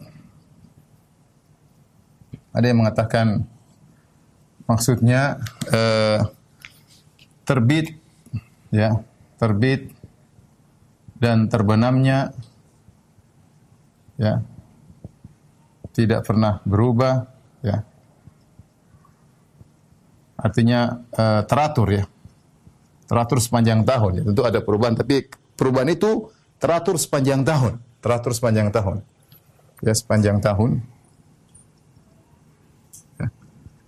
yang dengan yang dengan adanya perubahan tersebut ya kita tahu uh, matahari terbit tidak sama setiap hari ada pergeseran. Tetapi itu beratur sepanjang tahun tahun ke depan berulang lagi dan begitu demikian yang dengan adanya metode terbit dan terbenam yang sudah di Allah aturkan sesuai dengan orbitnya, maka seorang bisa mengetahui perhitungan tentang tahun, perhitungan tentang musim, uh, dan macam-macam ya. Mengetahui kapan uh, perhitungan kapan gerhana matahari, kapan gerhana bulan ya. Kenapa? Karena masing-masing ada orbitnya. Seandainya matahari dan rembulan orbitnya tidak teratur, maka tidak ada yang bisa menghitung dengan tepat. Tetapi dengan adanya orbit yang teratur ini maka bisa diadakan ilmu tersendiri, ilmu hisab dan perhitungan dan yang lainnya. Betul. Pendapat yang kedua maksudnya keduanya berjalan terus ya, berjalan terus dalam orbitnya hingga hari kiamat ya, hari kiamat. Ini pendapat Syekh Sa'di rahimahullah taala maksudnya kulun yajri masing-masing berjalan itu ber, sejak dia ber, ber, berputar terus tidak pernah berhenti. Tidak pernah berhenti. Kapan dia berhentinya? Nanti berhentinya pada hari kiamat, ya. Ada waktunya matahari terbit dari dari barat di mana uh, uh, apa namanya aturan alam dirubah oleh Allah Subhanahu wa taala. Matahari terbit dari barat kemudian uh, idza syamsu kuwirat kemudian matahari digulung, diredupkan ya Wajumi asyamsu wal qamar, kemudian matahari dan bulan digabungkan itu nanti pada hari kiamat. Jadi tidak akan berubah ini semua, terus berjalan dalam orbitnya, tidak pernah berhenti hingga hari kiamat. Dua tafsir ini tidak ada, tidak ada perbedaan. Yang satu menyinggung dari sisi per hari, terbit dan terbenam ya, yang sesuai dengan aturannya tidak pernah berubah sampai sepanjang tahun. Yang satu dari sisi sekali bergerak Allah gerakkan tidak berhenti nanti berhenti sampai hari kiamat ya. Wa anna Allah bima ta'maluna khabir dan bahwasanya wa anna Allah bima ta'maluna khabir sesungguhnya Allah mengetahui apa yang kamu kerjakan. Apa maksudnya? Apa hubungannya antara Allah menunjukkan tentang uh, nikmat siang, nikmat malam, matahari yang bergerak pada orbitnya dengan amal seorang hamba. Sebenarnya mengatakan ya uh, jika jika Allah mengetahui mengetahui ya uh, semua gerakan alam gerakan alam dengan detail ya uh, bintang matahari uh, rembulan planet-planet semua di jagat raya ini Allah tahu secara detail. Maka demikian pula maka demikian pula manusia dan amalannya dan amalannya. Amal perbuatannya. Allah tahu semuanya. Ya, Allah tahu uh, semuanya tentang benda-benda langit yang begitu banyak, yang begitu besar, yang begitu luas, yang tanpa ada ujungnya. apalagi hanya mengetahui bumi yang kecil yang isinya manusia ya itu itu isinya Allah tentu lebih tahu. Makanya setelah Allah menyebut tentang nikmat siang, nikmat malam, matahari, rembulan, orbitnya, semuanya Allah mengatakan wa anna Allah bima ta'maluna khabir. Maka Allah mengetahui apa yang kalian lakukan. Setelah itu Allah berkata, "Dzalika bi anna Allah wal haq." Yang demikian itu seluruhnya ini bi anna Allah wal haq karena Allah Subhanahu wa taala dialah yang hak. Kenapa dialah yang Allah yang hak? Wa anna ma yad'una min dunihil batil. Dan apa yang mereka sembah selain Allah adalah kebatilan. Karena semua makhluk ya wujudnya tidak sendiri tapi diwujudkan oleh Allah Subhanahu wa taala. Berkata Labid, Labid berkata, "Ala kullu ma khalallaha batila." Khalallahu batilu ya. Kata dia, ketahuilah semua selain Allah adalah kebatilan. Adalah kebatilan. Kenapa kebatilan? Karena semuanya terjadi dengan izin Allah. Kenapa? Karena semuanya karena semuanya berasal dari tidak ada tidak ada menjadi ada, menjadi ada. Menjadi ada. Yang menciptakan adalah Allah. Kalau istilahnya orang falasifah, Allah adalah wajibul wujud, yang wujudnya harus ada. Karena dengan adanya Allah, maka Allah mengadakan seluruh makhluk. Nah, kalau kita tahu ternyata seluruh makhluk tidak bisa ada dengan sendirinya, tapi diadakan oleh Allah Subhanahu wa taala, maka bagaimana kemudian makhluk-makhluk tersebut berhak untuk disembah? Yang berat disembah hanyalah Sang Pencipta yang mengatur siang, yang mengatur malam, yang perjalankan matahari dan bulan, ya, yang mengetahui menciptakan kalian, yang mengetahui alam amal perbuatan kalian seluruhnya. Lihat yang disembah coba. Siapa yang mau disembah? Makhluk, pohon, ya, batu, ya, mayat, wali, nabi. Apa mereka bisa ngatur itu semua? Ngatur siang, ngatur malam, ngatur matahari, ngatur rembulan, ya, mengetahui manusia seluruh perbuatannya maka seluruh yang disembah selain Allah makhluk secara umum adalah batil ketika disembah menjadi abdulul batil menjadi sebatil-batilnya karena dia batil tidak bisa berada dengan sendirinya tapi diadakan oleh Allah apalagi jika disembah maka dia abdulul batil. Wa anna Allah huwal aliyul kabir. Dan sungguhnya Allah Subhanahu wa taala al-ali yang maha tinggi ya. Maha tinggi ya, daripada makhluknya ya. Itu di atas arsy maha besar yaitu uh, maha besar bahkan bahkan akbar ya. Bahkan apa? Akbar. Ya, paling terbesar dari segalanya. Allah maha besar secara zatnya dari seluruh makhluknya. Baik. Setelah itu Allah Subhanahu wa taala berfirman ayat ke-31 ya. Alam tara jadi kita tahu bahwasanya Allah Subhanahu wa taala Maha tinggi dan maha besar. Nah, kalau Allah maha tinggi, maha besar, ngatur matahari, semua ciptaan Allah kecil sisi Allah. Karena Allah mengatakan ya, uh, wal ardu jami'an qabdatuhu yaumal qiyamah was samawati matwiyatun bi. Bumi pada hari kiamat di dalam genggaman dalam genggaman Allah dan langit seluruhnya dilipat oleh tangan kanan Allah. Jadi Allah maha besar, itu semua kecil, aturnya gampang Allah maha besar. Ya. Tidak ada yang bisa mengatur kecuali zat yang maha besar dan maha tinggi daripada itu semua. Kemudian alam tara annal fulka tajri fil bahri. Allah sebutkan nikmat yang lain lagi. Kalau tadi nikmat berkaitan dengan alam al-ulwi tentang di atas, sekarang sebutkan di antara nikmat yang berada di bumi, di antaranya uh, safina atau sufun atau perahu atau kapal yang berjalan di atas lautan. Kata Allah, "Alam tara, tidakkah kamu perhatikan annal fulka tajri fil bahri bi ni'matillah?" bahwasanya kapal itu berlayar di laut dengan nikmat Allah. Allah yang menjadikan kapal tersebut bisa berlayar di atas lautan. Ingat, bi nikmatillah. Ini semua dengan nikmat nikmat Allah. Liyuriyakum min ayatihi. Agar Allah memperlihatkan kepada kalian di antara tanda-tanda kebesaran Allah, di antara tanda-tanda ketuhanan Allah, keesaan Allah, Allah bikin kapal bisa berjalan di atas lautan. Inna fi dzalika laayatin likulli sabarin syakur. Yang demikian itu ada tanda-tanda kebesaran Allah bagi setiap orang yang sabar dan pandai bersyukur. Ini sebenarnya Allah mengatakan uh, di antara dalil adanya Tuhan, ya.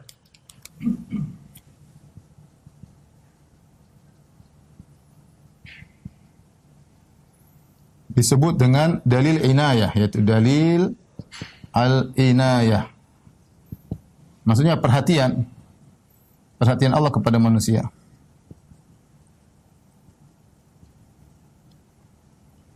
Uh, Ibnu Rus dalam kitabnya uh, uh, Al-Kashf an Manahij al-Adillah ketika beliau menyebutkan tentang uh, dalil-dalil adanya Tuhan di antaranya dalil inayah ini disepakati oleh para ulama ya disebut oleh Taimiyah dan yang lain dalil inayah. Jadi beliau beri gambaran begini.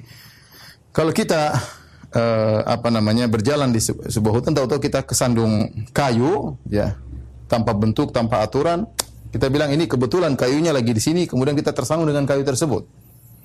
Tetapi kalau kita jalan lagi ke depan, kemudian kita lihat ada kayu, kemudian tempatnya pas, bentuknya diukir seperti ukiran kursi, kemudian ukurannya pas seperti untuk orang duduk dengan sandaran yang pas, diletakkan pada posisi yang pas, misalnya di bawah pohon dan yang lainnya, kita tahu pasti ada yang bikin. Tidak mungkin kita bilang terjadi dengan sendirinya, tahu-tahu ada kursi terpotong, terpahat dengan rapi, kemudian terletakkan di bawah pohon, eh, kemudian posisinya pas untuk diduduki oleh manusia, kita bilang mustahil. Ini pasti ada yang bikin. Kenapa kita tahu? Karena tidak mungkin ada perhatian seperti itu bisa menjadi kursi yang pas pada uh, segala uh, sisinya ya. Sama kalau kita bicara alam semesta ya, nggak mungkin terjadi dengan sini lihat. Allah untuk untuk untuk untuk uh, memberi perhatian kepada manusia. Allah bikin matahari.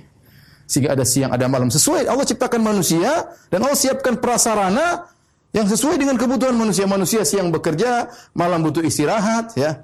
Allah bikin siang, Allah bikin malam, Allah bikin lautan, Allah bikin gaya gravitasi tertentu sehingga kemudian uh, kapal bisa berlabuh di atas lautan ya.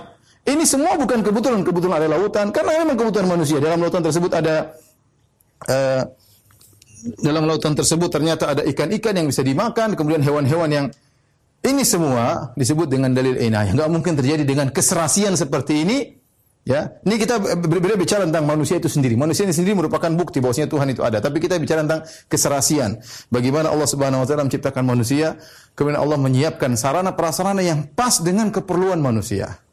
Ya.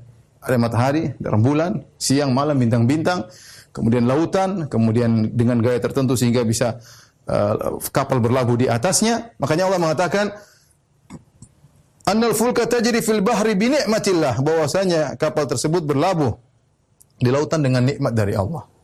Bukan terjadi dengan sendirinya. Liyuriyakum min ayatihi.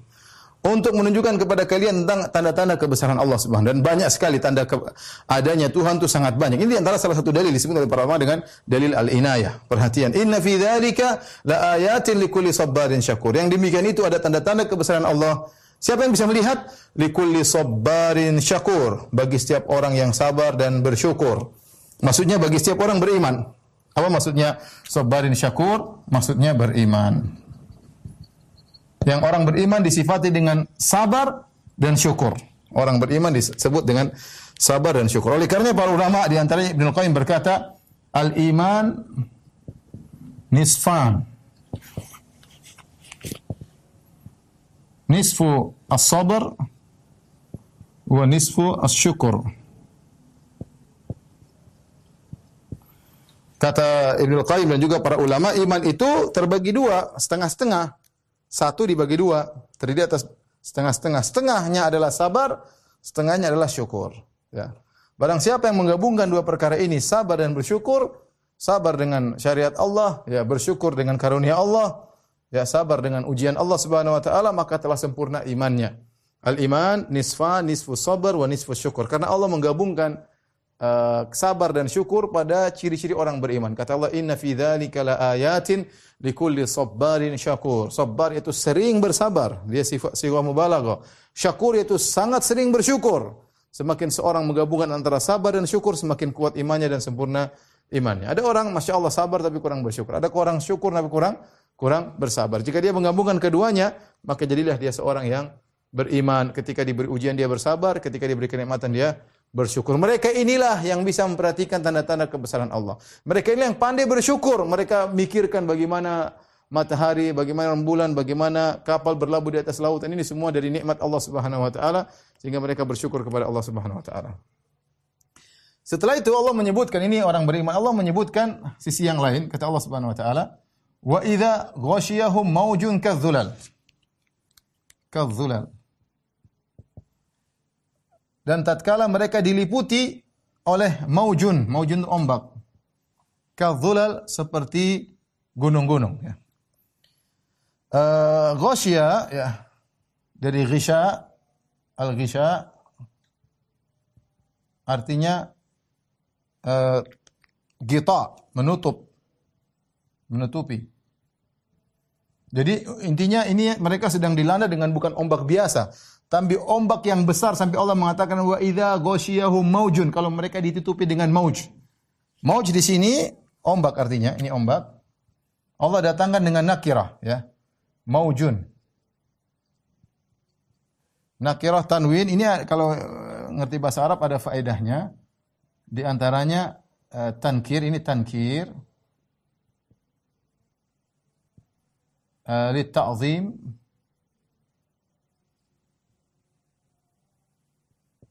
sama li taksir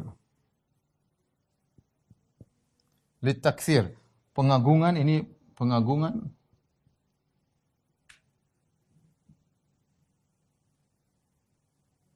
Ini untuk banyak, menunjukkan banyak. Artinya apa? Ombak yang dialami oleh mereka itu besar, ombaknya besar dan banyak bertumpuk-tumpuk. Oleh karenanya eh, Allah mengatakan ombak tersebut padahal dia mufrad, nakirah, mufrad, tunggal, tetapi Allah mengatakan kadzulal. Zulal ini ada dua maknanya, zulal. Az-zulal jamak dari zullah ya. Az-zulal uh, jamak dari az-zullah.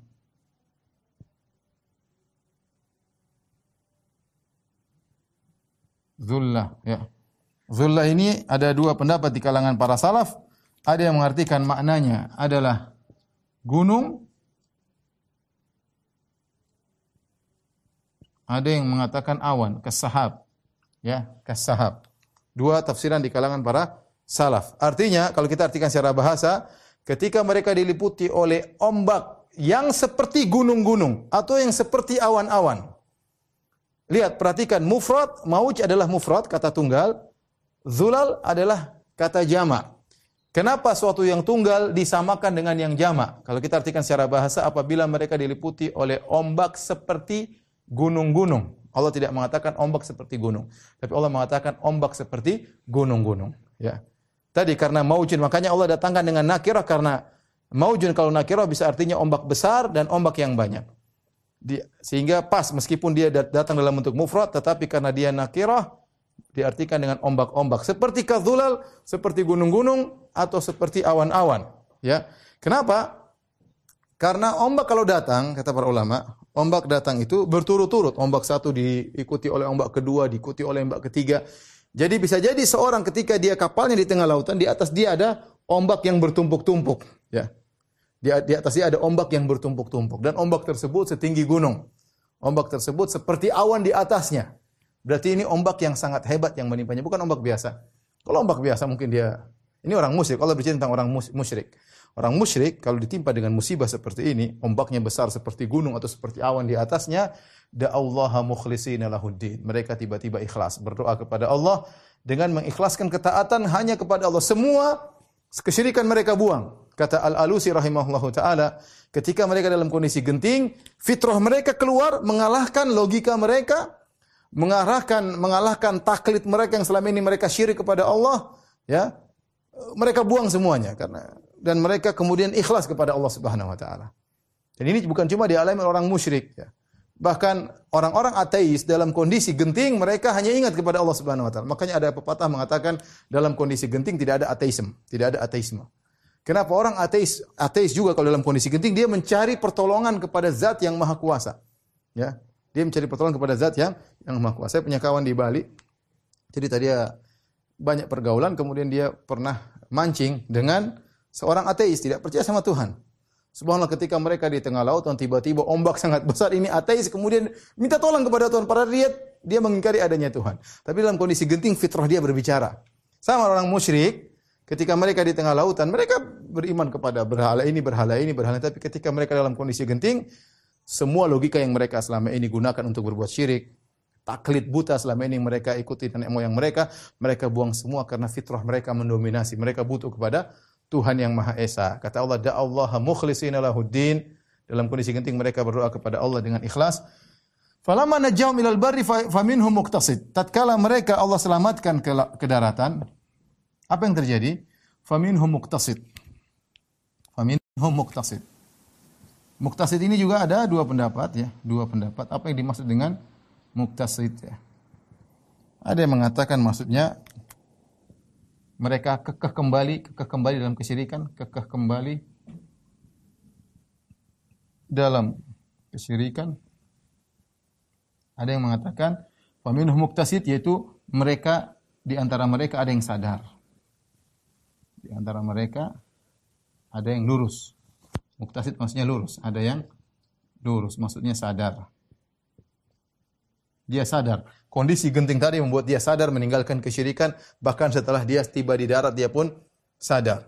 Kemudian Allah terserah ini ada dua pendapat ya. Kalau kita artikan pendapat ini, maksudnya di antara mereka ada yang sadar kata Allah, "Wa ma yajhadu bi ayatina illa kullu khattarin kafur." Allah sebutkan. Jadi ada yang sadar, ada yang tidak sadar, tetap berbuat syirik.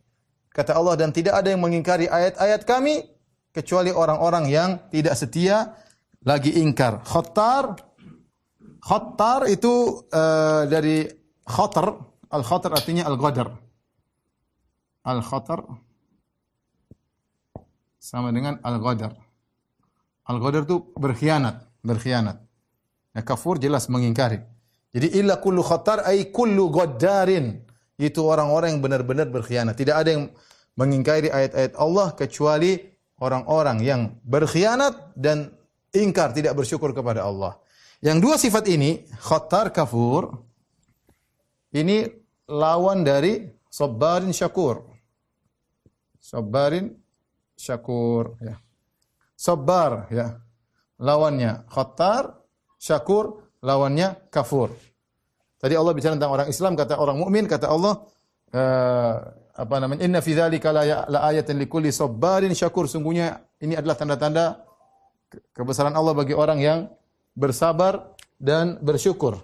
Bagi orang yang bersabar dan bersyukur, ya. Ya, bersabar dan bersyukur. Adapun lawannya orang-orang yang menyimpang, maka khatar kafur. Sudah dikasih pertolongan, diberi kenikmatan Allah, berkhianat. Berkhianat. Bukannya berterima kasih malah berkhianat. Harusnya bersabar malah berkhianat. Bukannya bersyukur malah kufur, ya.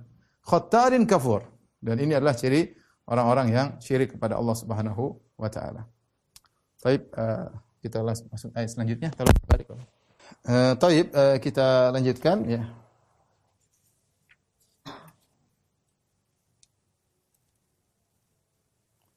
Uh, dua ayat terakhir insyaallah berkaitan dengan surat Luqman. Selain ini kita buka tanya jawab. Kata Allah Subhanahu wa taala, "Ya ayuhan nasu rabbakum." Wahai manusia sekalian, bertakwalah kepada Rabb kalian. Wakhshaw yauman dan takutlah kalian pada suatu hari. Yang hari tersebut bagaimana? La yajzi walidun an waladihi Seorang bapak tidak bisa menolong anaknya. Wala mauludun huwa jazin an walidihi syai'a. Dan anak juga tidak bisa menolong bapaknya, tidak bisa beri manfaat kepada bapaknya sama sekali. Inna wa'dallahi haq. Sungguhnya janji Allah benar. Fala tagurrannakumul hayatud dunya. Maka janganlah kalian terpedaya dengan kehidupan dunia. Wala yagurrannakum billahil gharur. Dan janganlah setan perdaya kalian dari ketaatan kepada Allah. Ya. Uh, di awal ayat Allah mengatakan ya ayuhan nas taqu bertakwalah kepada Rabb kalian kalian ada dua hal yang kalian perlu takuti pertama Rabb kalian ya yang maha mengetahui atas segala sesuatu ya. Yang telah menciptakan kalian ya Tuhan kalian. Yang mengetahui apa yang kalian lakukan dan akan menghisap kalian maka takutlah kepada Rabb kalian. Ya Rabb yang Rabb yang mengetahui segala perbuatan kalian.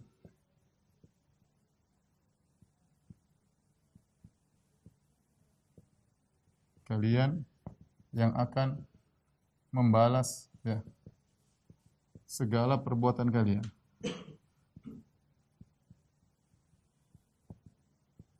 Kemudian kata Allah Subhanahu wa taala, "Wakhshaw yauman" dan takutlah kepada suatu hari. Hari tersebut hari yang sangat dahsyat Apa sifat hadis tersebut? Ya, suatu hari apa sifatnya? Sifatnya ini. Seorang bapak tidak bisa menolong anaknya. Seorang bapak tidak bisa menolong anaknya. Kekerabatan tidak bermanfaat ya. Yang bisa menyelamatkan seorang amalnya sendiri. Jadi Islam mengajarkan kita untuk bersandar kepada amal kita sendiri. Bapak tidak bisa menolong anaknya. Betapa dia sayang kepada anaknya, ternyata dia tidak bisa menolong anaknya pada hari tersebut. Dan sebaliknya, wala mauludun huwa jazin an walidihi syai'a. Bahkan anaknya pun tidak bisa menolong kepada orang tuanya sedikit pun. Sedikit pun. Di sini ada faedah bahasa yang disampaikan oleh Al-Alusi dalam kitabnya Ruhul Ma'ani. Ya. Ketika Allah mengatakan seorang bapak tidak bisa menolong anaknya, ya. Kemudian Allah mengatakan wala mauludun anak. Maulud artinya anak. Kemudian Allah takkid huwa. Takkid yaitu penekanan Jazin, jazin ini fi'il fi, isim fa'il yang menunjukkan selama-lamanya tidak akan bisa uh, memberi pertolongan. Huwa jazin an walidihi syai'a. Sang anak tidak bisa menolong kepada ayahnya. Jadi ketika berbicara tentang orang tua menolong anak, Allah tidak kasih penekanan. Tetapi ketika anak terhadap orang tua, Allah kasih penekanan. Wala mauludun huwa. Bahkan maulud, maulud ini sebagian Allah mengartikan dengan anak langsung, ya. Anak terdekat. Ya, karena dalam bahasa Arab namanya walad. Kenapa Allah tidak menggunakan kata walad? Jadi Allah Allah mentakbir mengungkapkan dengan maulud. Maulud bukan dengan walad. Bukan dengan walad. Karena walad ini bisa jadi anak, bisa jadi cucu dan seterusnya. Tapi kalau maulud yang langsung, anak yang sambung langsung dekat dengan dia. Artinya anak tersebut sangat dekat dengan dia, hubungannya langsung dengan dia, tapi anak tersebut tidak bisa menolong dia sama sekali. Anak tersebut tidak bisa menolong dia sama sekali. Ya. Allah ingatkan ketika di awal-awal surat Luqman, ketika Allah berbicara tentang nasihat Luqman, wa idh qala Luqmanu li binihi wa huwa ya'idhuhu ya bunayya la tusyrik billah inna syirka la dzulmun adzim. Setelah itu Allah berfirman, wa wassaynal insana biwalidayhi hamalathu ummuhu wahnan ala wahnin wa fisaluhu fi amaini an ishkurli wa liwalidayka ilayal masir. Kami wasiatkan seorang anak untuk berbakti kepada orang kedua orang tuanya. Ibunya telah mengandungnya dalam kelemahan yang bertambah-tambah. Bersyukurlah kepada kedua orang tuamu. Bersyukurlah kepada Allah, bersyukurlah kepada kedua orang tuamu. Ternyata di awal surat Allah menyuruh untuk ber, berbakti kepada orang tua di dunia. Bahkan meskipun wa in jahadaka ala an tusyrika bi, meskipun keduanya maksa engkau untuk berbuat syirik, maka jangan taat, tetapi wasahibuhuma fid dunya ma'rufa. Berbuat baiklah kepada mereka berdua di dunia dengan cara baik. Jadi Allah suruh berbakti kepada orang tua di dunia. Tapi ketika di akhirat sudah nggak bisa. Nggak lagi berbakti, selesai. Ya. Maka jangan sampai seorang ayah berpendapat pokoknya anak saya baik dia akan bakti kepada saya sampai di akhirat. Enggak. Allah ingatkan seorang anak ya pada hari kiamat tidak bisa berbuat baik kepada orang tuanya sama sekali, syai'an sama sekali. Sama sekali nggak bisa. Memang ada satu bab yang membuat dia bisa menolong tapi itu adalah hak Allah yaitu bab syafaat. Kalau sang anak memberi syafaat kepada orang tuanya, ya, maka itu mungkin. Tetapi Allah tidak sebutkan di sini. Kenapa? Karena syafaat hak Allah Subhanahu wa taala. Lihatlah Nabi SAW ketika memberi syafaat. Apakah Nabi bisa beri syafaat kepada siapa saja? Dengan seenaknya saja? Tidak. Nabi SAW sujud ke dalam syafaatul uzma. Nabi SAW sujud. Sujud. Sementara Nabi-Nabi lain tidak berani beri syafaat. Nabi Adam menolak karena pernah melakukan dosa. Nabi Musa, Nabi uh, Nabi Ibrahim, Nabi Isa, Nabi Nuh. Semuanya menolak. Nabi Muhammad sujud. Setelah sujud lama baru Allah kasih izin untuk beri syafaat. Ya. Oleh karenanya Allah mengatakan, "Man dzalladzi yashfa'u indahu illa bi'idznih." Siapa yang bisa kasih syafaat kecuali dengan izin Allah? Ya. Kalau Allah tidak kasih izin, anakmu mau saleh seperti apa pun tidak akan bisa beri syafaat. Maka seorang jangan dia berharap pertolongan orang lain pada hari kiamat kelak. Anaknya yang paling dekat tidak akan bisa beri pertolongan kepada dia kecuali diizinkan oleh Allah Subhanahu wa taala. Kalau hatinya tergerak memberi syafaat, kalau Allah izinkan, kalau anda berhak untuk diberi syafaat, baru Allah izinkan. Kalau tidak, maka sang anak tidak bisa berbuat apa-apa. Makanya Rasulullah SAW berkata kepada Fatimah, Ya Fatimah tu bintu Muhammadin, salini mimali masyikti, la ugni anki minallahi syai'a. Wahai Fatimah putri Muhammad, mintalah harta dariku, aku akan kasih. Tapi aku tidak bisa menolong kepada engkau sama sama sekali. Itu kalau Nabi ngomong kepada kepada putrinya. Bagaimana dengan kita? Anak kita bisa menolong kita kalau tidak bisa ya. Tidak bisa. Adapun kalau kita ajari mereka, mereka jadi baik, itu usaha kita, kita dapat pahala. Ya, kita dapat pahala dari usaha kita mengajar, mengajari mereka. Ya, tetapi kalau sudah di akhirat sudah tidak ada lagi ya kecuali Allah izinkan kasih syafaat. Dari sini kita tahu bahwasanya seorang hendaknya takut kepada hari tersebut, hari yang di mana yang bisa menyelamatkan dia hanyalah amal soleh. Dan saya ingatkan bahwasanya uh, kita menjauh dari ajaran-ajaran yang menjamin seorang bukan dengan amalnya. Islam hanya mengajarkan seorang terjamin dengan amal solehnya. Adapun kalau ada yang mengajarkan, oh kamu ikut saya saja, tenang saya jamin kamu di surga, itu sesat. Kalau ada yang mengatakan nanti di surga saya tunggu di pintu surga, kalian masuk dulu baru kemudian saya ikut, itu juga enggak benar. Ya akhi, yang jamin ente masuk surga siapa? Ente sih tidak terjamin masuk surga, gimana ente mau jamin murid-murid ente? Ya, enggak benar ya. Islam mengajarkan kita selamat dengan amalnya. Man batta'a nasabuhu lam yusri Man batta'a amaluhu lam yusri nasabuhu. Barang siapa yang amalnya lambat maka nasabnya tidak akan bisa mempercepat dia, tidak bisa menyelamatkan dia. Inna wa'dallahi haq. Kata Allah Subhanahu wa taala, sungguhnya janji Allah benar. Ini yang ini semua yang janji Allah semua ini tadi semuanya benar bahwasanya akan terjadi demikian. Allah akan balas, Allah akan hisap kalian. Anak tidak bisa menolong ayahnya, ayah tidak bisa menolong anaknya, ya. Terputus, ya. Makanya sampai Allah Subhanahu wa taala katakan bahwasanya fa idza ja'ati sakhah tatkala tiup sangkakala yauma yafirul mar'u min akhi seorang akan lari dari saudaranya wa ummihi wa abi lari dari ibunya lari dari ayahnya wa sahibati wa lari dari istri dari anaknya ya seorang menyelamat amalnya yang menyelamatkan dia sendiri kalau dia ketika di dunia mengajari anaknya menasihati istrinya, meskipun anaknya kafir, istrinya kafir, dia dapat pahala. Kenapa? Amal dia mengajarkan anak itu amal dia. Maka yang menyelamatkan adalah amal dia, amal solehnya. Kata Allah, "Fala taghurrannakumul hayatud dunya." Kalau begitu, jangan sekali-sekali kehidupan dunia memperdayamu. Kehidupan dunia banyak, ya. Jangan sampai berdaya. Karena hidup cuma sebentar, ya. Hidup dunia, kehidupan yang sebentar. Yang sangat sebentar. Jangan terpedaya. Ya, kita dengar kabar-kabar saudara kita, kawan kita meninggal di hari-hari ini, di bulan-bulan ini. Ya, kita tidak duga, tahu-tahu sudah dikabarkan dia telah meninggal dunia. Kehidupan begitu cepat. Wala yaghurrannakum billahil gharur dan janganlah kalian terpedaya oleh al-gharur. Memperdaya kalian dari Allah Subhanahu wa taala. Apa yang dimaksud dengan al-gharur? Maka ini ada dua pendapat. Al-gharur, ya. Ada yang mengatakan al-ghurur maksudnya syaitan. Ada yang mengatakan maksudnya umum, ya. Umum maksudnya apa? Yaitu kedudukan, kedudukan, harta, ya. Uh, kemudian jabatan, di antaranya syaitan. Namun dikhususkan sebagian salaf mengartikan dengan syaitan karena ini adalah sebab yang paling berbahaya, yang paling menipu. Sebab yang paling menipu. Bagaimana cara setan menipu memperdaya manusia? Maka para ulama menyebutkan di antaranya ya tazyinul ma'asi, menghiasi kemaksiatan. Kata setan kepada Allah, "Wala uzayyinanna lahum fil ardi." Sungguh aku akan hiasi maksiat di hadapan mereka. Dihiasi indah sehingga lelaki selingkuh dengan wanita dianggap kayaknya kenikmatan yang luar biasa, ternyata di balik itu problematika, permasalahan dan panjang lebar kelezatan sesaat kemudian di, diliputi dengan keburukan di dunia belum lagi kalau di di akhirat dihiasi kemaksiatan ya ya banyak yang halal tapi yang haram satu ini dihiasi oleh syaitan sehingga orang terpedaya menuju yang haram tersebut ya menghiasi ke kemaksiatan kemudian apa Meng, mengiming-iming ampunan Allah ya. jangan khawatir lakukan saja Allah Maha Pengampun demikian Syaitan menggoda manusia. Ya kata Allah Subhanahu wa taala, ya'iduhum wa yumannihim. Wa ma ya'iduhum syaitanu illa gurura.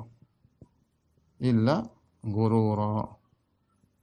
Syaitan itu menjanjikan, mengiming-imingkan dan tidaklah syaitan menjanjikan mereka kecuali hanyalah tipuan semata. Jadi demikian syaitan mengiming-iming ampunan, lakukan saja setelah bertobat kepada Allah Subhanahu taala Maha Pengampun tenang ini nggak jadi mau, ini dosa kecil, dosa kecil dan selanjutnya akhirnya orang terjebak dan melakukan melakukan kemaksiatan. Ya. Pendapat kedua, guru di sini semua hal yang bisa menipu manusia dari taat kepada Allah, kedudukan yang menipunya, hartanya, mungkin mobilnya, mungkin rumahnya, ya, mungkin perhiasannya yang boleh terpedaya sehingga dia lupa untuk taat kepada Allah Subhanahu wa taala, tersibukkan dengan perkara dunia yang hanya sebentar yang Allah mengatakan wamal hayatud dunya illa mataul gurur. Tidaklah kehidupan dunia kecuali hanya mataul gurur, ya, perhiasan yang menipu. Baik, selanjutnya ayat terakhir. Innallaha indahu ilmus saah. Kata Allah Subhanahu wa taala, "Inna Allah, sungguhnya Allah indahu di sisinya, di sisinya." Jadi Allah menekankan uh, Allah menyebutkan nama Allah didahulukan. Nama Allah didahulukan. Kemudian ditekankan dengan indahu. Jadi Allah didahulukan setelah indahu.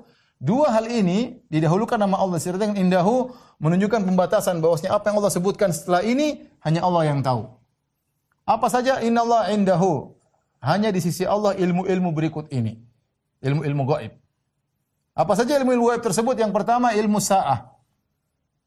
Hari kiamat. Tidak ada yang tahu kecuali Allah Subhanahu wa taala. Malaikat Jibril pun tidak tahu Ketika malaikat Jibril tanya kepada Nabi kapan hari kiamat, kata Nabi SAW, mal mas'ulu anha bi alam sa'il. Yang ditanya tidak lebih tahu daripada yang bertanya. Sama-sama tidak tahu. Kalau malaikat Jibril tidak tahu, kalau Nabi tidak tahu apalagi apalagi kita. Yang tahu hanya Allah Subhanahu Benar Allah memberikan ciri-ciri, tapi kepastiannya tidak yang tahu. Dan di antara rahmat Allah kasih tahu tanda-tanda hari kiamat, tanda-tanda kecil, tanda-tanda besar, bagaimana akan terjadi. Allah kabarkan hari Jumat, tetapi Jumat yang kapan, jam berapa, tahun berapa, enggak ada yang tahu kecuali Allah Subhanahu wa taala.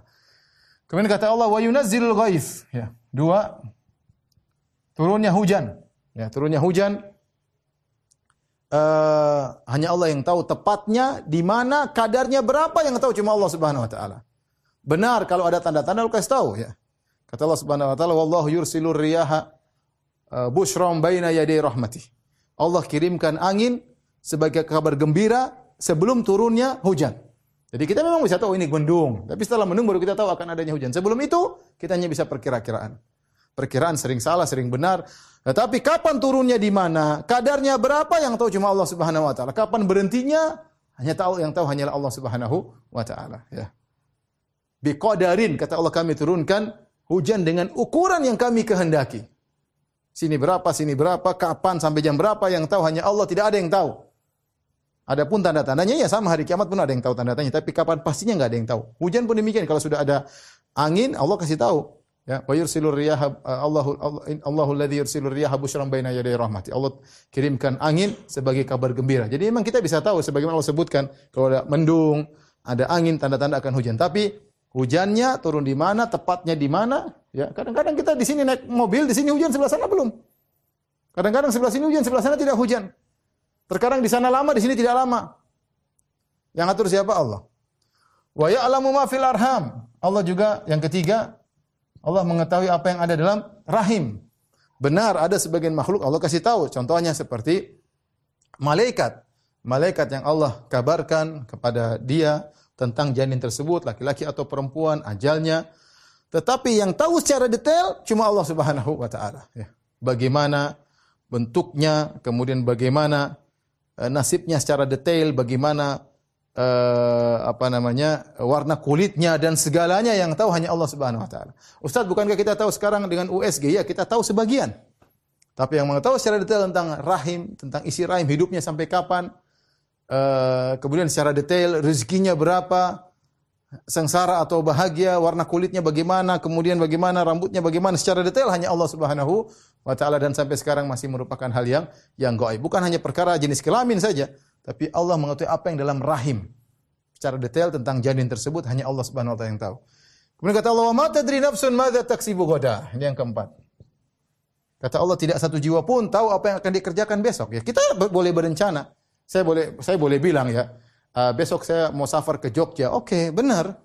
Tapi bagaimana, kemudian kapannya, bagaimana kejadian di sana, bagaimana di jalan, tidak ada yang tahu secara detail. Rencana semua orang berencana. Jadi maksudnya ini ilmu-ilmu detail hanya Allah yang tahu. Kita hanya bisa menerka-menerka, hanya mengira-ngira. Tapi yang tahu persis apa yang dilakukan besok, gak ada yang tahu siapa pun dia. Coba ini waktu terjadi corona. Semua tebak-tebakan, tebak-tebakan, banyak yang salah. Ya. Bikin analisa ini, analisa anu, begini, begini. Banyak yang keliru. Tiba-tiba datang serangan baru, tiba-tiba begini. Tidak ada yang tahu. Tidak ada yang tahu apa yang terjadi besok. Jangankan bicara tentang tentang orang, tentang kamu saja. Jadi Allah bicara tentang dirimu. Jiwamu tidak tahu apa yang kau lakukan besok, apalagi tentang orang lain. Secara detail loh, secara detail. Wa ma tadri nafsun, tidak satu jiwa pun yang apa yang dilakukan besok. Wa ma tadri nafsun bi ayyardin tamu dan yang kelima, ya. Dan tidak ada satu jiwa pun tahu di mana dia akan mati. Tidak satu jiwa pun tahu di mana dia akan mati, ya. Kalau tidak tahu di mana dia mati, waktu dia mati pun tidak tahu, ya. Adapun tanda-tanda mungkin Allah membuka kepada sebagian wali-wali Allah, firasat itu terjadi. Firasat kemungkinan ini ya, saya ingin mati di perasaan ingin pergi ke tanah suci, ingin mati tahu-tahu mati di sana beneran. Tapi ini semua sekedar firasat, tidak ada kepastian. Ya, yang pasti yang tahu hanyalah Allah Subhanahu wa taala. Uh, Ibnu Abi Syaibah membawakan sebuah riwayat Israiliyat. Saya tidak tahu akan sananya tapi uh, menarik apa namanya? Ceritanya disebutkan ya, disebutkan juga oleh ahli tafsir bahwasanya Nabi Sulaiman di sisinya ada seorang yang uh, baik, uh, orang dekat dengan Nabi Sulaiman alaihissalam. Kemudian atau ada malaikat maut datang kepada Nabi Sulaiman. Kemudian malaikat maut tersebut selalu memandang kepada wajah teman Nabi Sulaiman. Akhirnya wajah teman Nabi Sulaiman, teman Nabi Sulaiman karena merasa dipandang oleh orang itu, dia tanya kepada Nabi Sulaiman, "Wahai Sulaiman, ini siapa? Orang dari lihat saya terus." Kata Nabi Sulaiman, "Ini malaikat maut." Ini malaikat maut untuk mencabut nyawamu. Maka orang ini berkata, "Wahai Sulaiman, tolong bawa kirimkan anginmu untuk bawa saya ke India." Dia ingin kabur dari malaikat maut, tidak ingin mati. Maka akhirnya dia dibawa oleh angin ke India, ya. Terus malaikat maut memandang Nabi Sulaiman, Sulaiman bertanya, "Kenapa engkau memandang saya? Saya dari tadi heran lihat orang ini. Allah menyuruh saya mencabut nyawanya di India, tetapi kenapa dia masih ada di sisimu wahai Sulaiman?" Ya. Allah suruh saya cabut nyawanya di India, tapi kenapa dia ada di sisimu di Sulaiman di Palestina? Ya, subhanallah ternyata dia ingin kabur ke India maka dikejar oleh malaikat maut yang meninggal di India sebagaimana yang Allah perintahkan. Ini sekedar riwayat, Allah alam akan kesahihannya. Tapi disebut dalam Ibnu Abi Syaibah. Jadi intinya tidak ada yang tahu di mana dia akan meninggal dunia. Ya, tidak ada yang tahu. Ya, mau di rumahnya, mau di rumah sakit, mau di tengah jalan tabrakan, mau di udara meledak. Ya, nggak ada yang tahu. Lagi makan di rampok orang. Wah, kita nggak tahu kapan kita mau meninggal dan di mana. Kalau kita nggak tahu di mana kita meninggal, apalagi kapan kita nggak ada yang tahu. Ada firasat mungkin. Firasat terjadi. Kita, kawan-kawan kita juga ada yang demikian. Semua meninggal ya ada firasat. Tapi pastinya dan firasat itu biasanya menjelang kematian baru dia ada firasat.